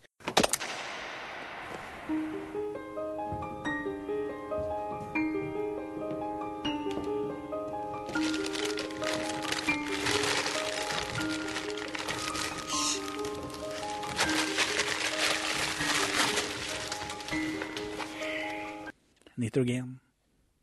Tvinger ut av lufta i rommet, alle dør. Det er såpass luftig i rommet, det er ikke noe problem. vet du. Det er jo en hel eh, underetasje i kjelleren der. Det er jo, nitrogen er jo tyngre enn luft, så det ville jo drept Harry. Harry. I gamle dager var annen påskedag den virkelig store premieredag på kinoene. Maria dro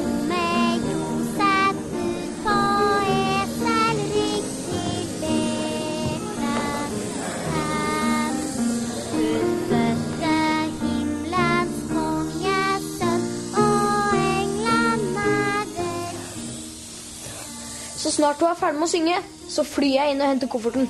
En stjerne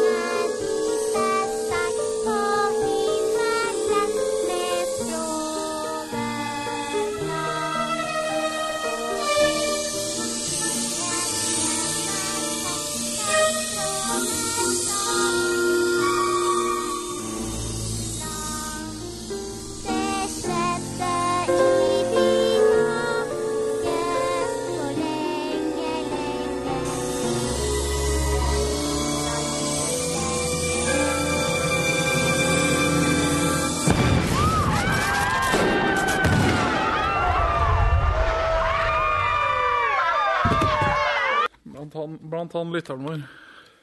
Han likte det veldig godt. ja, men det er bra. Men han vet jo også at mora di heter Marit. Ja. ja. Det vet vel egentlig alle som hører på nå, når jeg tenker etter. Nå kommer påskefilmene nemlig opp i god tid før påske. Pappa sa at han syntes jeg var den beste Esebakparten han hadde sett noen gang. Hva syns dere? Vel, jeg syns nok at forparten var morsommere. Fordi han kunne jo si oink, oink, og det likte vi veldig godt. Ja, det er vel ikke noen sak. Alle kan vel si oink, oink. Det er baklengs som teller. Så dere de høysparkene mine?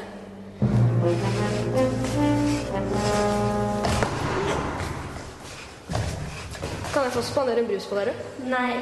Det blir kjempefint når dette er én episode, har jeg tenkt på. Hver gang jeg liksom sier 'dette ligger på nettsida vår'. Det sier jeg jo da 24 ganger i løpet av den ene episoden når jeg har slått sammen alt sammen. Hjem fra påskefjellet for å vise frem den vakre brunfargen. Ikke noe mer? Jo, nå bøyer han seg ned. Over. Ned? Over? Nei, bak. Over. Bakover? Nei, nei, nei, nei, det er noe han har bøyet seg under. Over. Bestem det nå. Er han over eller under over? Under. Over. Og så driver Hatler og Joner. Hatler. Hatler. Kall dem bare Hatler. Det er Hatler og Joner Hatler. sammen. Det er sånn portemonnaie. Ja. Enten Jono eller Hatler. Jono. Jono. Jono og The Edge. Nå holder du tåta på deg! Ching chong ching pa. Oi sann. Hipp hipp hurra for det. Kan du høre noe som banker? Nei, ikke lyd. Der var det igjen. Unnskyld meg, men jeg hører ingenting. Hysj da. Jeg hører ikke et pip, jeg. Kan dere virkelig ikke høre det? Nei, det er jo bare meg som står her og sparker i ren distraksjon. Jeg, jeg gjør opp til den og hygger meg. Ja, nå har vi hyggelig. En dum vane han har helt fra han var liten guttunge. Nei, nei, nei, dette lød ikke som en rektor som hygget seg. Det lød mer som noe helt annet. PC-spillet Olsenbanden Junior i Vikingenes fotspor er basert på Olsenbanden Junior. Det har jeg. Så vi må starte oss en Twitch, altså game. Åh, det er to sånne Olsenmann juniorspill jeg har begge to. Jeg skjønner ikke hvorfor. Dere kan da ikke unngå å høre at det er noen som banker? Ja, nå hører også jeg et eller annet. Det er jo bare meg! Jeg skal holde opp med det der, da! Kanskje det simpelthen bare er vinden? Kjemperøde pirat høres ut som noe du kan kalle noe bikkja di for benneren. Å nei, nå kommer det en kjemperød pirat. Klipp det ut. En kjemperøde piraten. Det er ja, verdens dårligste filmtittel. Red Rocket, Red Rocket. Her kommer Elskov mellom en amerikansk halslege og en italiensk smørtenor.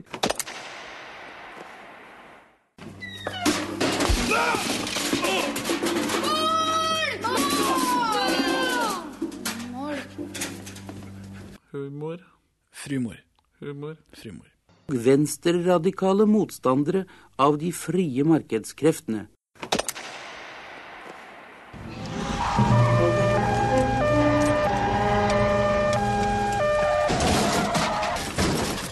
Men de andre tar ferie hele tiden. De andre har ikke noe, de er ikke konsekvente på når de gir ut i det hele tatt. Hver mandag. Alltid. Leave them uh, wanting more, Henning. Nei, her er det ingen som skal ville ha noe som helst. Det er ingen som kan ville noe som helst. Nei.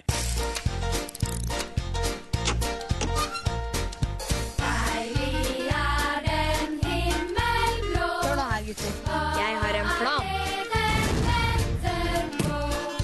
Amatør! Ingen roper! Alt må jeg gjøre aleine! Hysj da, din pappskalle! Fort, Karl, før han kommer hjem. du er genial, Egon! Snakk om skikkelig rock'n'roll, dere! Jeg vil ikke være med på noe som er farlig. De kommer, Kjell! Kom igjen da, Kjell! Ja, ingenting kan gå gærent. Nei, alt er tarma tilrettelagt. Ok, nok,